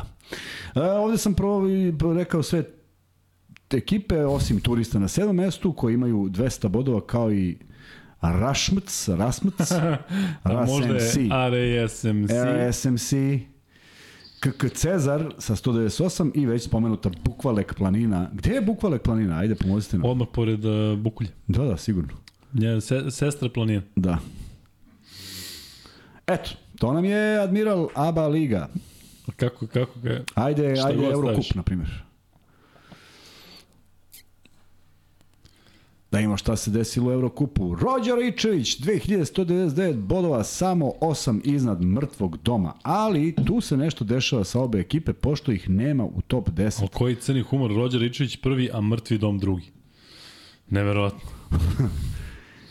a nema ih na drugom u ovom kolu 14. Centar koji uvijek daje poene 2115, tu je preko 2100 i Čekić, a i sve po spisu sa 2103 boda. KK Borac Nektar je šesto mesto Twente sedmi, Fantasy Paćenik osmi, deveta Sijena i deseti Džiglo i tako dalje. Fantasy paćenik, ili on bio ranije? Jeste bio. Kakav doktorski naziv? Iron Wolf je zato prvi, vidiš da se fokusira Iron Wolf na, na, na, na Eurocup, 218 bodova, Peščara 217, KK Čekić je zauzeo treće mesto, zato se i podigao na četvrto ukupnom plasmanu, Heavy Artillery 189, Stevan 14 183, Zvezda Ra 179, sve po spisu koji je zbog ovih bodova na petom mestu, zato što je prestigao očigledno borac Nektar koji nije među prvih 10. AH je osmi, centar koji daje poene deveti i KK Nikšić 172 boda na desetom mestu. A mi malo pre nisi pročitao nas za ligu. Ne govoriš uopšte mi ovde Možete sastavili da govorim ekipu. kad smo 101 i kako da govorim. Pa napredujemo. Imamo mi u NBA smo dobri, u NBA smo dobri. Ne, ali ajde molim te pročitaš jednom u top 10 ekipu u 14. kolu šesta pozicija. Zvezda Ra. Ne Zvezdara, a? Šta? Kaže Zvezda Ra, ne Zvezdara. Ne Zvezdara, Zvezda Ra. Dobro, idemo dalje. da, da. To su Egipćani koji žive na Zvezdari. Zvezda Amon Ra. Da. e, Evroliga. RSB tim 3812 poena i čudno da ih nema na tabeli desno. Twente 2 Nameštaljka neka. 3805 zahvaljujući 235 boda se nalaze tu gde se nalaze na sadom 7 boda za ostatka. Avijatičari 3802, 3 boda ispod i činjenica da je Twente 2 napravio 235 ga je doveo u poziciju da je sada na drugom mestu. Ryan Key je pod, podbacio, mislim da su oni bili prvi do pre nekoliko kola. 3752, KK Polet 78, Peaky Blinders, KK Parti, Part, Part, Part, V9K, Vozli i Dobrići, to je 10 prvoplasiranih u ukupnom plasmanu. Paris Saint-Germain, logično, na prvom mestu, iako su izgubili juče od Bajerna. Legija stranaca 235 kao i Twente. I Feel Devotion, himna Evrolige 228. Drenova Ravan 227. Iskustvo Beograda 225. KK Mikac takođe 225. Tabak Mala 225. Nevjerovatno koliko je ljudi preko 221 boda. Pacijenti i Čoki 09 221. Mi 651. odnosno 305. u ovom kolu. I NBA Liga. Bubanj Niš 11.430. Neverovatno koliko je otišao daleko iznad svojih, iza svojih prati, iznad svojih pratilaca sa 290 boda u ovom kolu. Kilijan na drugom mestu i 6 bodova za ostatka u desetom kolu. Pčelice sa 10.530 i činjenicom da ih nema na tabeli među prvih 10. Rock'n'roll četvrti i peti zajedno sa Vrlinom i istim brojem bodova. KK Podina šesta, Bugari sedmi, Ozgilat osmi, Playboy deveti, Mondo Gecko deseti, deveti, deseta Vrelina, svi oni se nalaze od Podine do Vreline u 350 bodova otprilike, a Luka i Kuzma su trenutno 13. sa 9155 bodova. I vrlo respektabilno 11. mesto sa 257. Da, spomenem još da su tu na 10. Šušanj, 9. Dwix, 8. MVP, 7. Kobe Bryant, Vrelina je na šestom, već sam ih spomenuo i tako dalje. Ne više, a? Nema Samo više, na, na tvoju žalost nema više. Znači, Kuzma ja sad popije pola litre ultre pre nego što krene da bi ja sad ovo. pričao o ovome. Videli ste koji je to entuzijazam. Kada bi takav entuzijazam imao za podcast, gde bi nam bio kraj. Mhm. e, vidim da javljate da je Unikaha dobilo Barcelonu. Opa! Ode Šaras. Jesi čuo da Radonjić kao meni ga podseko, šta misliš o tome? Čuo sam, da. Pa, ne znam. Ovo ti je cimer, ovo ti nije cimer, to je imaš da, Da. da, A vidi šta ti kaže Marko Mladenović. Šta Molim te, pitaj Luku, zar nije najjača epizoda Sopranovih kad jure onog Rusa kroz šumu Poli i Kristofer? Jeste, Pine Barrens, to je, Jeste. to je Milane jeste najjače. generalno, ali me ja imam neki drugi favoriti, tako da ovaj, um, jeste jedan od boljih. Um, da. Dejana, šta je 91.76? Šta je 91.76? Ni, samo ne mogu shvatim. Napisao mi je Mm, FNP 91.76. metalac je rezultat. A, to je. Pa A, si je, pitao, da, da. to Ne, ne, je jesam, nego 91.76. pisao nešto drugo, pa odjednom sam, pa ne znam šta sam pitao. Kuzma, prokomentariši samo još e, metalac, e, pošto smo Vojvodinu rekli, a metalac, um, imaš nešto da kažeš o Valjevskoj košaci, A, kad su već tu. Znaš kako, divni ljudi tamo rade, taj Simbe koji je bio neki moj savremenik i sad je on direktor Sportskog saveza, nadam se da i dalje jeste, jer je čovjek koji voli košarku i koji se tamo trga kako zna i ume. Vlada Đokić je čovjek koji je uh, ovaj, trener metalca, ali tako? Šta im rekao da neće dođe, nije, nije više. Mm, Ratkovice, Ratko, metalcu. metalcu. Pa da, ali Vlada Đokić je bio čovjek koji je sinonim za Valjevo, pošto je možda ovaj, osim Teodosića u, oni, u ovih posljednjih 30 godina neko ko je, ko je ovaj, igrao zaista na ozbiljnom nivou i Zvezda i Partizan i čuveni Spartak i Subotice. Pa dobro, tamo je zaista bio stran. Tamo to je bili, da, to je bila strahovita ekipa. Da, jeste bila je strahovita ekipa. E, tako da mi je drago što uopšte postoje, što su tu gde su, ali ovaj, bilo je tu nekih dobrih momenata, bilo je nekih momenata kada su i financije bile za nijansu bolje, međutim, nekako nedostaje neka strategija i opet tamo se isto sve svodi da mora odma i, i sada i, i, i nema nekog strpljenja i nema dugotrajnosti i i znam da kad je Vlada Đokić bio trener da je to zaista ovaj bilo problema sa financijama i da on to radio eto pošto je nekako i čovjek iz Valjava i koji voli košarku pa mu nekako bude lakše da to radi u svom rodnom gradu ali Lepo je što su na, na završnici kupa, u krajnjem slučaju time se na neki način sezona ovaj, obeležila. Nije svako na završnici kupa, je li tako? Pa, ja mislim da baš svako. Pa vidi, Spartak je do, zaslužio, zaslužio je Vojvodina, zaslužio je Metalac, prema tome to su tri Nema šta, ekipe dobro, dobro su... zvuči. Dobri kao sredina, dobri klubovi Da, sa, sa da, tradicijom. Da. E, ali, e, sad, šta je njima činiti Znaš da je da prethodnih to... godina bilo nešto, pojavi se klub za koji smo jedva Pa čuli. jeste, jeste, da. Međutim, eto, menja se i to, ali tu neke, ipak, ipak ti klubovi koje smo spomenuli imaju neku tradiciju, samo mi je žao što nemaju još kvalitetnije ovaj, uh, timove koji bi konkurisali za još neke bolje rezultate. Ali to je naša realnost i velika je razlika. Neko me je pitao sad u, u sred ovoga, ove prepiske koja je bila povodom gostovanja predsednika Partizana, uh, neko ko je počeo da gleda turn, kup juče, I postoji jedno pitanje da li bi da li bi stvarno bila velika razlika da gledaš na primer da gledaš na primer Mega Ajde izuzmemo samo Zvezdu i Partizan, Mega, FMP i ovaj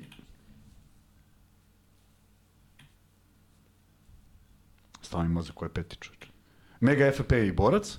Da li bi zaista ogromna razlika bila ti me, gledati Mega Metalac ili Mega Split? Pa nije razlika. A? Ili, ne znam, ili, ili MZT FMP. Ne, ući ćemo u tu kampanju da imamo našu ligu tamo. Ne, ne, ali sad, sad stvarno postavljaju pitanje koje ima potpuno smisla. Evo, sad si ti gledao utakmice koje se završavaju prilično slično. I, i, i, to, I to znaš da to nisu deca koji igraju istu kategoriju takmičenja. Dakle, oni bi za dve godine igrali ravnopravnije. Da li bi se nešto promenilo? Ja mislim da bi samo više ljudi u Srbiji uživali u košarci. Da li bi se nešto fundamentalno promenilo? Verovatno ne bi, ali bi činjenica bila da je jedina liga koja može da opstane ono što od uvek znamo i tvrdimo, to bi bila srpska. Niko drugi ne bi mogu samostalno da napravi ligu. Meni je strašno krivo što je zbog nekih političkih stvari onog momenta kada je Crna Gora, Gora izašla iz zajednice što je otišla košarka. Jer to je vodilo ka, upravo ka jednom. Z zašto se u budućnosti dešava šta se dešava? Pa ne možeš da imaš jedan klub, ne možeš svu decu da dovedeš svake godine dovodiš. A gde igraju druga deca? I ti imaš veliki broj crnogorskih igrača koji bi igrali po lokalnim klubovima koji dolaze u Srbiju ili idu dalje. I ti imaš sad Žukića, Žugić, jednog od najvećih talenata crnogorskih igra u Nemačkoj. Jeste, igra dobro. Dolo. A sad zamisli da je ostala makar Liga, SRJ, Liga, da se nisu tu razišli. pa da ti imaš jedan vruć teren na Lovćenu, pa da taj Lovćan zna da može da bude isto nešto što i Mornar. Ali ne je samo ono, znaš, kao imaju bolje financije, pa se guraju oni, pa ne mogu da, pri, da, da, da priđu. Dobro, nije da je baš mm, da se ne pomera ništa. Evo imaš sada tu Podgoricu, imaš studentski centar, Mornar i dalje ima neku ekipu, dakle nije, nema lovćina kao lovćina, ali ta sutjeska koliko pratim i što se tiče treninga, što se tiče igrača, to je korektno Pa ništa, no, za taj nivo. Pa znam, ali nisu, zar nisu napravili projekat sa Gašićem na 128 godina, pa je puklo posle prve. Da. Nije stvarno 128, šalio sam se. Kuzma, kako komentarišeš pobedu Helios Domžala protiv pod četvrteka i pobedu Cedevita Olimpije protiv Šenčura? Slovenački Vidi, dobro je što Za naše drugari iz Slovenije. Da, pod četvrtak što je izgubio, to me raduje. Igrao sam, sve sam stavio na ovaj, šenčur. Šenčurčinu, a? E, I tamo će biti jako teško napraviti bilo kako izvinje, tek, tek to je posebno, posebna priča. da, da, pa isto. Ista priča. Da. Ljudi, šta da vam kažemo, primičamo se kraju. Luka, da li su, da li su spravne najbolje serije ikada? Apsolutno jesu. Dakle, fali nam je 6 minuta do uh, ulaska u četvrti sat i imamo još jedan free bet, tako Kuzma, pa onda imamo da odjavimo Tako sve, je. da kažemo šta radimo sutra, gde ti ideš, šta ja radim, ko šta radi, gde ko nosi. Dakle, hoćeš ti neko šarkaški free bet ili ja? Nisam Ajde, razmišljao. vidiš nešto. Nisam ti. Daj neki neko šarkaški ti. Hoćeš, ve, hoćeš muzički ili filmski, filmsko-serijski? ajde. Muzički. Muzički. Treći free bet glasi ovako. E, na početku podcasta, negde relativno na početku, ja i Kuzma smo preporučili film, album i knjigu. A sada je pitanje, pošto smo preporučili Purple Rain od e, Princa, kako se zove princ? Kako mu je puno ime? I vi koji odgovorite, dobijete treći free bet. Krećemo sad. Tako da, 1400 ljudi... Na, na, na, na, na, na, na, na, na. Sećaš? Jeopardy. Pa da li, iz čega je ovo? Koja je? Brojki slova. Ta na na na. Gde se sećam? Ali si ti to Bre, Luka, ništa ne sećaš, pa to je bilo 60 diskoteka, kad si ti bre... Imam riječ od dva slova. B. Kako Sopranos je ljudi, nije za poređenje ni sa čim i ni sa kim. Može jedino King of Queens je jednostavno, jednostavno bolje, ali da čujete moj, moju, raz- A moje žica je bila dobra žica, žica je bila dobra. Žica je bila, boga mi, A onda šta hoćeš? boga mi na drugom mestu. Pa, onako. Koja ti je sezona najbolja žica? Treća. Zezaš se, a? Mhm. Mhm. Se zezaš sam? Naravno, ne znam gde, gde se sećam. Četvrta koje- je sa klincima, dobro. A, pa onda četvrta. Četvrta je baš dobro. Druga je sa ovim uh, Grcima i sa ovim lučkim radnicima malo. Tamo A? sam gledao, tamo baš kad je bila aktualna sam gledao. Prince Roger Nelson kaže Dragan, ne, ali Vuk Grbić isto odgovori Roger Nelson. Vuče, drago mi je da si se vratio, dugo nisi osvajao free bet, sad odmaraš do kraja nedelje. Dakle, Roger Nelson uh, jeste i uh, dakle šalješ na lukekuzme.gmail.com Aleksandar Istić donira i kaže, momci, pozdrav od mene, kasno se uključujem danas, moćni sale, razočaro si nas, ne znam da li da primimo ovu donaciju. Sada sad ćemo i tebi poruke, koliko da. smo razočarani što Sad si... što šaljemo, nisi- na, vraćamo nazad Sad duplo. svima koji nisu gledali. Da, Da vide dakle, kako je to. Pa izvinite.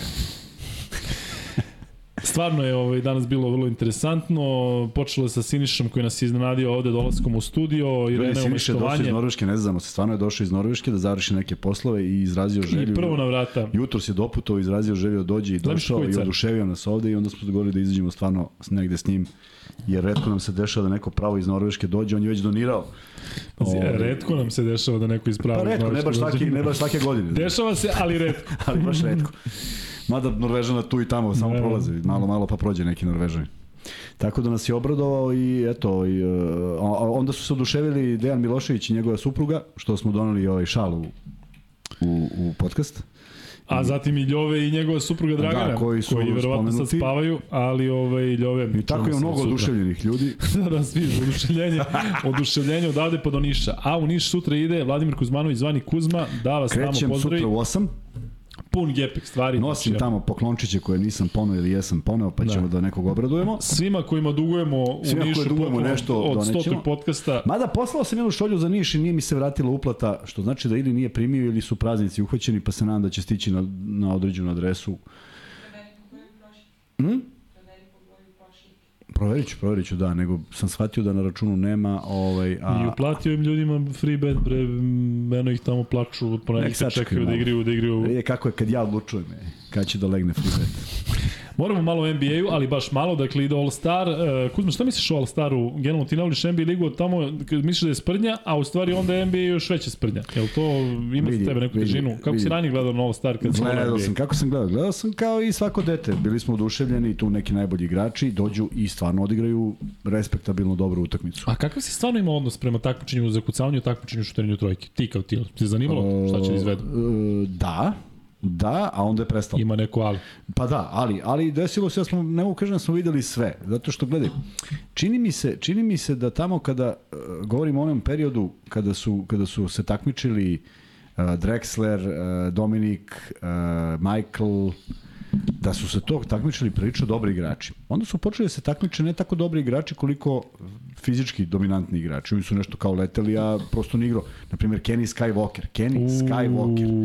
Čovjek je mogao se okrenuti 18 puta u vazduhu i da A zakuca. uopšte nije bio neki igrač. A on, kad primi loptu, bežanija, svi pobegnu iz prvog reda da ga ne ubije I nekog ovako, cigla. ovako drži ovde, Pa da. stavio je na Pa da. ovo i onaj E onda se pojavio ovaj, ovaj kojem sam zaboravio ime, onaj uh, simpatični što je zažmurio.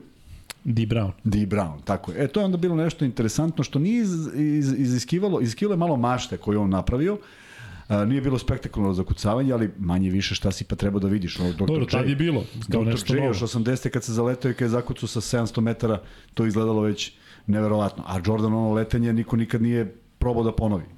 Prema tome, tu je bilo svašta nešto i onda u jednom momentu kad vidiš da, da, da prolaze te generacije i ti igrači koji su onda se pojavio neki koji je nešto preleteo, neki automobil, kamion, avion, ne znam Da, šta je pa preleteo. dešalo se, pa Blake Griffin je preletao džaba. automobil kad Pa- mu je izašao ovaj iz Šibera.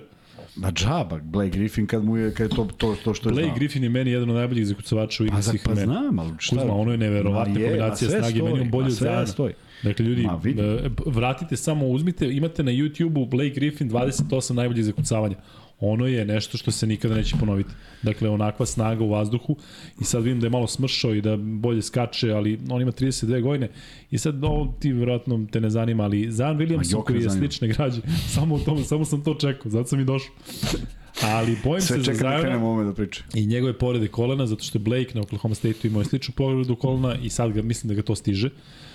E, tako da, pa zna, skeptičan sam ej. što se tiče Zajona i toga da li će biti, delo mi da će biti ko Anthony Davis, malo malo povređen, pu pu pu, ne li Bože, ali... Vidi, ja sam stvarno to sve po, po, po, po, po Po, po, po, povezivao sa nekim kvalitetom igrača. Dakle, e, kad je Sean Kemp zakucavao, to je izgledalo majestralno, ali tad je Seattle slovio za izuzetno ozbiljnu ekipu.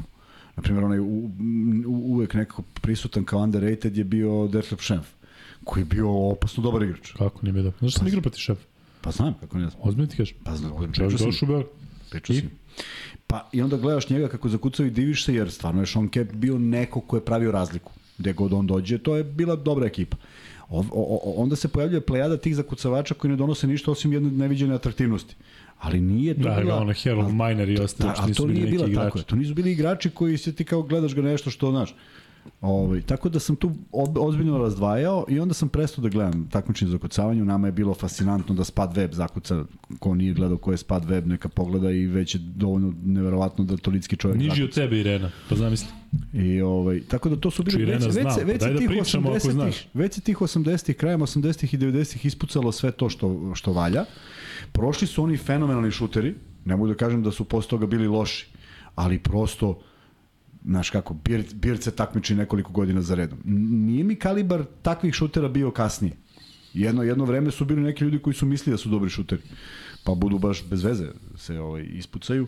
Tako, I voleo sam taj All Star zato što, zato što ima jedna ozbiljnost, jedna doza ozbiljnosti. Svi oni pokušavaju sve i svašta, prva, druga, četvrtina i onda kažu, ja, okej, vrag je odneo šalu, aj sad da igramo. Kao što postoji anegdota čuvenog Dream Tima, originalnog Dream Tima, kada je Jordan rekao, ok, sad ovo moramo da dobijemo i postala najspektakularnija utakmica jer u tim sastavima nikada nisu više igrali. Igrali su jedni protiv drugih scrimmage utakmicu koja je top topova, je tako? Prosto... Ne, ono kad su igrali, kad je Jordan preuzeo od Magic, pa to, da, da, da, na treningu. Pa tamo nema slabe tačke, Jeste, kakvi slaba jeste, tačka kad je to jeste, 12 ne, nenormalnih. Prema tome, Kada su svi rekli, kaže, nešto se dešava. nešto se dešava, Da, a oni samo nešto. hteli da, da podignu na više nivo. E, to su neke stvari koje kad vidiš nema, nema, nema nešto mnogo zanimljivo. Voleo sam što je Peyton obožavao da izludi Jordana makar i u tim utakmicama pa se naoštri, pa igra odbranu, pa vidiš da je neelektrisano. Znaš, toga sad više nema. Svi nešto kao... Pritom, kada pokušavaš nešto na silu, to što ne ide, to izgleda prilično glupavo. E, te All-Starove koje sam ja gledao nisu mi delovali glupavo i bilo mi vrlo drago da ih gledam i Jeste, ovde Miloš Stanković i Milan Brešan spominju to takmičenje za kucavanje iz 2016. trebalo bi kada su Aaron Gordon i Zach Lavine napravili zaista nevjerovatan show i ono je prema mom mišljenju bolje za kucavanje, odnosno takmičenje od eh, 2000. godine kada i od onoga Jordan Wilkins ili kako god, dakle Gordon i Levin, to su sve bile 50-ice. Pa čak ono zakucavanje Gordona je toliko pocenjeno ono kada je stavio kapuljaču pa spustio na double pump, to je nemoguće izvesti osim eventualno dva, tri čoveka u NBA ligi. Um, jeste, Marko Milić je prvi preletao automobil, to je istina. Um, ali sad mislim da malo preteruju sa tim nekim novitetima i šta sve izmišljaju. Sećate se da je čupao green mrežicu, pa su onda stavljali tortu na obruč. Dakle, nešto što već, pa donose dva koša, pa ovaj po, po, m, povećao visinu. Tako da sve u svemu uh, jeste onako malo postalo bez veze, ali uh, vidjet ćemo. Znate da imamo Jokića na All-Staru, uh, znate da da će biti svih onih propratnih e, dešavanja, dakle ima ta utakmica Celebrity Game gde iskreno ja, jako i eto u Americi sam bio koliko dugo i pratim ja one neke repere i influencere, ne znam, vidio sam da je tu Tia Fo, bit će još nekoliko interesantnih likova, nekoliko priznatih repera, ali je ranije ta celebrity utakmica bila interesantna. Meni će biti e, zanimljivo ovaj Rising Challenge, Rising Stars. E, tu ima zaista onako materijala da se da se vodi jedna dobra utakmica i sve u svemu vidjet ćemo, navijamo za Jokića. Ja p, prognoziram triple double Jokića u na All-Star utakmici.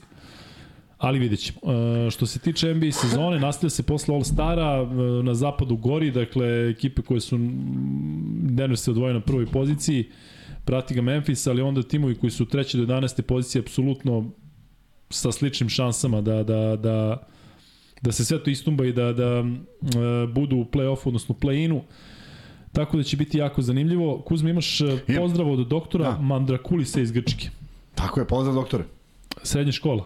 Znaš ko je? Ne. Šta da ti kažem? Ja? Kako ću ja da znam tvoju srednju Pozdravljam školu? ja njega. Doktor Mandrakulis. Da. Piše na grčkom. Da, da, samo sam. Evharisto Parakalo.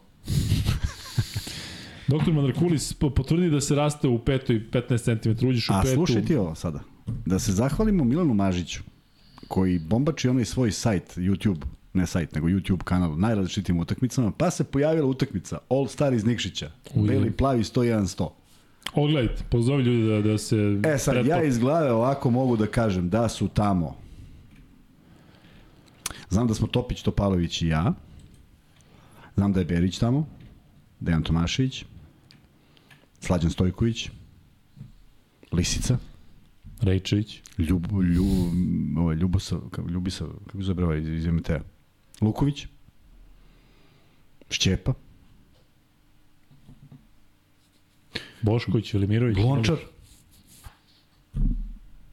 Mislim da je Velimirović. E, interesantna utakmica. 101-100. Sreta. Sreta. Pa to je godina, to je godina borca Borovice. Evo, seća li se Kuzma Winston Juba All-Star utakmice? Pa evo to, to, to je priča. Neverovatno kako... Nikšić. Ovo je Nikšić, bilo je u Subotici, bilo je u Nikšiću, bilo je u Leskovcu, bilo je svuda negde. Pozdravljaju te iz Gornje Gorice. Iz Gornje Gorice. To je Pozdrav Pozdrav. Gornju Goričanima. A da, Gornja Gorica, emisija ovo, ovamo u Sloveniji. Vidite Pa kako je- Kuzma, ja pričam o NBA ligi, o All-Staru i on Pa krene rekao All-Star u šta? Nikšiću. Pa, je, pa nego šta, pa to je važnije Pa kako je nego... bilo na All-Staru u Rumuniji? Jesi igrao tamo? E, jes, Ili je stvarno? jes. Je li bilo poznatih igrača osim tebe Aha. i ovog? Stanesku, Stanesku, ja. Po pesku. Po, Po pesku. Dobro ljudi, Mahom da na vam kažemo? bili ovi. Pazi ovo, ovo nesrazmernost.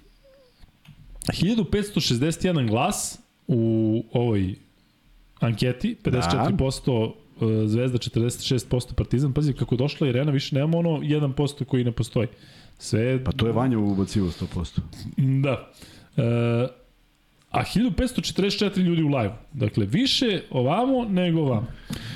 Elem, dobro, sada stvarno za kraj da vas... se e, od skup, skup Ne da čovjek, ne da, on, ne, on treba da ide za Niš za dva sata. i zna da ja treba da radim Australijanca ujutru Ne, i on u inat meni sada da ne budem On, odgovoran On, Australijanac. i da ustanem. E, da, evo sad se pojavilo 53%, 46%. E, Kuzma, Molim. Šta još imamo? Imamo da se zahvalimo, dakle, e, svima koji e, ste bili uz nas, imamo da se zahvalimo svima vama koji idete na lukajkuzma.rs, tamo možete pronađete mnogo interesantnih Tako, stvari, ima- između ostalog i shop, Tako ali je. i blog. I blog, da, ima Dakle, interesantnih pričica koje ćemo lep. popunjavati svake nedelje po dve. Smo i- tako rekli, svake nedelje po dve. Aha, pa moja, moja vizura i tvoja. A dok ćemo tako? Pa du, Pa du, po, ponestaće nam... Neće ponestati pošto ćemo ići ovaj, retroaktivno po gostima. Pa ćemo pričati ko nam je gostom. A, to si smislio. Pa da. Kad si mislio da mi kažeš? Posle Pa evo sad, sad to je bilo. Posle Niša. A, dragi gledalci, jedno obaveštenje. Ne, sad sam mislio da ti kažem, ali ima vremena, za to imam Pazi, dovoljno. ja i ti u toj spontanosti preteramo, znači ti sad, znaš, dešava se nešto, ja ne znam uopšte. Previše je spontano. A javit će ti neko od tvojih uh, fanova. Noć, kako neće. U svakom, Instagram. slučaju, u svakom slučaju vidimo sutra u Nišu, posetite ovaj sajt, uh, javit ćemo vam, uh, sastanak ćemo imati sa Veljom, ne možemo sutra nisam tu, u subotu, pa ćemo se dogovorimo i o tom humanitarnom aspektu i ne, još jednom da podsjetim nekoga ko mi je poslao za humanitarnu akciju u poslednju i primio sam k znanju, ali ne znam gde je ta poruka, da bismo možda ovaj, kroz ponovo promovisali eto jednu takvu akciju, uvek se odazovemo.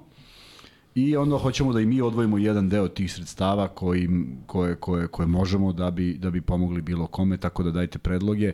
Bilo bi zgodno, ti si, ti si danas rekao da možemo da biramo, bilo bi zgodno da imamo jedan predlog, da se vežemo za jedan predlog jedne nedelje. Znaš zbog čega? Kako, kako ovaj, izvagati ko je sad tu neki prioritet, nego jednostavno, Još jednog meseca, to misliš? ne, nedelje, na primjer, da, za, za jedan mesec, da jednostavno skupimo, jer za jedan mesec može da se skupi dovoljno sredstava da, da stvarno nekom pomognemo. Da, smislit ćemo još, ali drago nam je da eto, možemo i tako da, da pomognemo uh, i da imamo tu humanitarnu akciju. Dakle, još jednom da ponovimo sve što kupite preko sajta lukaikuzma.rs, dakle, sve od naših tih artikala i našeg mrča, što bi rekli, jedan deo ide u humanitarne svrhe, a uh, da vas pozovemo takođe i da odgledate neke podcaste od ranije, dakle znamo da ima dosta vas koji ste se u, uključili vremeno, međutim ima tu mnogo interesantnih gostiju, neki smo čak sakrili pa nema ni u naslovu, tako da možete gledati podcaste od ranije. Da. Sada kad radimo u ovom ritmu, uh, kraćem ste, na, odnosno ređe, s obzirom na to da ste navikli da ponekad radimo i pet puta nedeljno, ali što se tiče ove nedelje, sutra posle derbija, uh, negde oko 1 sat, to ćemo potvrditi sutra, Uh, radimo podcast i odjavljamo naravno derbi, odnosno polufinale kupa i najavljamo finale i pričat ćemo tada više o reprezentaciji, pošto smo danas pričali zaista malo. Imam još jednu stvar samo za kraj. Ajde. Javio se Andrija Đurđević sa molbom da pošto je gledao kviz, pa je, kaže, strepim od, eh, od nedelja, očekuje odgovor jer mi je poslao nešto. Pitao me da li znam ko je Nikola Simić, ti vjerojatno ne znaš, mama koji je igrao u ovaj u Kolubari najviše i tamo bio jedan od najboljih strelaca, ja njega znam, čak smo onako i na Facebooku bili nešto ovaj, se dopisivali. Ali nisam čuo za novi košarkaški klub Rudar 22 iz Lazarevca. Eto, Andrija, odgovorili smo na tvoje pitanje da ne bude da smo ga preskočili jer ko će sada čeka do sutra. Tako da hvala ti što si nas pratio i hvala ti na podršci i eto, to bi sad već bilo to. Imamo još, čekaj bre. A, ajde, Imamo koliko hoćeš. reci. Da, možete nas podržiti na Paypalu, da to, to sad iz šale govorimo, trebalo je, možete nas podržiti na Paypalu, na Patreonu, frki, mrki, prki. Dakle, Da, sutra ako hoćete da se prki. vrđete sa, viđete sa Kuzmom uživo, možete to u Nišu, sutra ako hoćete mene da čujete, možete na sport klubu, dakle ujutru prenosimo australijsku A košarku. može i uživo i tebe da vidi, dođete ispred sport kluba kada dođu. Tako je, da, uživo u Bulevar Zona Đinjića. Kada dođu? A posle, evo sad sam dobio, dakle, e, prenosim posle tenis Dimitrov Deminor i Medvedev Ožel Jasim. To vjerojatno ide na sport klubu 1 i sport klubu 2, dakle to su dobri teniski mečevi iz Rotterdama. E, tako da, to mi je to za ovo Dejana Tomovića 130. pozdravimo, jo- još jedna donacija na preko o, ovoga. E, Deki PayPal. Tomović je ovde par puta nešto Jeste, pitao, jeste, da. Deki pozdravljao, ali nemoj zameriti, dakle vidim, Kuzma u tom trenutku priča, komuniciramo, da. Ovaj, Dobro, hvala ovaj na još jednom druženju. A? Da, pozdravljate, Ovo je bio onaj podcast kakav ste drugara očekivali. Ma Mandrakulisa iz Grčke, opet Mandrakulis. Ima neki Mandrakulis? Mandrak. Ma ne znam. O, neka fora, verovatno. Ali dobro, družimo se već uh, u noći između petka i subote, dakle u jedan ujutru uh, u subotu budite uz nas i vidimo se brzo.